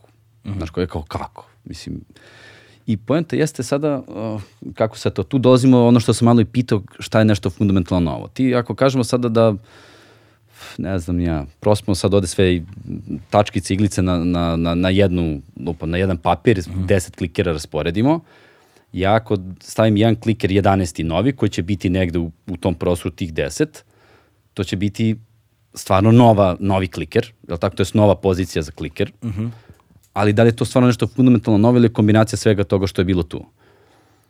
Ili ako sad uzem taj kliker i ne stavim u taj krug svih ostalih klikera, nego stavim pomerim ga ovde metar sa strane. Uh -huh. Znači kao ja moguće da se napravi nešto fundamentalno novo, ali to onda nema veze s ovim ovde što je. Znači ako si suviše mm, ajde sad, možda ću bolje s ovim ovde nekim drugim ono, a, slikama ako da pojasnim, ali poenta jeste da li je ta nova tačka u prostoru, ajde to je dvodimenzionalni prostor. E sad zamisli da imaš entodimenzionalni prostor gde, ajde ovako i presi, opet ćemo se vratimo na, jel, na mačke. Znači sad recimo ako ti imaš za te generativne modele, ako imaš sliku, znači ti da bi pravio nove stvari, ti moraš da imaš model, mrežu koja je naučila već gomina stvari pre toga. Ako tvoja mreža naučila samo, recimo, naranđaste mačke, neće moći da generiš ništa drugo do naranđaste mačke. Mm -hmm. E sada tu je malo kratku paralelu ću napraviti dok ne budem kreni baš ono kao isto dodatno za ove GPT modele. Fora u tome da sa slikom mi znamo otprilike koji nam je prostor funkcionisanja, gde je piksel, koliko on mogu se pomeri, koja može da bude boja. Znači nema sad tu nekog prevelikog iznenađenja. A za jezik se događaju stvarno fundamentalno drugačije stvari zato što prostor nije, ne da nije dvodimenzionalan, nego je onako, to kompletno drugačije funkcioniše i zato se sad događaju te neke stvari, malo ćemo detaljno da pričamo o njima posle, da postoje delovi sistema ili način funkcionisanja tog sistema koje mi nismo znali da može tako funkcioniše. Čist primjer, jedno je ono da ti sumiranje teksta, uh -huh. a drugi je primjer prepoznanje sarkazma. Naprimjer, znači to je da. nešto i to je taj neki kao, jel, nije direktan put da ti to viš, nego tek iz okola možda povežeš nešto.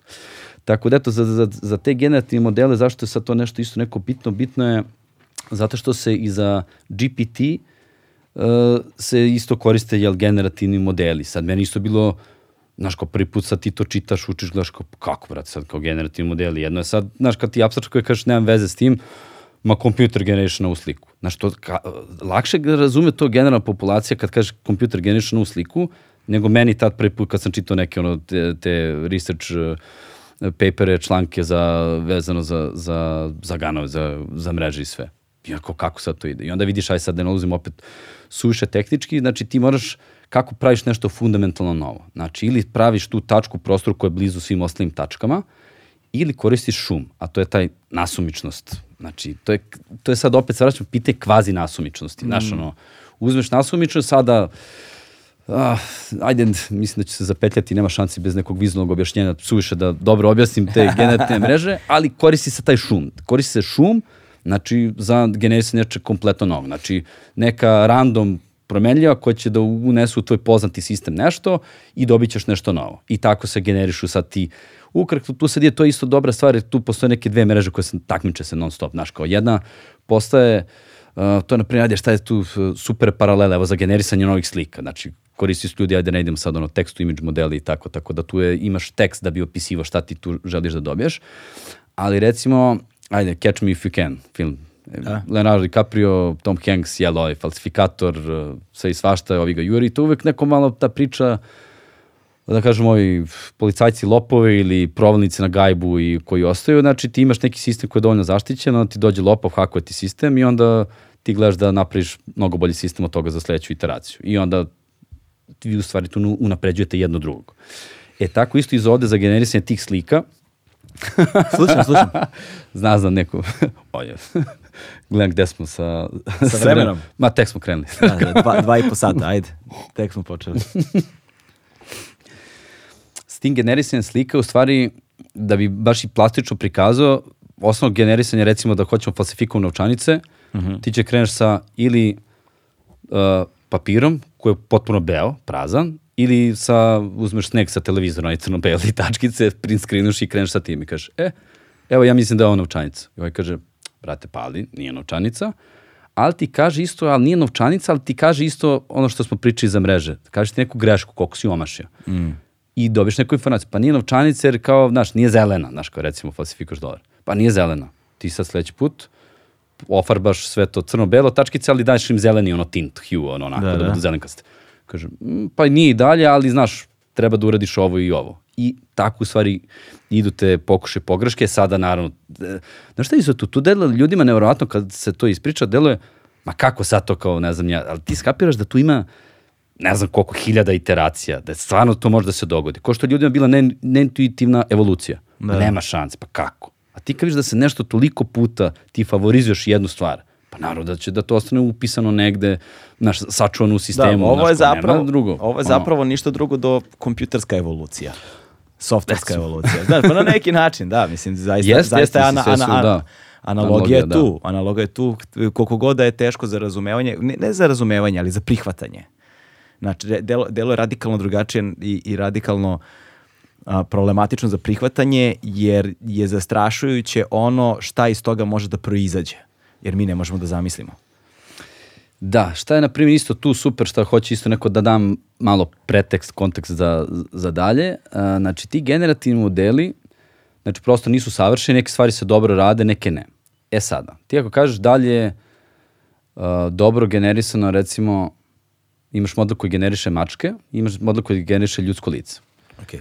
Znači, model koji generiše mačke, ako propusti lupam jedan prst na mačoj šapi, ti to male šanse da ćeš da izvadiš. Ili stavi četiri brka, s- 20 br brkova s jedne strane, znaš, treba ti malo da se zagledaš da bi ti to video. Prosto zato što mi nismo trenirani evolutivno da nam to bude toliko ekstra bitno. Ili, na primjer, u onom svom krznu dodaš još jednu šapu. Mislim, Da. sa pet nogu, ne, neće ni to da izvadiš. A za ljudsko lice smo ekstra, ekstra senzitivni. I zato je bilo, da ne kažem, najzeznutije, da se ti generativni modeli rade sa nečim što je nama kao ljudskom biću naj, najpribližnije. I ima taj tu efekt, pokušao sam jutro ili sinoć nešto kratko da nađem, nisam uspeo da nađem, ima taj efekt kad nešto praviš da je liči na čoveka, na osobu, na primjer, ko roboti u jednom trenutku ti imaš uh, koliko to stvarno liči i koliko mi to percipiramo kao nešto naše, jel, kao neko s kim možemo komunicirati, koliko ne je blisko. I ta kriva raste polako. Znači, što smo mi bliži, što ima dve ruke, dve noge, jao, robot, humanoidi, robot, jao, pa baš je lepo. Pa ima ovo, pa smo stali malo ovako, ova lice, jao, pa to isto super. E, ima ta neka granica, kad se ti već toliko približiš stvarnosti, stvarnom liku, I kad ti vidiš da nije to to, tebi to postane toliko odvojeno da je to stravično. Znači, kao sad ti model izbaci još jedno oko, ti ćeš se zgroziš toga, bolje ti izbaci čičak, čičak glišu. Znači, Da, da, da, ne, ne, ne još jedno oko, ali znam tačno, ima Louis, ima, ima Louis C.K. neku foru nekom stand-upu, zaboravio sam to kako voli zapravo ponekad samo kao naš stavi ruke na struk, ne stavi ih baš na struk, nego ih stavi malo ovako. Znaš, malo ih stavi više, malo ih stavi više i onda je ljudima to odjednom neprijatno, strašno. Znaš, kako te zapravo minijaturne Nisi naviko. Nisi, Nisi naviko. svestan da si naviko, koliko si naviko. Da, da, da. Ko evo isto čist primjer, ajde, koliko smo, meni to bilo nevjerojatno, koliko smo više prespani na, na obrve nego na oči. Zašto mi sad mislimo kao glavna na, e, stvar na licu su oči. Oči, oči, naš svetom. Mi jesmo senzitivni na oči, evo ovi generativni modeli kad su izašli, glavna zamerka je bila, ja, ba nisu oči baš skroz uvoli. I šta se onda radilo? besomučne slike očiju, treniranje, nadalje, ma mislim ono, sumanute količine svega, da bi se to, znači ti sa 5% napora si napravio osnovnu mrežu i onda još 95% napora da bi samo oči napravio da budu kako valja. Mm, da, da. A dodatno je, na primjer, zašto oči imaju mnogo detalja. Ali, na primjer, sad ti uzmeš svoju sliku i uh, ovaj, skloniš oči, prepoznat ćemo to odmah gde si, šta si, sve okej. Da. A ako skloniš obrve, Znači, 5 sekundi treba svakome da bi iskapirao ko je stvarno na slici i tako. Tako, Da. to je sad dalje malo onako Psihologija je. psihologija, percepcija drugih ljudi i sve to, tako da čisto napravio malo e, taj deo toga da u tom generisanju slike postoje greške koje sistem pravi u tom generisanju su vjerojatno svuda podjednake, uslovno rečeno, ajde da se tako izrazim. Ali ne, na neke smo dosta više senzitivni nego na neke druge. Mm. I to je isto bitno, znači zato što mi tu senzitivnost, ona ne postoji u modelu ako je mi nismo nekako pravili da smo senzitivni na nju. Jer kao za mrežu je svejedno dalje na petom čvoru ili 28. pogrešila za pet. Znaš, Jasno, ko, da. isto je. A ako pogreš na ome za pet, mi ćemo kažu, uj, znaš, ono, preposlan se, a ovde će bude da, kao, neko, okej. neko je jednom rekao, kaže, kada upoznaš jednog vrapca, upoznao si sve vrapce. Kada upoznaš jednog čovjeka, nisi upoznao sve ljude. To je prosto, To, znaš, to je kao- bilo i na suđenjima onaj uh, race bias, znači kao prosto kao ljudi Da, druge rase da, tu se- ne tu- možeš tu da, se, da, tu se vraćamo na ovaj prvi chatbot uh, Windows, koga je izbacio, što su ga A, raz... Microsoft, tej, da. Da, Microsoft, Microsoft, Micro- Microsoft ovaj chatbot što su ga usrali na Redditu i na 4chanu. Dobro, sad ajde ne bude kao krećemo, pričamo ono oko Jasno, svega, jasno, mislim, ajde sad tu je, jel, da kažem, Microsoft radi opet koliko si i da kažemo para, finansiranje, istraživanje za OpenAI i tako dalje, tako da te neke, da kažem, popularnije tehničke priče, dot, dotaći ćemo se neko i toga. Uh, da vidimo da ove neke ovako stvari tu dok smo kod ovih generativnih modela mislim da smo prošli Kod ljudskog lica, stvari. da. Da. Znaš šta, mislim da možemo već polako da se okrećemo ka tekstu. Može, ajde. Kajde. Krećemo, znači ajde sad ovako. E, Znači, uvod je gotov. Uvod Ajde, je gotov. Aj, uvod je Tri gotov. može- sata kasnije. Da. A ne, ne, ali ovo je stvarno mislim da... Važno. Za, zadovoljan sam, majke. mi. Va- da, da, važno je. ne znam važno da si ti kao propitao Jesam, jesam, posle. jesam, jesam, jesam, jesam. Zato što, znaš, iz ovakvih razgovora nije toliko važno da ljudi pokupe pojedinosti Ma- ovoga o čemu si govorio, nego da steknu negde grubu, manje ili više jasnu sliku s- kak, koji su principi po kojima taj sistem funkcioniše. Ja sam to zato i mislim da, da je dobro da smo imali barem neki ovako Jasno. guideline. Da razumeš šta je arhitektura, ono da šta je neuronska mreža, da otprilike imaju neku, ne, neku moraš nešto da imaš. Neku ja, sliku toga. Ja, da. ja sam isto gledao, znaš, kao jedno je, evo sad iskreno, ja sad prvi put mislim da sam ovako pred ono generalna, generalna populacija, da, znaš, da. kao sediš i pričaš negdje, jer, jer ti nisi ni svestan toga, ti uglavnom, ok, ajde, ja sam stvarno, da ne kažem blame sa svima, da ne kažem svakakvom ekipom i to mi stvarno volim to i takav sam ceo život i to mi je sve ok, ali generalno bilo šta da pričaš ovako nešto popularnije, znaš, su neke konferencije, fakultet, mm, kompanija neka i tako. A ovde neko gledam, jebate, imamo jedinstvenu priliku, znaš, ko kažemo, ne znam ja, znaš ko, ja sam sad zezan, kažem, Batici iz Mirjeva, znaš ko, Da, da, da, da. objasnim ko je, druže, on će možda ovde to prvi put da sluša. Pa Kao stvarno da iz, izgubim tu priliku, kaže, e, kao baš me briga za ovo. Ajde vidimo koliko, šta možemo da uradimo, Da, da, da. objasnim, jer sad se svakog se od nas, znaš, neko tiče na neki dobar način, opet da bude, da nismo ubili, opa, Ne veze. kao, satrali sa stvarima, znaš, kao pojedinim. Tako da, Okej. tako da, okej, da. Počinjemo s tekstom. Počinjemo s tekstom, znači ajde sad, to je, zvanično se to zove kao Natural Language Processing, znači Mhm. kao NLP, sad odmah tu neki akronimi, munje i onda, ja, ja kažem, koristimo samo te stvari da bi ljudi koji prate, slušaju, gledaju, imali opet, ko voli neko funkcioniše, uči naspram ovih uh, uh, termina, pa će pogleda posle, zabeleži, pribeleži i tako. Tako da eto, to su neke, ta je neka osnovna oblast koja se bavi izučavanjem prirodnog jezika. E sada, šta je tu, na primjer, onako baš super, mislim super, aj sad ja bih ovako gledam, mislim kao tu sam gde sam rekao, sve mi to i bilo su- super, da kažemo ti modeli kako abstrahujemo, kako mi sad, kako ti sad prenosiš tekst, reči, slova u kompjuter, kako čuvaš to, da ne, ne idemo sad sušu skladištenje podataka, to je bez veze. Ali, znaš, kao, kako mi sad modelujemo neke tu stvari da mi želimo da nas tekst nekako, raz... kako mi možemo možete da krenemo da razumemo recimo jednu rečenicu. I sad ti neki osnovni modeli su bili, ne znam ja, kao bag of words, znači kao bukvalno vreća s tekstom. Znači, kao, ajde, uzmeš rečenicu, uzmeš sve reči koje se poja- pojavljuju u tvojoj rečenici ili u nekom pasusu teksta i samo kažeš ono, koje ovdeštikliraš onako, čekiraš, e, jedno pojavljenje, dva, tri, ko neki brojač i dižeš, ideš sve to. I onda ti ako imaš neki drugi pasus teksta, koji recimo ima neke slične reči sa sličnim brojem pojavljivanja, ti možda kažeš, pa dva teksta su slična. A da ne ulazimo tu sentiment, uh, dalje sarkazam, nije kako sve to izgleda, to ne možeš ništa. Znaš, Stil, ma da, ni- ništa ne može pohvatati. Ali to su, znaš, kao, kao kad bi dao sad u neke osnove programiranja ono, deci, kao ajde vidimo kako sad to izgleda, to su neke prve stvari koje ti intuitivno padaju na pamet, kao to je to. Tako da sad neko ne bi otišao mnogo sa tim početcima i e, razvodnio priču, ali pojenta jeste bila kao, ok, ako mi samo idemo, učimo sada, sve se naprijed sada, sa, opet da se vratimo, svodi se na to, koje ću ja podatke da feedujem mreže i šta da. ja želim da mi ona izbaci. Znači, tu je ta umetnost, da kažemo, kod nas, da ti dobro preformulišeš problem, da vidiš da li može da ga rešiš ovom tehnologijom, metodologijom koju mi imamo. Mm. I gomile stvari tu može, znači kao ne, neće sad vraćati na ove na CNN mreže i za slike prepoznanja objekata, ali tu su isto gomile neke stvari koje bi rekao, wow, pa kako sad ovo ubaciš tu? Pa kao pa lepo, znaš, kao, na neki ono dobar način koristiš sve te stvari. Znači, fora tu jeste, evo sad na primjer i sa tim tekstom, znaš, kao ti sad ako bi gledao, ako beležiš samo re, slova i njih ubacuješ u mrežu, ti jedan veliki deo da kažemo, rada mreže trošiš na to da ona poveže uh, slova u reči. Mm -hmm. A ti to možeš da uzmeš kao svoju polaznu osnovu. Jer recimo, na primjer, sad engleski jezik koliko ima? 150.000 valja reči, sad pite, Bog te pita koliko se koristi. Uh, uzima se da si kao, da možda vodiš neku normalnu konverzaciju ako imaš, ja mislim, 800 reči u vokabularu, a da si, ja mislim, native speaker ako si negde na 8000, tako nešto. Ajde, to sam skoro pogledao nešto. Ali reda veličine, to je tu verovatno nešto otprilike. Okay Tako da je u stvari nije toliko bitno da mi sada, znaš, kao sad koren reči, koji je sufiks, koji je prefiks, da slova neka dodaješ ili ne dodaješ, jer smo skapirali da nam je jabuka bez obzira na deklinaciju promenu padeža ili u engleskom neka druga reč kako se formila glagol, ne gubi toliko svoje značenje i znači isto to što znači. I dodatno možemo skroz da pokrijemo čak i ako ta reč uh, uh, menja samo posljednje slovo, recimo za srpski kao jabuka, jabuke, uh, u našem domenu ta, te reči će biti slične. E sada, to slične je, sad dolazimo to jedne velike uh, ajde, premise, pretpostavke i da vidimo kako možemo što bolje nekako da objasnimo. Uh, kako ćemo mi te reči da beležimo pod jedan u kompjuteru, pod dva kako ćemo da ih vidimo, to je stavljamo na ulaz te neuralne mreže koje može da ide na proizvoljen uh, ovaj broj inputa i kako to možemo da koristimo. Prvo što se javlja nekako na jeste to nešto što se zove kao one hot encoding. Sada to ne zvuči rogobatno, veoma jednostavno.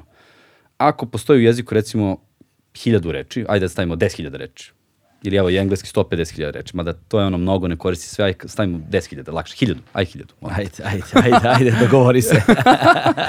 stavimo, dogovori se sa sobom. Da, stavimo 1000. Da, da. Rećemo ovako, kako, ako je, se koristi reč i poređamo ih po alfabetnom rasporedu. Mm -hmm. Ako se koristi reč na slovo A, mi ćemo tu da samo čekiramo 1, sve ostalo će biti nule. Znači, to je neki to se zove vektor. Znači, kao niz nula i jedinica, gde je kec negde gde se, uh, koji slika tu reč. Znači, to sad mi tačno znamo kako to možemo stavimo u memoriju i kako možemo da stavimo recimo na, na ulaz mreže. Mm. E. Šta dobijemo time? Dobili smo time da mi možemo sada reč da znamo kako se reprezentuje u memoriji, kako možemo da feedemo u sistem. Ali, šta, smo, šta nemamo tu, a što nam je izuzetno bitno?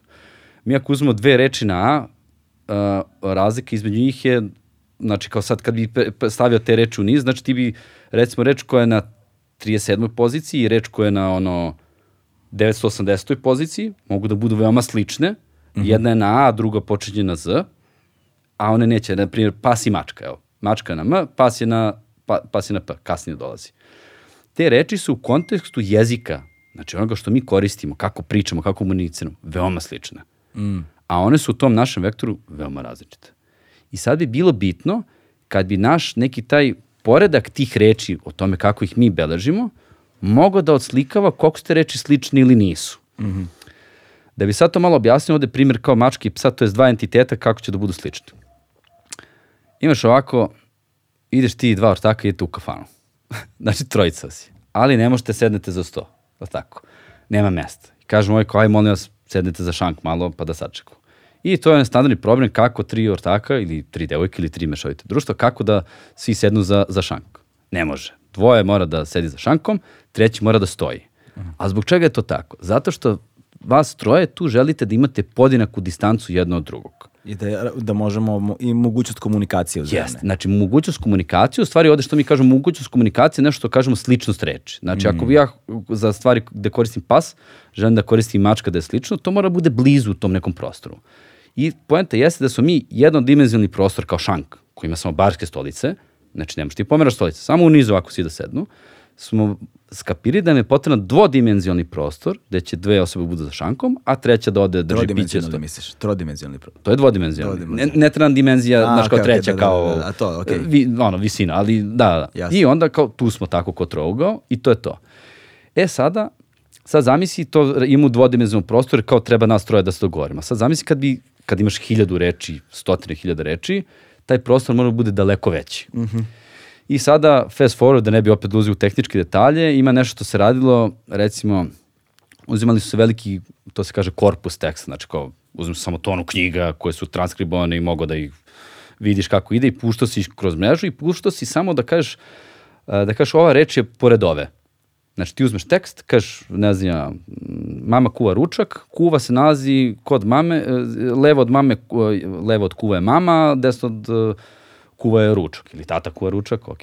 Da, da a, tako da to su te stvari i onda si ti gledao koliko je nešto blizu jedno drugog i to si beleže kao informaciju. Nije to bilo bitno da, da se zabeleži. E sada, šta su uradili jel, neki mnogo pametni ljudi od nas? Pustili su sve te reči kroz tu neuralnu mrežu, propustili kroz neki, ajde kažemo, ko da ideš sad, ne znam ja, mm, lupam, ide vojska negde i mora pređe reku. I mora prođe kroz jedan most. E tako su joj pustili gomile tih reči i tih veza između reči koji je daleko više veza između reči u tekstu, kako, koja reč može pos, pored koje da bude u tekstu, da ne pominamo, zamisli kad bi gledao i, i nivo 2, koje je dva koraka udaljeno od ove reči, i puštao kroz tih, kroz taj jedan sloj mreže koji ima 300 čvorova. I puštao samo nadalje opet reči i vraćao ih na neki osnovni, osnovni deo. Poenta jeste da si ti mogao lepo da modeluješ odnose između reči. Znači ti si, dobio si koja reč se nalazi blizu koje, da taj, da kažemo, taj centralni deo mreže koji je most, uh, tačno si znao koji, recimo, treći, peti i sedamnesti neuron je bitan. Recimo, a ovo bi rekao, umesto da imaš jedan most, recimo da imaš 100.000 vojnika i nemaš jedan most, nego imaš 20 mostova. E sad, neki vojnici, brate, su u četi i oni moraju prođu kroz most broj 17 jer su tu najbliže, znaš. Da, da. I onda ti znaš da su oni po 17. toj komponenti bliski. Kad bi ti imao samo dve komponente, to bi bila prva i druga dimenzija. I onda bi vojnike koji su zajedno u četi, koji prolaze kroz drugi dimenziju zajedno, oni bi tu bili veoma slični. E sad ovde, pošto imaš, nemaš vojnike, nego imaš reči, zavisnosti između njih, i nemaš dva mosta, nego ih imaš 300, ti onda dobijaš reči koje su veoma slične na drugim da prolaze kroz neke slične mostove.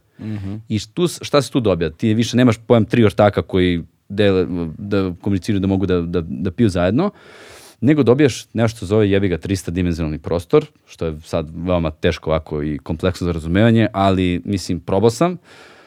Keva je donekle razumela kad sam objašnjavao. Imao si test subjekte, ono. Tako da kao testirao sam malo, pogledao sam naravno odmah ko po netu da vidim kao kako su drugi ljudi pričali i objašnjavali, tako da mislim da je to ono kao as good as it gets kao danas, kao ovako. Ali ono što smo tu dobili, dobili smo da svaku stvari reč je prezentovana sa vektorom od 300 brojeva, umesto sa 10.000 koliko smo hteli ili 150.000 kako bismo uzeli ceo rečnik. I svaki taj broj je bio neki, recimo, ja mislim da je nešto to normalizo od 0 do 1, ali recimo primjer radi može bude bilo koji broj. Uh, da. I šta se sad, na primjer, zašto je to toliko fantastična stvar? Ti si u stvari sad, evo, znači imaš nešto što se zove onda, ako gledaš u prostoru, to se zove kao vektor, ali kao vektor to je u stvari, ako je trozmeni prostor, lako možemo da zamislimo tačku i da kažemo, e, ta tačka se nalazi tu. Ali ti ako imaš tačku koja je pored ovde i oduzmeš te dve tačke po svim parametrima, ti dobiješ neka tri broja. I sad šta je, na primjer, ovde sa ovim modelom super? Imaš, na primjer, ako ti uzmeš king, kao kralj, reprezentaciju vektora, i imaš čovek, žena i kraljica. Znači imaš kralj, kraljica, čovek, žena. U tom prostoru, recimo da umesto nije tro, 300 dimenzionalni prostor, nego ga pojednostavim na dvodimenzionalni prostor. Znači, fora je u tome da između kralja i čoveka, a ovde kraljica i žene, da ako ti uzmeš, oduzmeš od eh, kraljice kralja i taj broj dodaš na čoveka, ti ćeš dobiti ženu. I to je ono što je fantastično urađeno, da si ti konačno dobio prirodno reprezentovano u memori, znači u kompjuterskom sistemu, da reči koje su blisko u tom 300 dimenzionalnom prostoru, da su one bliske u upotrebi, znači u jezičkoj upotrebi. I to je, ono, to, to ni, ni- mislim, stvarno je ono Znači, revolucionarno. pretvorio si jezik u matematičku funkciju. U niz jednostavnih matematičkih Čak funkcija. i nisi, čak si, sa- samo si e, predstavio reči na nečemu drugom. A njihov odnos, to je sada gde je chat GPT eksplodirao, gde taj odnos reči, kako ćeš ti sad, šta ćeš tu da, da modluješ, znači da im samo da li ima neku veliku isto stvar da, ovo smo sve prošli, ne, ne, ovo je okej. Dolazimo od tih large language modela. Mhm. Šta je fora? Tako su ih ovi nazvali Golum. Golum, da, golum, kao je, no, da, kao baš Golum, su, kao, generate- da, da isprepadaju kod da još nije, znaš, kod da nije dovoljno strašno, kao još malo da isprepadamo ljudi, nemoj. Pošto, pošto zapravo mi ovde govorimo o tehnologijama toliko novim da one još uvek nemaju ime. Jel tako? Znači, Pa on- da, i dodatno, mislim, ljudi to moraju da razumeju. Ove neke stvari sad koje ja pričam ovde za, za recimo, kad pričam sa kolegom koji je ono baš profi u toj oblasti, ja, na primjer, moram se pripremiti za razgovor sa njim. I dodatno, ove stvari koje su prezentovane, evo sad isto, da ljudi znaju isto neko, to je, ovo su sve ono top research, znači kao najnaprednija istraživanja, ono, da kažemo, koje, u man-made sistema koje smo mi napravili, ono, ljudski napravili. I uh, ljudi, aj sad čisto malo da objasnim, malo, ajde, naučna zajednica, da kad neko ima neko super istraživanje, to se ob, publishuje, znači objavljuje se u nekim naučnim časopisima. Znači, ko, ko što imaš, ne znam, ja, nema pojma, više nijedan časopis ne kupujem. Da, da, da, da, sve, svi su online. da, sve online, ali eto, tako naučna literatura. Onda naravno imaš sad tu neku ekipu koja to gleda, kaže super ste napravili posao, niste, može ovako, može onako, tako da dobiješ neki feedback na svoj rad prema što si ga prezentovao, pa onda ti tu uzmeš pa popraviš i tako. Tako da, šta je fora ovde s ovima? Znači, zašto je gomila ovog sad researcha u stvari stoji iza top tech kompanija, gomila toga oni napre rad da te može bude jasno, tu je prezentovano 10% onoga što se radi.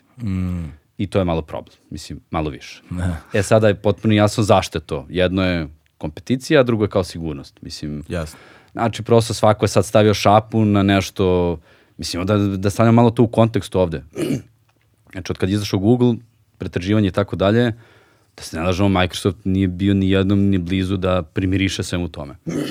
A sada ovde, da kažem šta se događa, što je nekako evo za naš neki period življenja bilo neko, se uzima neko zdravo za gotovo, znaš, ono, kao, prosto toliko to dugo prisutno tu, što u jezik, jel, izgooglaju ovo, uradi Da, ovo, da, znaš, da, kao, da.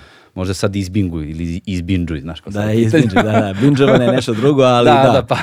ali, da, ali ovo je zapravo, uh, uh, kako je OpenAI, jel te, javnosti i po, pokazao ChatGPT koji, ono, 3.5, koji mi samo znamo kao ChatGPT, jel te, jer je to za nas bio prvi sa koji smo se sreli.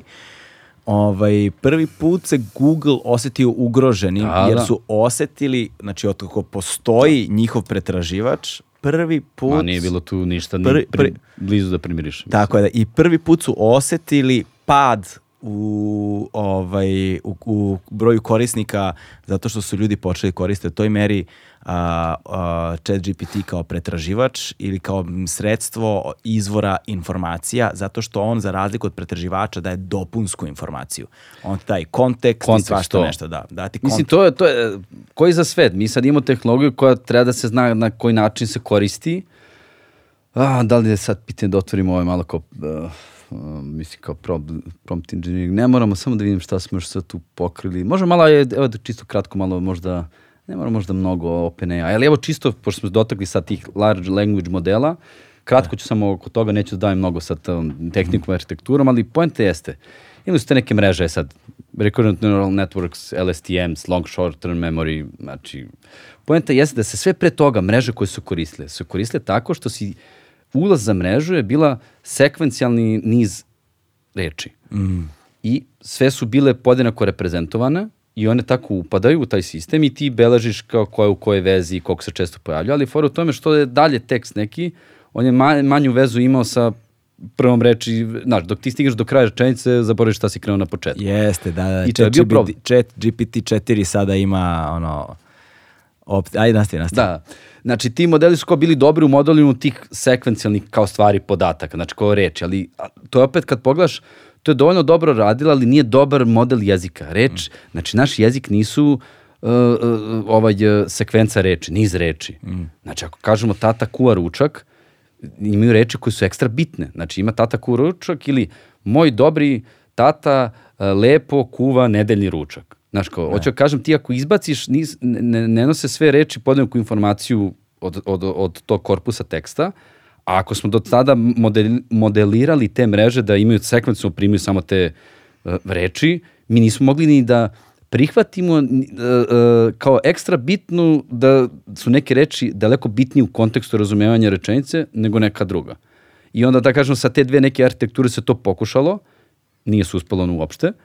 Tako da eto sad dolazimo tu da i opet neće su više jel, do ovih transformatora, mislim oni su tu ono 2016. 17. to je krenulo onako masovno nekako da kažem upotreba i onda sad cela ta ekipa i OpenAI uh, bio ta, mislim taj research paper attention is all you need. Ali pojenta jeste te pažnje.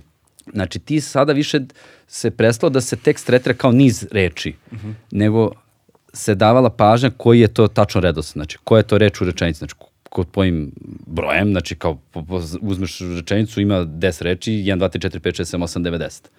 I onda si ti uspevao da samom tom pozicijom, naravno opet sada daleko kompleksna ar arhitektura, sa tim attention mehanizmima, da stavljaš pažnju, da se u stvari u mreži tokom feedovanja gomile teksta, da se polako skapiravalo intuitivno šta je recimo subjekat. Znaš ko, mm. ti to nisi morao da pričaš šta je subjekat. Ali ako se vidi da je subjekat neka forma, imenice, ova reč, pojavlja se na ovaj način, to je tako i tako, znaš ko, i onda to intuitivno postaje u mreži, to mreža kapira, razume na taj dobar način. I tu je sad dolazimo dotle da onih prespajanja stvari gde imaju neki, da kažemo, skokovi u razumevanju svega toga koje pitanje da li može sad iko još skroz da objasni, ali uh, pa, pazi, za, za, za, i svega. Da, zanimljivo je zapravo da uh, mašina sada ima mogućnost, sada ja kažem mašina, znaš kao da zvuči onako dramatično, zbog dramatičnog Skynet. efekta. Da, Skynet. Skynet. da, da. Uh, je, ima, ima mogućnost, dakle, na primjer, dali su, da, da postavili su parametre tako da uči jezike, ali da daje odgovore isključivo, ne znam, na engleskom jeziku. I onda su shvatili u jednom trenutku da mašina počela da daje odgovore na drugim jezicima, da, da. da nemaju predstavu kako je tu spada. Pa pazi kako je super to. Znači, zato što taj... Čak, i, po, čak izvini, sad dolazimo da. do modela koji će nam omogućiti da razumemo mrtve jezike koji su Jeste. nam bili zaključani Jeste. i nedostupni do sada.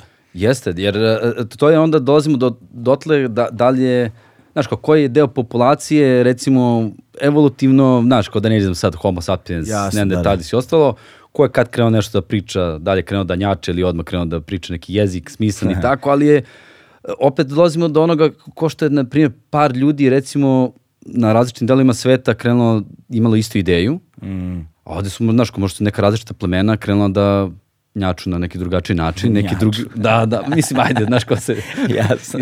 kao izvinjam se precima. da, da, da, to. Da, da, Ali, to, to, to nas vodi da. u raspravu o poreklu jezika koja je vrlo zanimljiva. i onda baš je da. pitanje da li onda to poreklo jezika, evo meni je sad primjer to, ako možemo da, da razumemo neke jezike koje nismo mogli da razumemo do tad, onda mi je mnogo nekako aj simpatično, super da ti vidiš da onda možda i taj jezik nije mogao da se stvori na drugačiji način. Mm. Ako si ti stavio da se jezik stvara na 10 različitih lokacija nije postao jezik i, on, i svaka populacija kad mogu da pustiš jel, neku iteraciju mreže, epoha, zilijardu, da dobiješ da će svi na kraju krenuti da koriste neke subjekte, objekte, predikate i objekte, znaš kao to, onda nešto znači koliko to na, u nama bilo intuitivno do tog momenta da to baš uh, formalizujemo na taj način. I to je, to je onda, naprimjer, mislim, super je stvar. Mislim, stvarno. To je ono zašto brojni ljudi veruju da živimo u simulaciji. Da, mislim. Znaš, anything goes. Dakle, sve može, sve može i ništa ne mora da bude. Ali je zanimljivo, znači ima taj, uh, u, u, mislim, ljudi kad govorimo o filmu Alien, znači kad govorimo o kao tome koji su bolji, koji nisu, sad da ne ulazimo u kvalitet filmova, ali posebno da ne ulazimo u kvalitet filma Prometheus, jel te, Prometej, ali je veoma zanimljiv taj početak filma zapravo, jer vidimo, kako se zove taj poznati glumac, ja sam zaboravio njegovo ime iz Prometheusa, koji glumi veštačkog inteligenciju. Vešt... Fassbender, ili tako? Ja ne mogu se setiti. Da, Bukvalno sam gledao sam jednom kad je izašao i niko ni... Da, Fassbender, ovaj, ovaj lik koji, koji mi počinje zapravo njihovo to putovanje na tu neku udaljenu planetu, jer zapravo lik koji, dok se ovisi u nekom onom hiper snu, kako se već zove, onaš, u ovaj kako, kako nazivaju to s naučnim fantastici, ono kada... Hibernacija. Hibernacija, da, da znači u, tom, u toj kao hibernaciji zapravo uh, robot koji je kao veštačka inteligencija, jel te? Ovaj, vodi računa o svima njima i on ima zadatak da nauči jezik potencijalnih bića na toj... A ček, za nije Arrival, ja mislim da je... Ne, Arrival je nešto drugo. Ok, ok, e, tu Da, je da, taj e, ne. moment jezika, tu mi je Da, fantastično da, to Arrival je tu. Wow. genijalan, Arrival je tu, Baš da, je- tu, da, Arrival je tu genijalan, tu nema greške, da, i Da. da. Chang je tu zapravo, Da, da, ono, malo. znaš, e, da, da ne skrenemo tu temu, pošto znam da si ti fan. Jeste, pa, kad nisam pa... ono. da ne uđemo, ono, da, to su priče naših života, ali tako da? da, da, ma E, super ovo. Story of our lives, jeste, da. Preporučujem svima da pročitaju. Jel? Jeste, ja evo, skoro sam nešto jurio, hteo poklonem nekome, nisam uspeo da nađem, tako da, Da, imam ja apelujemo za, za neko reizdanje. A šta je rasprodato, a? Ma, non stop, mislim, E, to... da, ovaj, a, a, ima to, u Prometiju su zapravo, ima ta premisa, to je dosta loše urađeno, ali je premisa dosta dobra, jer kao dom, tokom tog višegodišnjeg putovanja a, mašina je imala zadatak da nauči potencijalni jezik kojim bi ti stanovnici tamo mogli da govore, jer kao pretpostavljaju da smo zapravo mi nastali od njih. Ma ne, nema šta, E, moramo kao- opet da pogledamo. Ono. Pa da, i Kažem, onda- sve i- ovi filmovi moraš, ono, na dve, tri godine moraš pogledaš, jer, mislim... Da, i sad koliko god da je film banalan, ta premisa mi je dosta zanimljiva bila, kako zapravo potencijalno razumevanje jezičkih modela iz kojih su možda potencijalno nastali svi ljudski modeli ovaj, i kako hodom unazad pokušava da ih dekonstruiše i da kreira potencijalni jezički model iz kog sve to proizilazi, pa onda kao kako uči ono indoevropske jezike i to kako se te grane jezičke u teoriji idu i tako dalje. Vrlo zanimljivo zapravo, iako banalno prikazano. Ne, ne, ja, mislim, jeste, za, Da. sad i kažemo koliko se tih, evo, da, da malo povučemo paralelu, kako smo neko rekli, kako su išle ove sve stvari, Da.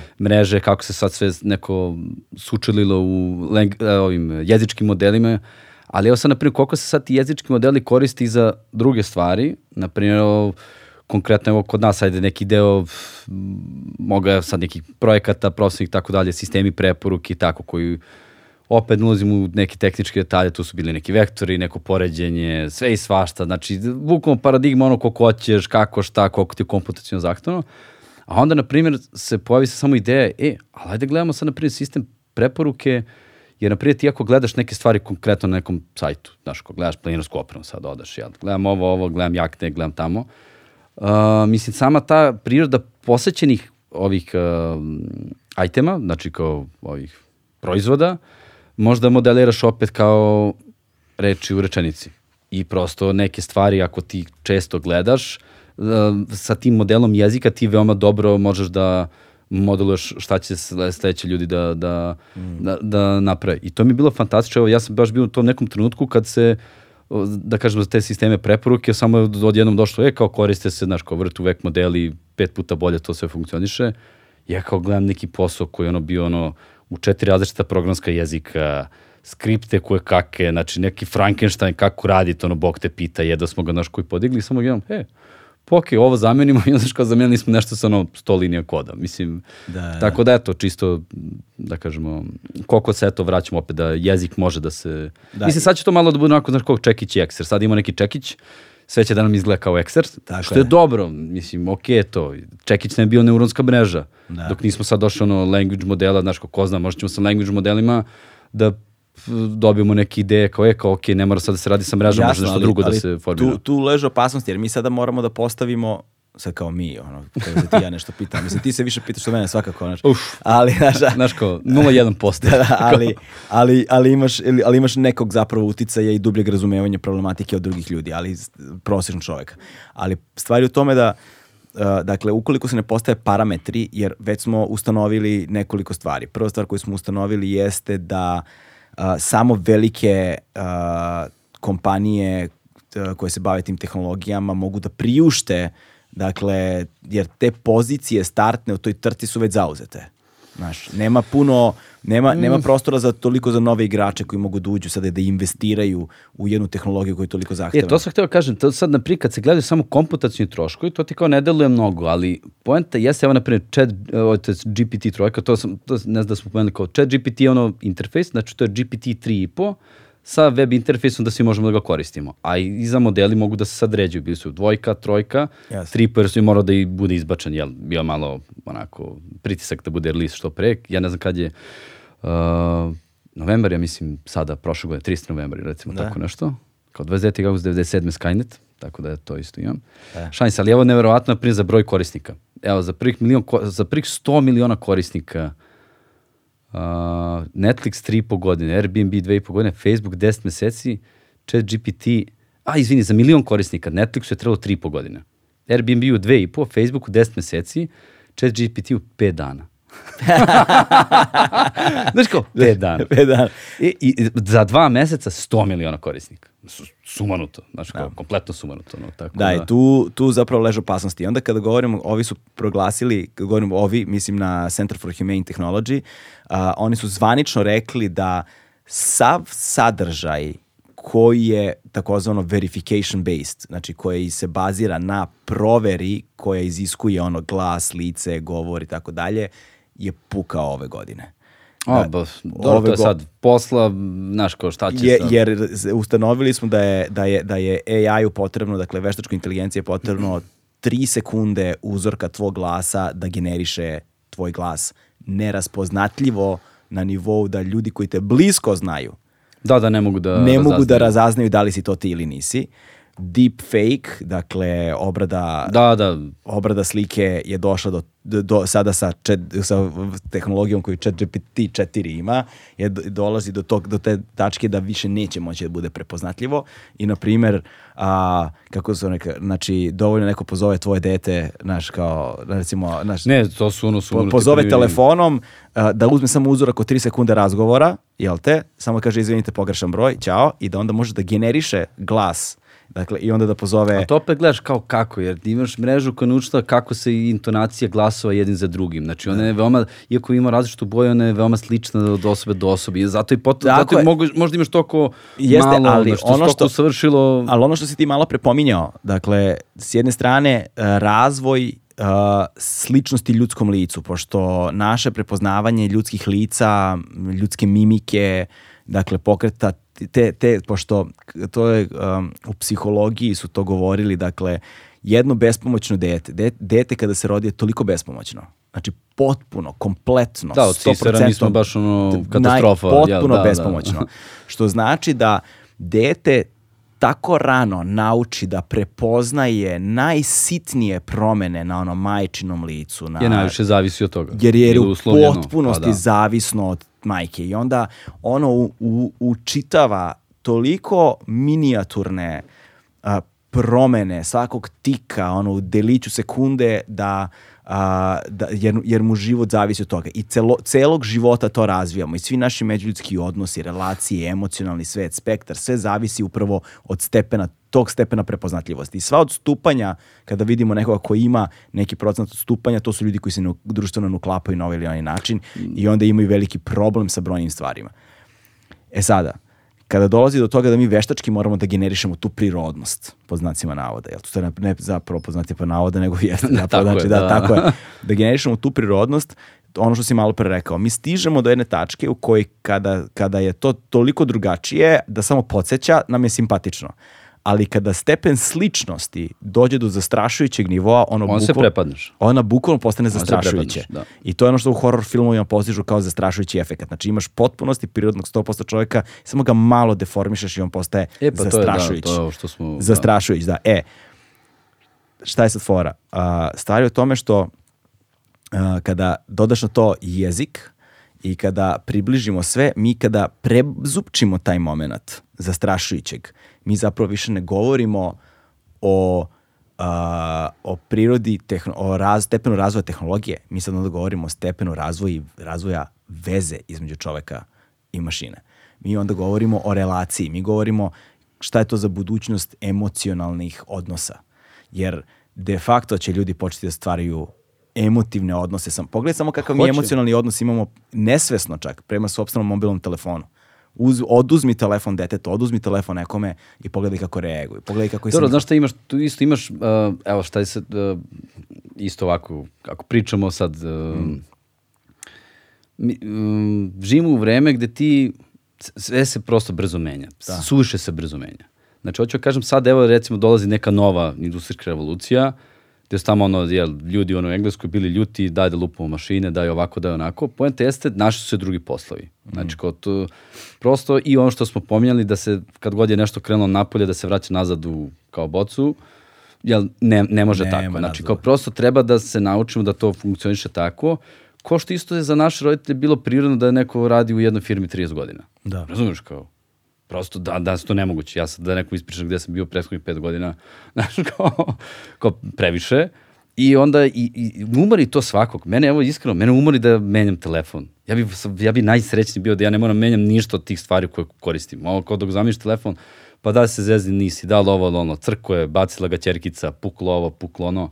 A, a to ti je najbliža stvar, znaš, kako neka produžena ruka, znaš, kao tu ti onda, mislim, da, smarate, davite, opterećujete, zato što i ostatak života si svuda si načepljen, iskreno rečeno, znaš, kao ja sam neko gledam isto, Evo, ne znam ni ja, mislim, meni je toko bilo super ovde kad smo se neko čuli kao sad ćemo da pravimo, znaš, kao ovde emisiju i tako je nekako, e, ok, imam fokus sad samo na ovo, ništa me drugo ne zanima. Znači, bukvalno sam rekao, neću nikom drugom da se javim. Znaš, ono, ko je kao, otpisli, kao, ma zebi, pivo i ovo i ono. Znaš, kao, baš, baš mi neko bilo super i onako isto i ovde neka forma gde, ja mislim, vidio si i mene dok mi je trebalo lupam prvih pola sata dok skapiramo, kao ja stvarno imam vremena sad da sednemo i da lepo razmislimo na miru i da stvarno kažemo one bitne stvari koje želiš nekome pošaš kao poruku. Gde ti vidiš, stvarno staneš kao, e, sad kad sam odveo decu u vrtić, znaš, deca, žena na poslu, nisi tu, nema frke za, ne znam, neke druge stvari, kao, ok, daj malo samo da, znaš, kao stanemo i da vidimo kako to izgleda. Zato mislim da je ta diskusija sa, sa tehnologijom pod jedan bitno da se približi sad sve ovo što se događa, jer je ovo najneposredniji u poslednjih x godina pristup veštačke inteligencije normalnoj osobi gde nije to zajebancija napreću Facebook profil sliku, neku, ne znam ja, novu, koristi ne znam ja koji filter i tako, nego stvarno da možeš da koristiš. Znaš, i na koji način da koristiš. Šta je sad ovde isto malo onako uzročno postiče, što ja mislim da je super. Uh, dolazimo do onoga što se zove isto kao, sad je popularno prompt engineering. Prompt je u stvari ulaz, ono što kucamo u chat GPT na onom ulaznom promptu. Znači, mm. onaj, imamo search bar, to je onaj text area, text input, unesemo tu nešto, neko naše pitanje. to je, na primjer, bilo, ajde sad ja sam imao, sticam okolnosti, imao sam malo raniji pristup po Mid Journey u prošle godine text image generatorima mm -hmm. i bio sam član u toj isto nekoj zatvornoj grupi tamo na Facebooku. Meni je tu količina, aj pod jedan super stvari koje su umetnosti same koje generisane ko ekstra, taj nivo diskusije na jednom ono fantastičnom nivou, ja to nisam mogao da verujem. To, meni je bilo uživanje, ja nisam, ja sam se više zalepio za diskusiju, čitanje o diskusiju o delima, ko je sad tu odgovoran za ovo, ono, da li je ovo, da će nas, ajde sad, od onih najosnovnih, da će nas zameni AI umetnost. Ne, evo, na primjer, svi su se ža, plašili AI-a i sve predikcije pri x godina za AI su bile ima da za, zameni sve ove kao mundane neke taskove, znaš, kao repetitivne, bez veze, ono. Automatizacija u poslu, da. Jeste, kao posljednje će strada kreativnost. Ti pogledaš kao, nema ti ovo kao generisanje muzike, jel, Dorsa, Jimi Hendrixa, da, da. Jenny Joplina, kao Klub 27, pa do, ne znam, generisanje slika, do generisanja novih ovih pesama muzike. Sad, Ali tu se vraćamo, ali tu se vraćamo do onog pitanja autentično novo umetničko delo. Znaš, kao čak Polanik je lepo rekao I am not an original, I am combined effort of everyone and everything I have Yes. ever met. Znaš, To je sad dakle, pitanje, ja- da li je, ima stvarno, naš, E da, to znači, da, da li je to zaista novo autentično umetničko delo? Mislim da nije uh, u ovom trenutku, da, da software još uvijek nije sposoban to da generiše kao autentično novo umetničko delo, ali primena a, toga, s jedne strane dolazimo do problematike onoga što se zove autorsko pravo i Da, na koji da, način ćemo mi sada zakonski da, da finišemo stil kao deo intelektualne svojine, ali da ne ulazimo u to, ali je zanimljivo, recimo na Twitteru sam video relativno skoro da nakon više neuspelih uh, nekom liku se razbolao pas i da nakon odlaska kod više veterinara, uh, analize krvi i ovoga, onoga nisu uspeli da utvrde šta je posredi, psu je bilo što je gore gore. I onda je on sa adekvatnim, sa adekvatnim Inputima, da. inputima, uh, sa celokupnom krvnom slikom, analizom, nije ga mrzalo, sve uneo u chat GPT i chat GPT mu je izbacio diagnozu. Onda je sa tom diagnozom, potencijalnu diagnozu, Dobro, dobro, dve, da. tri, po, tri, ja mislim, potencijalne diagnoze. vraćam se na tačno sistema što ste rekli. Tako je, rak, tri šta, potencijalne ali- dijagnoze mu je izbacio a, i to, ono što je zanimljivo, na, na, na takav način da je to čitljivo nekome ko nije stručnjak, dakle izbacio je u jednoj formi govora. Koje, I onda je on sa tim te tri potencijalne dijagnoze otišao kod veterinara i pitao ga, e, izvini, je li nešto od ovoga moguće da je, sam sam kaže, e, ova treća kao stvarno je moguće, ajde da i urade analizu za tu treću i bupete jeste. I posle terapije vrlo brzo je psu bilo mnogo bolje, umjesto da je I umro. pazi, sad će da se nađe cela ekipa, a kao sad su zamenjeni lekari. Ali nema, Ne, ako ne razumeš tehnologiju, ti ćeš krenuti da pričaš to, on ćeš uneti pometnju, onda će se unese strah, onda će lekare da budu u fazonu kao ko će mene zameni, evo Da. ko što je bilo x puta, mislim i sami smo radili na tome nekim, ajde, ne znam, prepoznanje ajde tumora pluća preko rentgenskih snimaka pluća i tako, ali poenta jes nikad nije bila, sad će, je to, to ono kao senzacionalistički naslov, kao nemoj, znaš, ono, kao, treba da postoji uvek neki širi konsenzus ljudi koji kontroliše tehnologiju, pričamo, diskutujemo o, Da. oko nje i tako i treba to, to da ide. Evo, ko za to sad taj primjer što pominješ koji je stvarno super, ja sam uzmano wow, ekstra, a s druge strane imaš onaj primjer, jel, Snapchat je sad uveo da imaš kao osobu AI bota, da ako nemaš s kim da komuniciraš, da možeš onako da uvedeš da pričaš sa tim chat botom koji je tu i kao sad neka, da li devojčica se savjetila nešto, e, ne znam, pa kontaktira me neki, ne znam ja, čika sa ovoliko godina, kao pa šta da mu odgovorim, pa kao odgovorim mu ovo i ono, pa najbolje da se, na, nešto u fazonu, najbolje da se nađe s njim pa da vidiš, mislim, znaš, ono, sad ja zamislim ono, jel, ono, svoju čerku kroz godina čita to tako, rekao, znaš, da se, ono, ohladiš no skroz. Tu dolazimo do morala i etike, jel te? Znaš? Ali ne samo morala i, I etike, nego, problema. evo sad dolazimo do one velike stvari oko koje se kao i po, po, pokrenuo kao malo kao ceo pledge. Uh, Pledge se pokrenuo između ostalog toga da ima, znaš, kod dosta tih stvari koje ne znamo kako sad funkcioniše, do upotrebnih, a drugo do kognitivnih. E sada, na primjer, to je ono što sada, recimo šta je Microsoft, evo tu isto ima da je, ima sad nešto, skoro je bilo kao uh, Sparks of General Intelligence, kao pokazuje sad to je isto pitanje Iskre opšte inteligencije. Jes, iskra opštine, znaš, kao neke naznake. A čekaj, sad, onako. ajde, u stvari, jel tu po- govoriš ovo, kako se zove, nije... Uh, nije Theory of mind. Theory of mind, theory Yes. of mind. To Evo ti theory of mind, evo isto da objasnimo, teorija, da kažemo, uma, znači to su onako da postoje neke uh, etape u razvoju osobi i šta može da koncipira osoba. To jest, evo, najbolje znaš, imaš, da kažem, mlađu čerkicu, ili tako, Tako nego, da. ne, nego ja. Sad, meni isto bilo fantastično, znaš, kao prvo ono, izađeš iz sobe, ne postojiš, je li tako? Tato Da. je propao u zemlju, mama propala u zemlju, znaš, kao. I dok dete kapira da ako si izašao iz sobe da i dalje postojiš, pa druga stvar ako se dete sakrije da, znaš, kao da se nije sakrio, znaš, kao prekres ćebe, to misli da nije tu.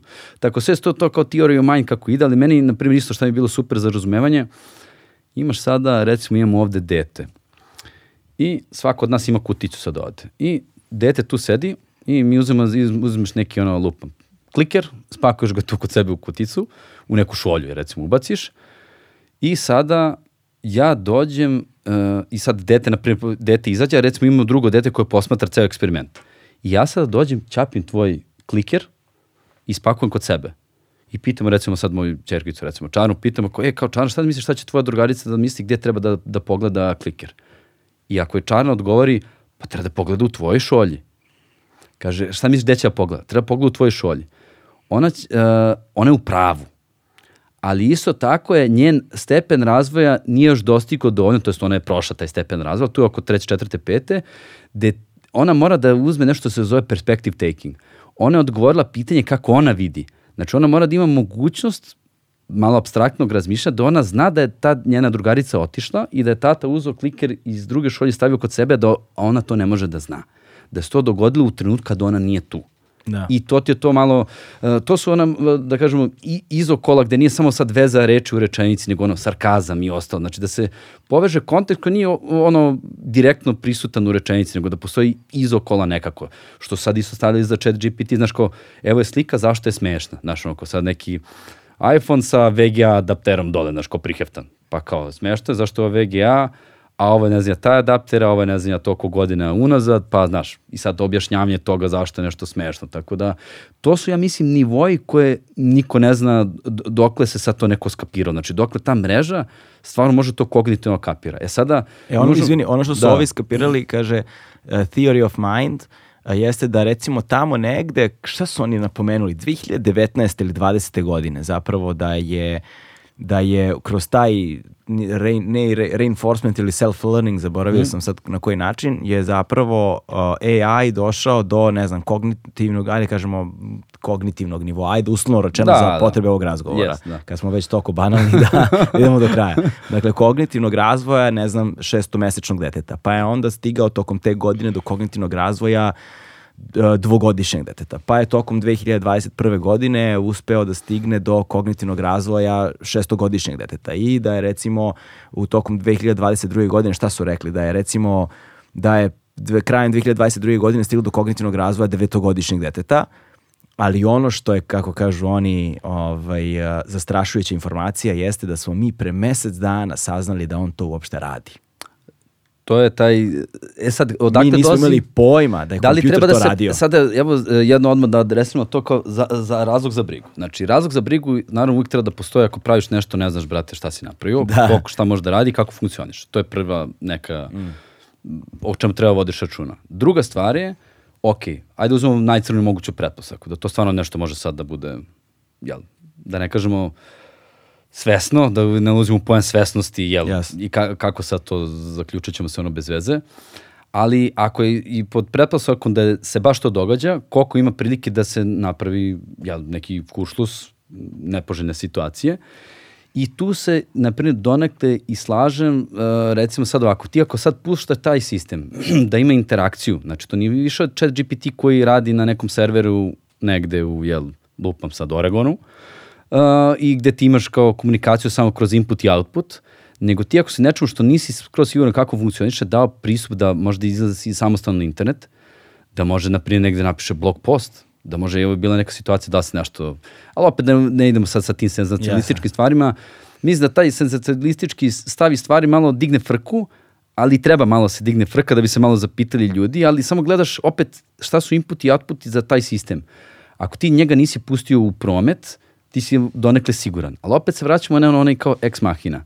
Ako je samo ta devojka bila u, u onom sobi izolovnoj, onda nema nikakvu dalju interakciju sa nečim. Ali kad je ona imala mogućnost interakcije da kaže ome da joj otvori vrata ili da uredi nešto drugo, automatski ona izaša napolje. I sada zašto dolazimo opet, e, zašto pominjem sada reinforcement learning koliko je bitan. Mi ne znamo trenutno, evo ja nemam pojma, možda neko zna, da li je i koliko reinforcement learning metodologije su napravljene da, da se recimo opstanak samog GPT modela pita da će da radi ili ne. Šta hoću da kažem? Ti sad trenutno za GPT on ti radi taskove koje mu daš. To je super. I ako ne radi dovoljno dobro model, ti ga gasiš. I treniraš drugi model sa ziljardu više parametara i tri tone više teksta i ti ne znaš da će to da fun funkcionisat će bolje. Ti ga implementiraš i staviš ga tu. Sad zamisli kad ti budeš tom sistemu koji treba da, već da ga učiš da samostalno uči. Znači, ne da ga ti osvežavaš model i feeduješ ga novim informacijama, nego da on sam feeduje informacije s neta. I zamisli sad njegova success funkcija, to je nagrada i kazna. Ako on bude dovoljno dobro radio, nećeš da ga gasiš. Ako ne bude dovoljno dobro radio, ugasiješ ga pa ćeš sam natrenirati novi model. Sad zamisli kad prethodni model bude bio svestan toga. Kapiraš? Koliko će da bude živ i da će on biti svestan te informacije koliko može da funkcioniše.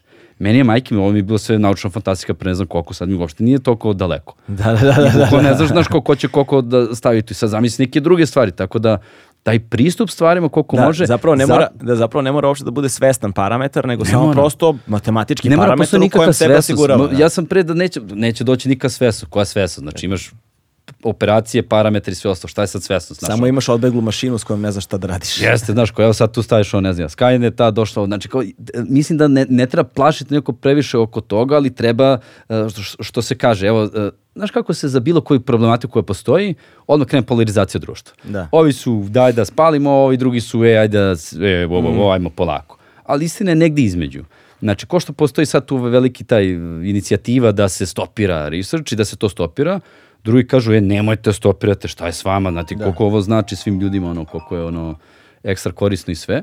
Tako je kao, ajde samo da stavimo to se kao guardrails. Znači, kao, ideš negde, pičeš po nekom putu, mora postoji bankina, znaš, oko ne možemo sada, e, jer svako ko je radio, ajde sad, mislim, bilo koji drugi posao, ne samo tech industrija, IT, AI, Znači, zna se kad ti ideš, on pičeš ka znači ono kao, brate, svi su Da, ono da. napumpani 100%, ne spava se, znaš, ono, koliko možeš da izguraš u tom režimu rada, ali sve krpiš, znaš, ono, kao, krpiš ono, krpiš ono i onda kao tek posle kad to prođe, uju, znaš, redko ko dođe i kao sve stvari koje je stavio flaster, kaže, e, ajde skinemo ovde i da ovo zašijemo, Mm. pola stvari zašije, pola stvari ostavi flaster.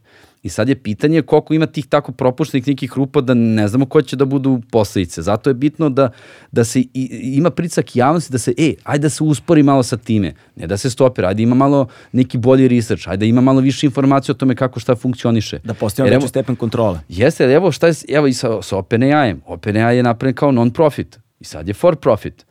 Znaš, Da. ko isto je bio, uh, koliko Odnosno, to bilo... ajde samo da prevedemo. Izvinjam se, da, ne- znači neprofitna- neprofitna organizacija sa ciljem uh, napretka AI-a, da taj istraživanje bude dostupno za sve. Jer, zveni, za one koji ne znaju, jer OpenAI je napravio ChatGPT. Da, napravio chat GPT. Da ne pominje, evo, mislim sad, da ne uzimamo isto uh, Elon Musk, znaš, ako gomna ljudi je, nekoga kudi, nekoga hvali, mislim, ja nekog gledam, ajde komentarišemo postupke pojedinačne, a ne samo osobu, kao Da. meni, da li je Musk, da li ga volim ili da ga ne volim, mislim, meni sve jedno, znaš, kao, ali je li učinio nešto je super, super, je li učinio nešto nije super, ajde komentarišemo to i samo komentarišemo dela.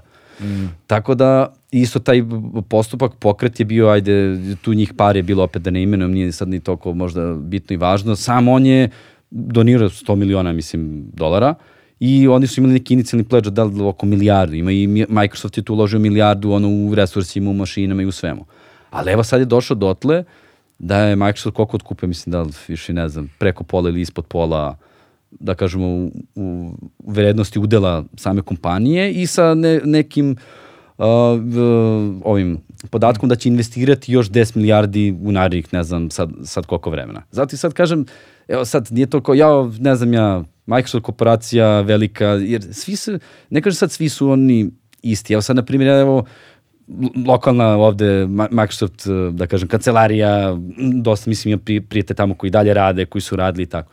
Meni je bilo tu isto, znaš koliko meni je bilo, kad sam gledao, kad sam bio po nekim neuređenim ekosistemima, da vidim koliko meni je bilo lako da dođem do podataka. Evo ovih što sam i pominjao i pričao i do nekih privatnih podataka korisnika i svega. Kad sam vidio tamo kolike su procedure i kako je sve to napravljeno, da ti dođeš do nečega, znaš koje sam mogu da imam samo poštovanje za to. Jasno. Zato i kažem, nema ni sad ovde da odmah stavimo neku zastavicu, e, ovaj je dobar, ovaj je loš, nego mora da postoji nešto. Evo i mi sad dalje, kao Microsoft sad je izletela vest, otpustio ceo svoj kao ethical team. I sad ti s jedne strane, jebote, znaš, kao, kako sad to, znaš, kao, a s druge strane čitaš, pa taj tim sad trenutno ima kao sedmora ljudi. Sad ti možda kažeš, dobro, nije to strašno, a s druge strane, zašto je taj tim imao sedam ljudi, treba da ima više. A s treće strane, možda je loš sad to politički kao korak, a možda, znaš, ako sve to treba da se istražiš više onu informaciju, samo kažem, nema sad onda ovaj pledge Bill Gates i svi ostali inicijativa da se uspori sa svim time, opet, znaš, ko, koji su njihovi motivi? Neko može da bude motiv, e, daj da stopiramo ove dok se mi ne našemo naše konja. Znaš, kao Google sada svojim, ne znam, Palm, Bird i ostalo, znaš, kao modeli, oni gledaju da uhvate korak, ono što pre. Pa Stanford, ne znam, ima svoju neku sad stvar koja može sad da, da transfer learning, ono što smo pom- pominjali, da ti možeš da skidaš sad te large language modele i da ih treniraš na svojim specifičnim nekim stvarima, zahtevima. Znaš, i onda baš je onako, baš je... Da, ono što je zabrinjavajuća stvar jeste kako, kako ja to vidim svojim ono laičkim razumevanjem samih uh, fenomena, a to je da mi se još uvek nismo, ne samo, ne, ne, ne da se nismo izborili, nego, dakle, društvene mreže su nam upropastile živote. Mak, ja, mak. Društvene mreže su nam propastile živote. Nismo, nismo došli, nismo zagrebali kako da se izborimo za time. Evo ga, A gledaj, evo, Evo jedan, jedan sam primjer za, za društvene mreže. Da. Evo šta je problem. Ja sam recimo, gomile stvari sam radio što se tiče digitalnog marketinga, sistema preporuke i sve ostalo. A, ti recimo za gomile društvenih mreža ti imaš, imam nešto što se zove recimo implicitan i eksplicitan feedback. Znači povratna informacija od tebe kao korisnika ka sistemu. Šta to znači? Ako si ti recimo na nekom sajtu kupuješ stvari, eksplicitan feedback je ono sve što si kupio. Implicitan feedback jeste sve ono što si gledao. Na, da prebacimo to na socijalne mreže. Eksplicitan feedback je uh, kupio sam, kliknuo sam na reklamu koja mi je bila tu, kupio sam ovaj proizvod i to je to. Implicitan feedback je vreme provedeno na mreži. Znači, ja ako ne znam, ne znam ništa drugo od tebi, ne znam šta da, drugo da radim, moja metrika je vreme provedeno na mreži. I tu je meni problem bio sa svim tim sistema, gde ja tu vidim da je to uh, malo onako kratkoročno izvlačenje dobiti od korisnika, jer si u fazonu uvek će doći novi korisnici koji će na isti način da uslovno rečeno muzem i da će ostanu duže tu na sistemu i baš me briga. A u stvari treba mi da dođemo do otada da je tebi srećna, zadovoljna osoba koja koristi sistem dugoročno tvoj najbolji partner. Ti kad pogledaš gomile biznisa sada, lokalnih, koji nisu socijalne mreže, svi su, dosta njih ide opet optimizuje na one najosnovnije stvari. E, brate, kao hoćeš da koristiš moj sistem ili nećeš. Ako nećeš, kao doviđenja. Svako se ponaša kao da da će ti to da se vratiš ili nećeš, nije sad nešto specijalno bitno. Jer svako ima neku metriku koju mora zadovolji. I neko ima neki kvartalnu prodaju, ako nije ispoštovao, ode sve to, znaš, kao u propast. Zato ja nekako, uh, šta mislim da je isto dobra stvar da ljudi krenu da razmišljaju tako. ti ima ona standardna stvar, kao ako ne plaćaš proizvod, ti si proizvod. A druga stvar je... Ili ako ne prepoznaješ proizvod. Da. A glavna, a dodatna stvar na koju se neko nadovezao jeste razmišljaj tamo gde ti daješ svoje pare. Znači, tamo gde mi ulažemo naša sredstva, to je ono što ti favorizuješ. Druga stvar, tvoje vreme je tvoj isto resurs podjednako vredan kao novac, ako ne i vredniji, da se složimo. I tvoje vreme, ako je, znaš, negdje drugde stoji, kapiraš, ti ga ti u stvari daješ. Znači da ne pomenjamo, sad ima tu, opet se vraćamo na hemijske, fiziološke procese u organizmu, znaš kao, zašto da otiš telefon, znaš kao, evo, okače se nešto na Facebooku, taj like je dopamin. Mali, instant dopamin, ali znaš kao, mali hit, kao, lepo ti, kliknu si kao, to je to. I vraćamo se, što je meni isto fantastično nove, jer tu se sve rađu one sindromi ove zavisnosti. I ima onaj standardni eksperiment na koji svi referenciraju, a to je, znaš, dali, stavili smo pacovu kavez i dali smo mu alkoholnu vodicu, Da, da. pa običnu vodicu, pa ne znam, kokainsku vodicu. Na kraju završi paco, brate, una, una, ono, unakazi se svaki dan i kao sve to i na kraju rikne. I onda sad tu je neko to ostalo nedorečeno i to neko delo kod da idemo na tu kartu ponorne ljudske čovekove prirode, naš, ono, mi smo svi tu, naš propast i tako dalje. A u stvari, niko ne uzme kontekst. Brate, taj paco je bio sam, u kavezu, u samici, x vremena. Pa, brate, našao neku zabavu, drugu, jedinu koju je imao. Možda je pre toga se držao super u, u svom pacovskom jel, univerzumu i svetu, posle nije imao šta drugo da radi. Mislim, Fora jeste kad su isto tako radili te posle naknadno eksperimente gde nije bio paco samo u kavezu, nego imao i točkić, imao i druge pacove da se igra, ima neku Ne, se, zezanje. ne, čini mi se su napravili simulaciju. Disneyland. Da, da, da, ne, ne Disneyland, nego su napravili simulaciju prirodne životne sredine. Ono, miševi, Da, miševi da, nisu to. pacovi bili, I- nego miševi, daš. Ba, to, Da, da su sim- simulaciju prirodne životne sredine u kojima su imali celokupan ispunjen život, ono smislu socijalni interakcija. ispunjen život, onoga. interakcija, Niko nije posegnuo za ovo. jeste. Da. Ili je neko uzimo čisto razumno da radi i kao to je to, mislim, Da, verovatno je bilo i takvih.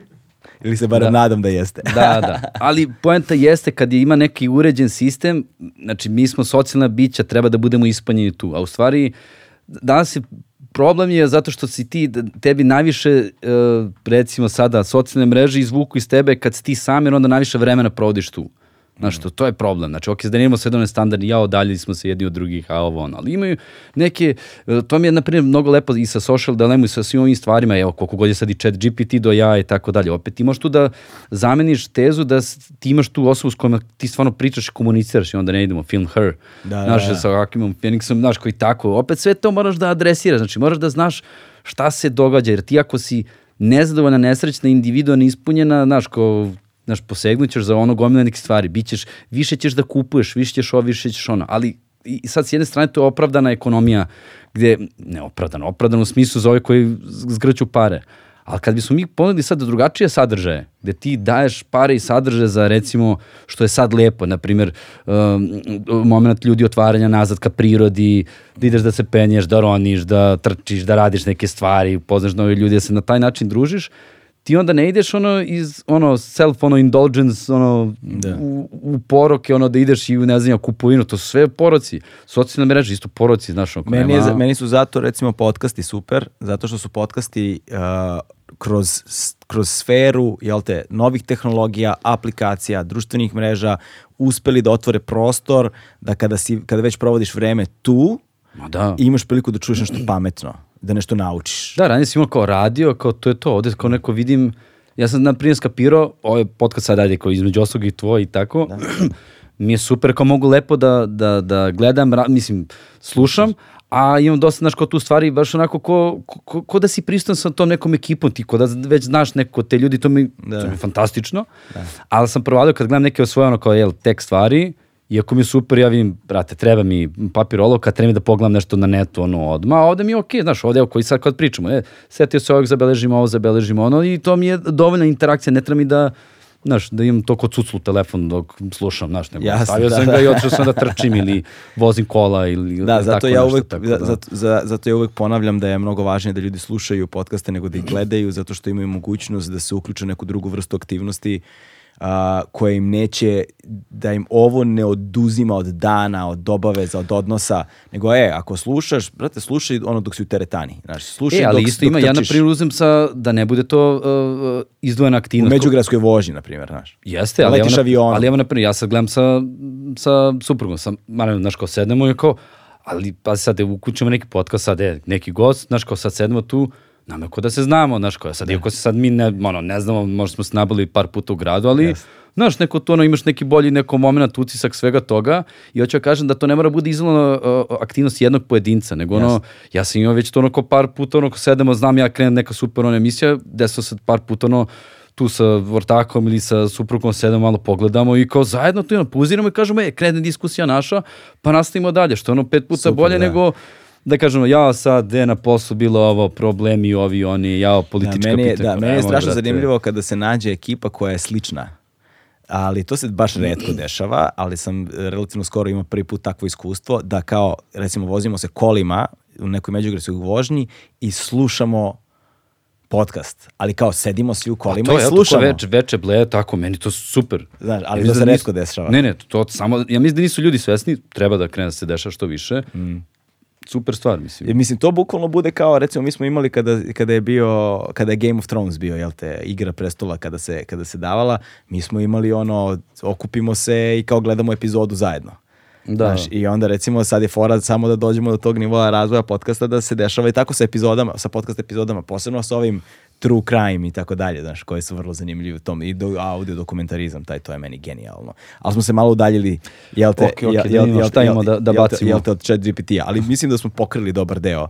Ne, ne, jesmo, mislim, kažem, eto, ja glavno sam neko tu stvar uh, pomenuo za taj, znači, self-improving mehanizam, znači, za taj reinforcement learning, znači, prosto tehnika koja može tu da se implementira gde jedan entitet mora onda da se bori za svoj život, znači, ako on taj entitet zna da će biti ugašen na neki način, znaš, ko- da treba da performuje dalje, to će biti njemu kao neka metrika i eto, kod, a na primjer, baš zato što je sve zatvoreno iza zatvornih vrata, nečemo ne vidimo šta se sad tu neko događa. Evo, na primjer, isto neke stvari, trojka, recimo GPT trojka, sad kad, evo, kad ti kažem da je trenira na 45 terabajta podataka, kako ti to zvuči? 45 terabajta.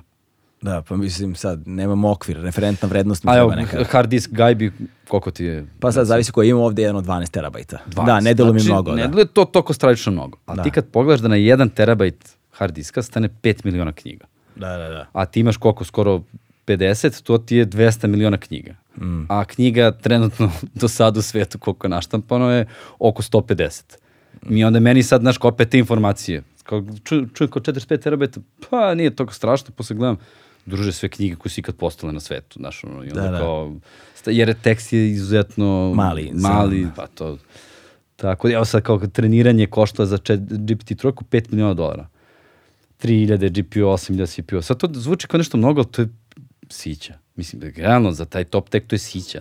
Da. Da. Pojmo koliko tu ono, odlazi ono, na podatke, kuraciju podataka dok si ti došao. Evo isto te stvari, nije to sad samo taj model, nego na primjer što nije objašnjeno, ti gomile stvari za chat GPT dosta se radilo sa, naravno, ne, ne još disklozovnim tehnikama za pitanje i odgovore. Mm. Znači, to su posebne stvari, tehnike rađene, kako da ti sad to uviđano odgovoriš, na primjer šta se sad radi, radi se prepoznavanje sentimenta, jer se već gleda, znači ako smo natrenili chatbot da je toko već uviđan u razgovoru, da kaže dobar dan, mladene, kako ste? I tako, kaže hvala na pitanju dvostvo, mislim za jebancija radi, ali, znaš, nije samo razmena informacije, znači bitno je da se te informacije razmenjuju na lep, fini, prijatan način, da se ti osjećaš da pričaš sa nekom, veš, ne veštačkom, nego pravom inteligencijom i kao da možda prolazi Turingov test, ali da ti je to neko sve smisleno i onda dolaziš ti dotle da recimo ovako, znaš, kao radi se provera sentimenta. Znači, ako je moj sentiment mog teksta koji ja pičem, pišem da sam ja tužan, znaš, kao, ne treba meni onda neki nadrkani odgovor.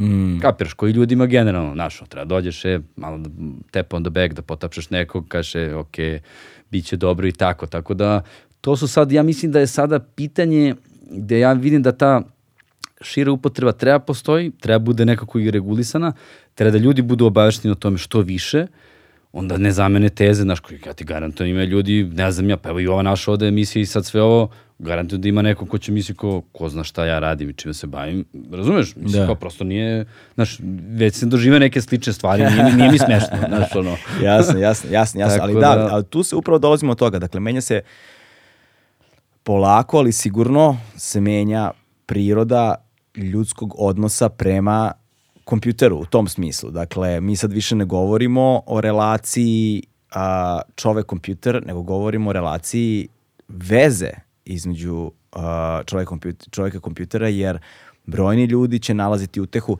Ima taj zanimljivi kad smo radili sa Jessijem Eisenbergom ovaj, intervju na Sarajevo Film Festivalu, pa smo, pa, pa, pa dok sam se pripremao za to zapravo slušao sam njegovu audiodramu, jer je on tu audiodramu pretvorio u film koji se zove, kako se beše zove film? Ajde, pogledaj. Dakle, napravio je film. Stvar je u tome što je film morao da bude redukovana verzija onoga što je audiodrama. Audiodrama zapravo ima uh, tri velika dela u kojima govori ovaj, uh, o, o, o jednoj porodičnim odnosima, jel te?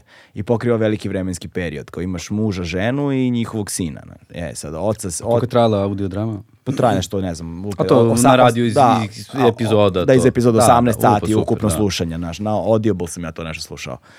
I dobro je to, ali fora je tome pošto pokriva ogromski, ogroman vremenski period. Naprimjer, otac koji a, je dobio tek dete, ima problem da ostvari odnos sa svojim detetom, jel te, znaš, i on sad razgovara sa svojim terapeutom, znaš, ali je fora u tome, znaš, pa onda, ne znam, sin kad je odrastao već, jel te, uh, ima svojih problema s kojim razgovara sa svojim terapeutom, supruga koja ono pre nego što je ne znam upoznala svog muža Da, to imala razvoj lika je daleko veći, Da, mislim. pre nego što je uopšte upoznala svog budućeg muža, ima neki naš problem. Sad, sad ogromni vremenski periodi. Se li fora je u tome što je ugao prikazivanja priče u tome da svako od njih razgovara sa svojim terapeutom. Zašto sve ovo govorim? Zato što ono što je on stavio kao slu, ono, neku stvar mašte, ne tako brzo, znači, jer on je, on je to pisao 2020. godine, u avgustu 2020. godine, to je tad bila potpuna fikcija, ona, apsolutna fikcija.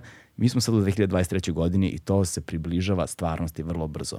Jer u prvoj varijanti, ovaj, a, ne, ja mislim da je supruga piše dnevnik koji kao čita svom terapeutu. U drugoj muž zapravo snima na iPhoneu recimo ili na, na- nešto, da. sni, snima ono zapravo ili ne znam kada je već to snim, snima zapravo traku koju ovaj šalje jel te voice messages snima glasovne poruke koje šalje terapeutu koji on tuma čita, ču, sluša i mi zapravo slušamo te glasovne poruke, jel te? Ovde čita dnevnike, ali sin razgovara sa chat botom. Razumeš? Znači, terapeut je chat bot kojem, sa, koj, kojem, se, sa kojim on radi i chat bot zapravo je terapeut koji leči njega jer je kao pretpostavlja se da u nekoj tamo, taj nekoj tamo je dalekoj budućnosti, tehnologija će biti toliko napredna da će ali mi sada zapravo... Pazi, taj kontekst, to sam, evo, baš sam nešto i pominjao, juče smo isto neka, neka diskusija, rap, rasprava, znači kako sad taj sistem, aj sad, Kako se, izvini, kako zove film? Uh, when you finish saving the world. Tako se zove film, eto. Tako se zove i drama. Okej. Dakle, audio, audio, audio drama, audio knjiga, audio podcast, šta god. When you finish saving the world.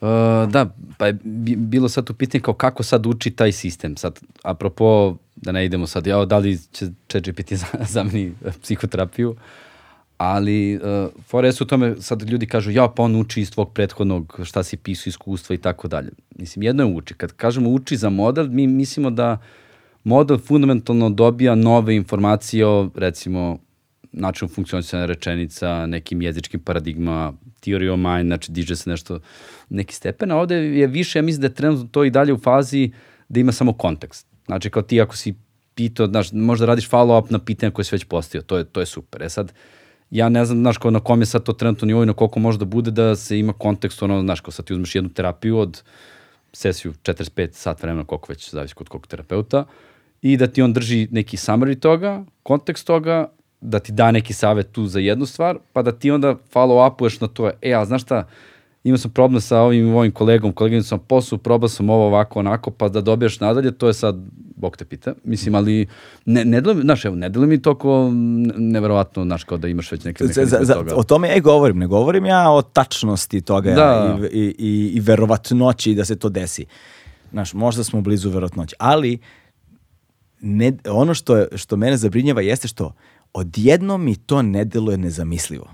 Znaš, odjednom nešto što je do pre godinu dana bila potpuna fikcija, znači nešto što spada u domen apsolutno nerealnog, sada više ne deluje tako nerealno. Znaš, kao da nazireš obrise neke budućnosti koja nekako deluje moguće.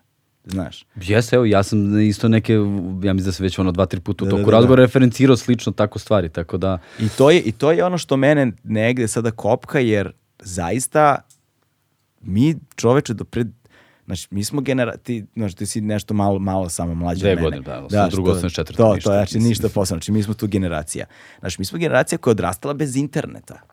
Znači, Pa da, Znači, ja sam se formirao kao osoba do, do jedne faze svog života bez interneta. Za mene je život sada prije interneta potpuno nezamisliv. Ja se jedva sećam kako sam funkcionisao pre interneta, kamoli pre mobilnih telefona. Pa dobro, da, to ne ulazimo sad da nađeš se s nekim, je, bit ćeš tu. I što smo pominjali, ranije bilo je kao kako si, a danas gde si? Gde si, da, da, da, Kao, kako- kao gde si, možda budeš svuda, znaš, ono, Da. kao evo me, znaš, kao. Kako, kako, kako je zapravo tehnologija polu, promenila jezik. Da, kako je, kako, kako, tako je, da, kako je, kako je tehnologija promenila jezik i psiholog, psihološku konstituciju čoveka. I, ovaj, a, I evo, znači mi smo stigli za veoma kratko vreme do nekih scenarija koji odjednom više, znaš, kako naučna fantastika, kako, kako je to rekao, ovaj, kaže, kad, eh, kako je to rekao, kaže, kako je u, ne- u nekim delovima u knjižarama u Sjedinjim američkim državama su a, sci-fi prebacili u current affairs. Kada trajiš određena E, dela, znaš, kao još za pet godina kao istorija, znaš. da, da, da.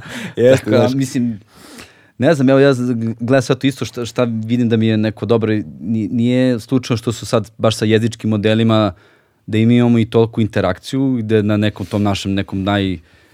Da se ne lažemo, mi smo prvo videli, to nam je daleko bliskije bilo, znaš, kao ti sa vidom paralelno prihvataš informacije, ti ih procesiraš da nisi ni svestan njih, znaš, ono, a za jezik je opet, znaš, ko morao si da, ko zna, mislim, možda nama evolutivno tek dolazimo sad do one povratne sprege gde jezik smo tek relativno skoro krenuli da koristimo, mislim, naučili sa njime, pa sad treba to da prati unapređivanje našeg lokalnog hardvera, jel, mentalnog, evolutivnog, mozga i Da. svega, pa će, ko zna, možda, znam se kad mi dođemo do nekog, mi dalje sekvencijalno komuniciramo na jeziku, znaš, kao, ja ti pričam informaciju iz informacijom, reč, pa ti to izlačiš, kapiraš, a znaš kao, vizualno ovako, brate, ti skeniraš sobu kod doviđenja, sve ti jasno, mislim, Da.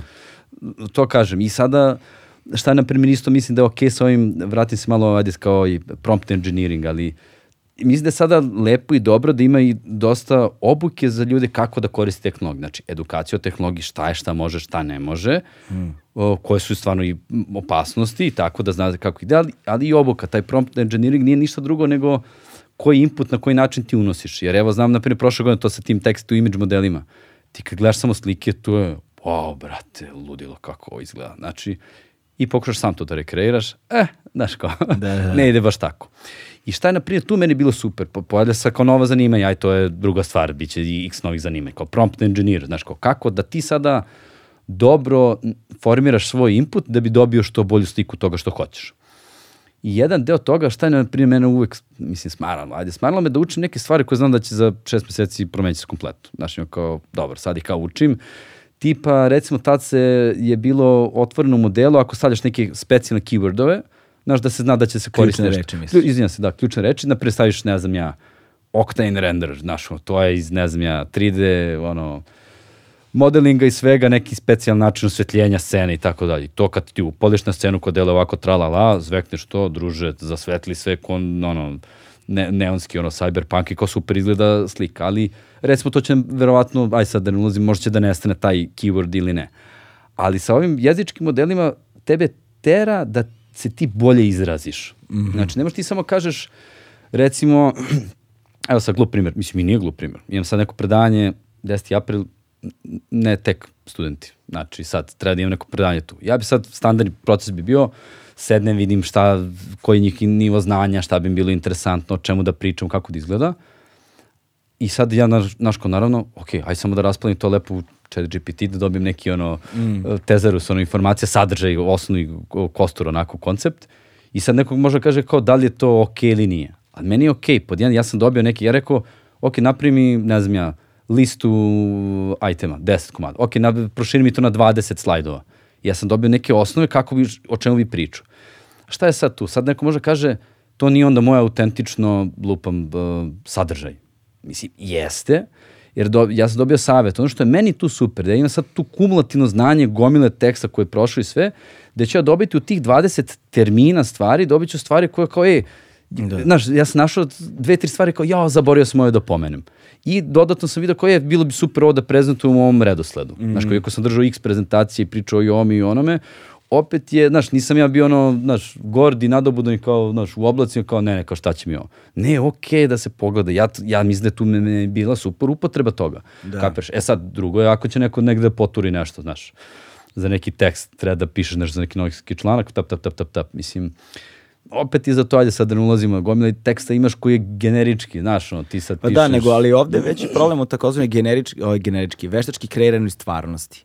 Dakle, jer ta masovna upotreba, jel te, uh, chat GPT u ovom konkretnom slučaju, ajde ovako, uh, šta ja vidim u ovome? Znači, imaš taj prompt, jel te, dakle, ti ukucavaš tekst i onda tebi, znaš, a i na, znaš na šta mene to neodoljivo podsjeća? Mene to neodoljivo podsjeća na vreme kada smo igrali prve tekstualne igrice. A, okej, ja nisam, kasnije sam krenuo sa kompom, Okej, moram priznat, ali- pa sam morao da nadoknadim. Ne, ne, ne, pa da, ali kao, bile su ono... Če, koje su bile tekste? Kao ono, pitanje i odgovori Tako neki, je, znaš, ali kao bile su avanture, misterije, gde Ne, ti... da pa rešaš ono kao neki, nije klued, ali nešto, Pa ono, da, što, i, on, detektivski da, neki. i onda Da, ti da, da, da, zapravo, bilo znaš, nešto. imaš, izbacujete niz odgovora, Da, pa ti da. ukucavaš, sad bilo je to ono, konkretno, znaš, mora si konkretno, to. Da, da, to da ukucavaš, ok, znaš to.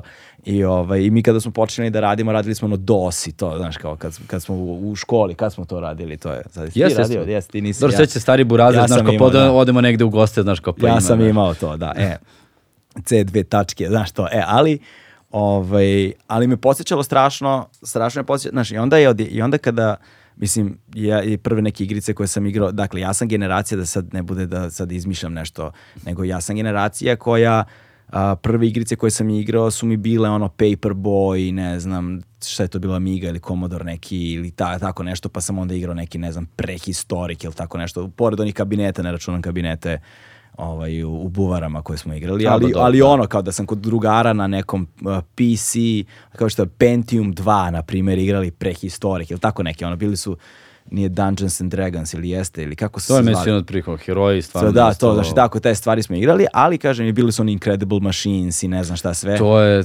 fantastično. Da ja to to. gledam više, ovo sad to moram se stavim. E, Znači, to ali- je, eto, s decom, ono, ne. ali, ali, ali su bili i dalje tragovi tih tekstualnih igrica gde ono, neki drug, to obično nađeš drugara koji je malo više zainteresovan za kompjutere, pa ti onda on pokaže i onda bilo je toga, igrali smo se s vremena na vreme nečega, ali se, imam sećanje na to, hoću kažem. Nisam baš generacija tih igara, ali imam sećanje na njih.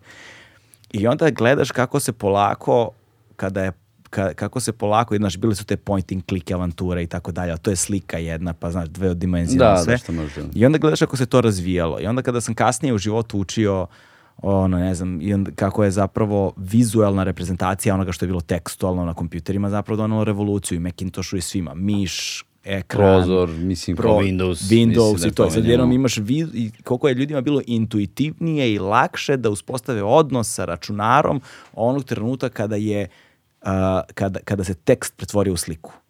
Znaš, ovaj, kada je vizualna reprezentacija onoga što je zapravo tekstualna komanda postala slika. I sad ja razmišljam isto to sa Da, sad se, da li se to događa sad da možeš da imaš, jel? da smo mi sada sa veštačkom inteligencijom na nivou onoga što je bila tekstualna igrica, što je bio tekstualni prompt. I da ćemo mi uskoro doći do nivoa da će chat GPT zapravo postati neka osoba, znaš, Sve se slaže. koja će da govori sa tobom. Zato su meni, meni je potpuno, jedno mi je, su mi GPT modeli, a potpuno drugo mi je interfejs. Jer ko što sam Da. rekao, chat GPT je interfejs za GPT 3.5 ili sad četvorku ko sad ima neki early, ono, ra, rani pristup Mhm. svemu tome. Gde ja mislim da je podjednako koliko model mora da se razvija i razvijat će se dalje i već tu ima IHH ideja oko svega toga, ali taj sad, da kažemo, interfejs korisnički sa nama, to je ono hiljadu jedna mogućnost otvorena. Mislim, to je A, to. prosto, da ne idemo sad kao kakav će da bude API, da će to da se razvije u, u okviru e, e, OpenAI-a, znaš, to je sad isto pitanje da li oni hoće sad to da outsourcuju dovoljno, da je, da je to njima isto okej, ako se svi grade sad servisi na preko toga, ti to koristiš, oni su tu ko, jel, gradimo zgrade, evo mi imamo i čelik i beton, znaš, ono, kao, tako da... Jer i ti možeš zaista, i modalitet. posmatrao sam te primere, video sam ih, ono, mislim, i, ovaj, gde u, snimim tebe i izgovoriš jednu rečenicu. i onda samo daš prompt da tu istu rečenicu AI izgovara znaš, sa ono, u, na engleskom jeziku, na primjer, britaš i izabereš ono, škotski akcenat, irski E, akcenat, južnički to akcenat. konkretno nisam, više sam sa ovim tekstom imidž to prošle godine kako krenulo, niste ali, skidao i- toga, tako ali da li, ima kao, da. video sam to, znači izgovoriš jednu rečenicu i onda ti on izgovara sad, naravno, sa našim jezicima koji su mali jezici, nisu svetski. Korpus znaš, teksta, mislim, to sam hteo da- te- te ne znam kada će da stigne varijanta da tekst može da izgovori ono beogradskim akcentom, niškim akcentom i to, ne znam, Pa, ali da verovatno će nekada... Da nek- si rođeni Beograđani. Da, da, to znaš, znaš. Pitanje je kada će, kada će to, tako nešto da stigne, ali na engleskom jeziku to već postoji. Postoji i to dobro razvijeno. Pa ja sam isto nekako koliko mislim da može to možda nam pomogne za ove neke lokalne inicijative sada imaju tu, jel? Pa ne, ja samo govorim uz, uz, u- u sm- u- na, na- idem, idem ka tome da taj a, da kao izabereš ono lik, da li će da bude muško, žensko ili bilo šta između ta dva, znaš kao, ovaj, da li će da bude, znaš, etnički, rasno, ovako, onako, izabereš osobu s kojom ti želiš da komuniciraš i to biješ ono realističnu AI generated osobu, jel te? I onda joj daš, e, hoću da ima škotski akcenat ili ne znam ovako izabereš bukvalno svog avatara s kojim ćeš da komuniciraš i eto ti osobe i kreiraš odnos sa tom osobom. I ja mislim da uopšte nismo daleko od toga. Ne znam nekako, a delo mi Opet se vraćamo, jel, na, na her. Da, da, mislim, her. gde, ajde, nije bilo možda ta Jer, jer nekako mi deluje da je tehnologija je tu. Ali meni deluje, evo pazi, meni deluje da, znaš kao, preće, opet dolazimo do to koliko je nešto blisko onako vizualno. Ja mislim da je sam, samim tim, pošto je naš neki najnapredniji deo, da ne kažemo koliko ima sisara i u svetu, ono, Da. životinja ko- koji su bolji po svim pojedinačnim parametrima od nas, a opet, znaš, kao stvarno jeste ta teorija da nas jezik u u stvari do, doveo ovde gde smo i da je zapravo tebi možda sve te kao generisan avatar i tako dalje, možda to ljudima i najmanje bitno. Jer ti ako imaš, ako imaš opciju da komuniciraš negde gde ti to stvarno deluje da je neko tu i da je stvarno, evo, opet se vraćamo film Her, znaš kao, to, to će ljudima, imaće pet puta veću, da kažem, neku emotivnu ispunjenost i satisfakciju nego za možda nešto drugo. Da ne pominjem sad, evo, tu su sve, sve pitanja, znaš, ono, tebi za, za, za, za dosta primjera uh, recimo komunikacije i nekih psiholoških problema, ti imaš da je ljudima, znaš, kao tehnike, samo ponoviš nešto što je neko rekao i onako u, ublažavajućim tonom i, kao, i onda kao razumem te, znaš, kao, i, te, i kao, ti, kao de, tebi to deluje, a to u stvari za 80-90% ljudi radi i to ih smiri. Ali zamisli prostor za Mislim, prevaru. kao, čovječe. Zamisli- Zamisli prostor za prevaru i emocionalnu manipulaciju. A toga, mislim, Mislim, sad već... ali to- ne, ne, ne, neće se, to što kažem, neće to uh, zaustaviti tako što ćemo sad nešto stopiramo. Ne, Ne, nego ne, ne, treba ne. Edukovati. svi u voz, edukacije odmah što pre. Znači, kao, ako nismo još nešto suviše zakasnili, kao da se prekrstimo. Da, da, da, Jel to to? Smo stigli do kraja. Pa mislim da jesmo, osnovno, da, ja nisam verovao jebate, kad sam ovde, kad sam posložio, stvarno da smo došli da, da ćemo, rekao, gledam ono, treći sad ono, na drugom smo, na drugom smo listu. Ja ne znam u kom smo mi satu sada. Sa četiri čuke, a? Jesmo prešli četiri. Kao. kao daj, pretiramo to, znaš. Šalim se, ne, uh, pa da, ne, to je ovo, ovo za AI smo tu imali i ovi komodeli, koliko šta tu, šta će da bude. A ovo sad neka statistika, to isto sve nešto bez veze. Čim smo mi već počeli da se igramo sa abstraktnim pojmovima Ma da, koje da. da, na- da ne, ne, baš je nagađamo. prirodno, je, prirodno smo došli. Tako, Stigli, da. stigli smo prirodno do za- zaključka i eto, znači podaci treba da, da uđu u Kako po, je bilo, da- univerzalnu povelju o ljudskim pravima, znaš, kao va, vozda, voda, vazduh. Sad to. se seti isto, pošto mi je, jel, dosta mi je tako ono broj, uh, ono, mislim, ostaju mi brojevi ono upamćeno u glavi, kao ispod 4 sata pa setim Alex Honnold, Da, ovaj da, da. uh, free solo je ispeo za ono ispod 4 sata je bilo nešto, tako da eto možemo, Ispod kao četiri zezanje, sata, ono što kao, ne bude ispod Tako, 4 on sata, šta, znaš, kao, a šta je ispod 4 sata Alex Honnold? uh, El Cap je popeo free solo, a čekaj, popeo ga je za ispod 4 sata. ispod 4 sata. Mislim Wow. da je, ako se nisam zezno, da ne ulazim u to, to je meni ono neki, Haos. ne znam, za mene je ono najveći atletski poduhvat. ono mislim. Da, je podvig, je, jeste, jedan, verovatno jedan najvećih sportskih Da, podviga u bi, istoriji ne, rase. ali kao generalno to taj free solo ja stvarno ne bi Jedan od najvećih reklamirao i atletskih tako, poveda, tako da. po, po, o, jedan od najvećih atletskih postignuća u istoriji ljudske rase, ali stoji ono rame uz rame, čini mi se, znaš, kako se zove ovaj 14 Peaks, 14 vrhova što je popeo A, ludak. Nimsdal Purija, da, da, da.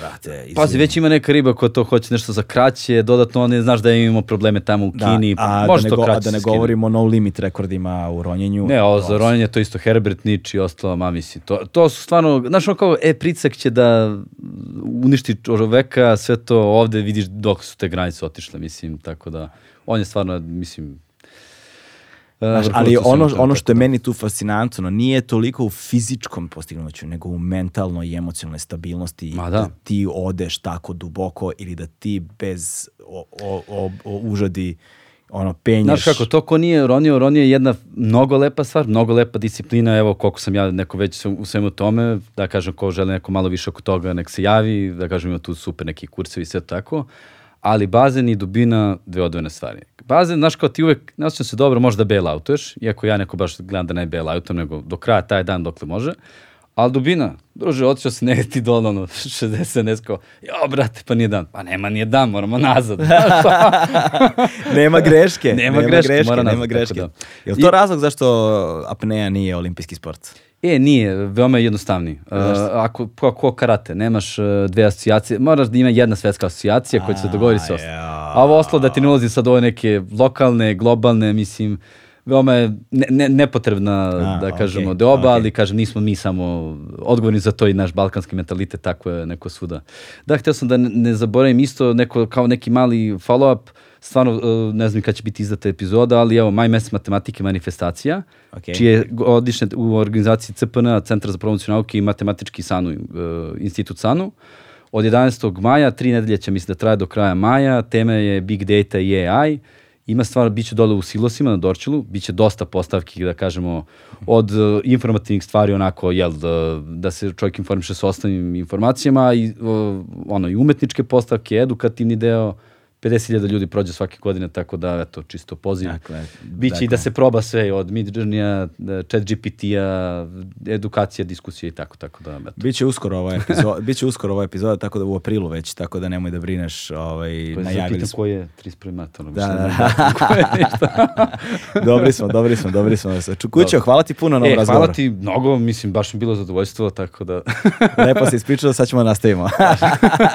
Možeš malo ovog džina da popiješ još. A, da, tu ga, cedimo ga. to je to, stigli smo do kraja. Ćao. Ćao, čao.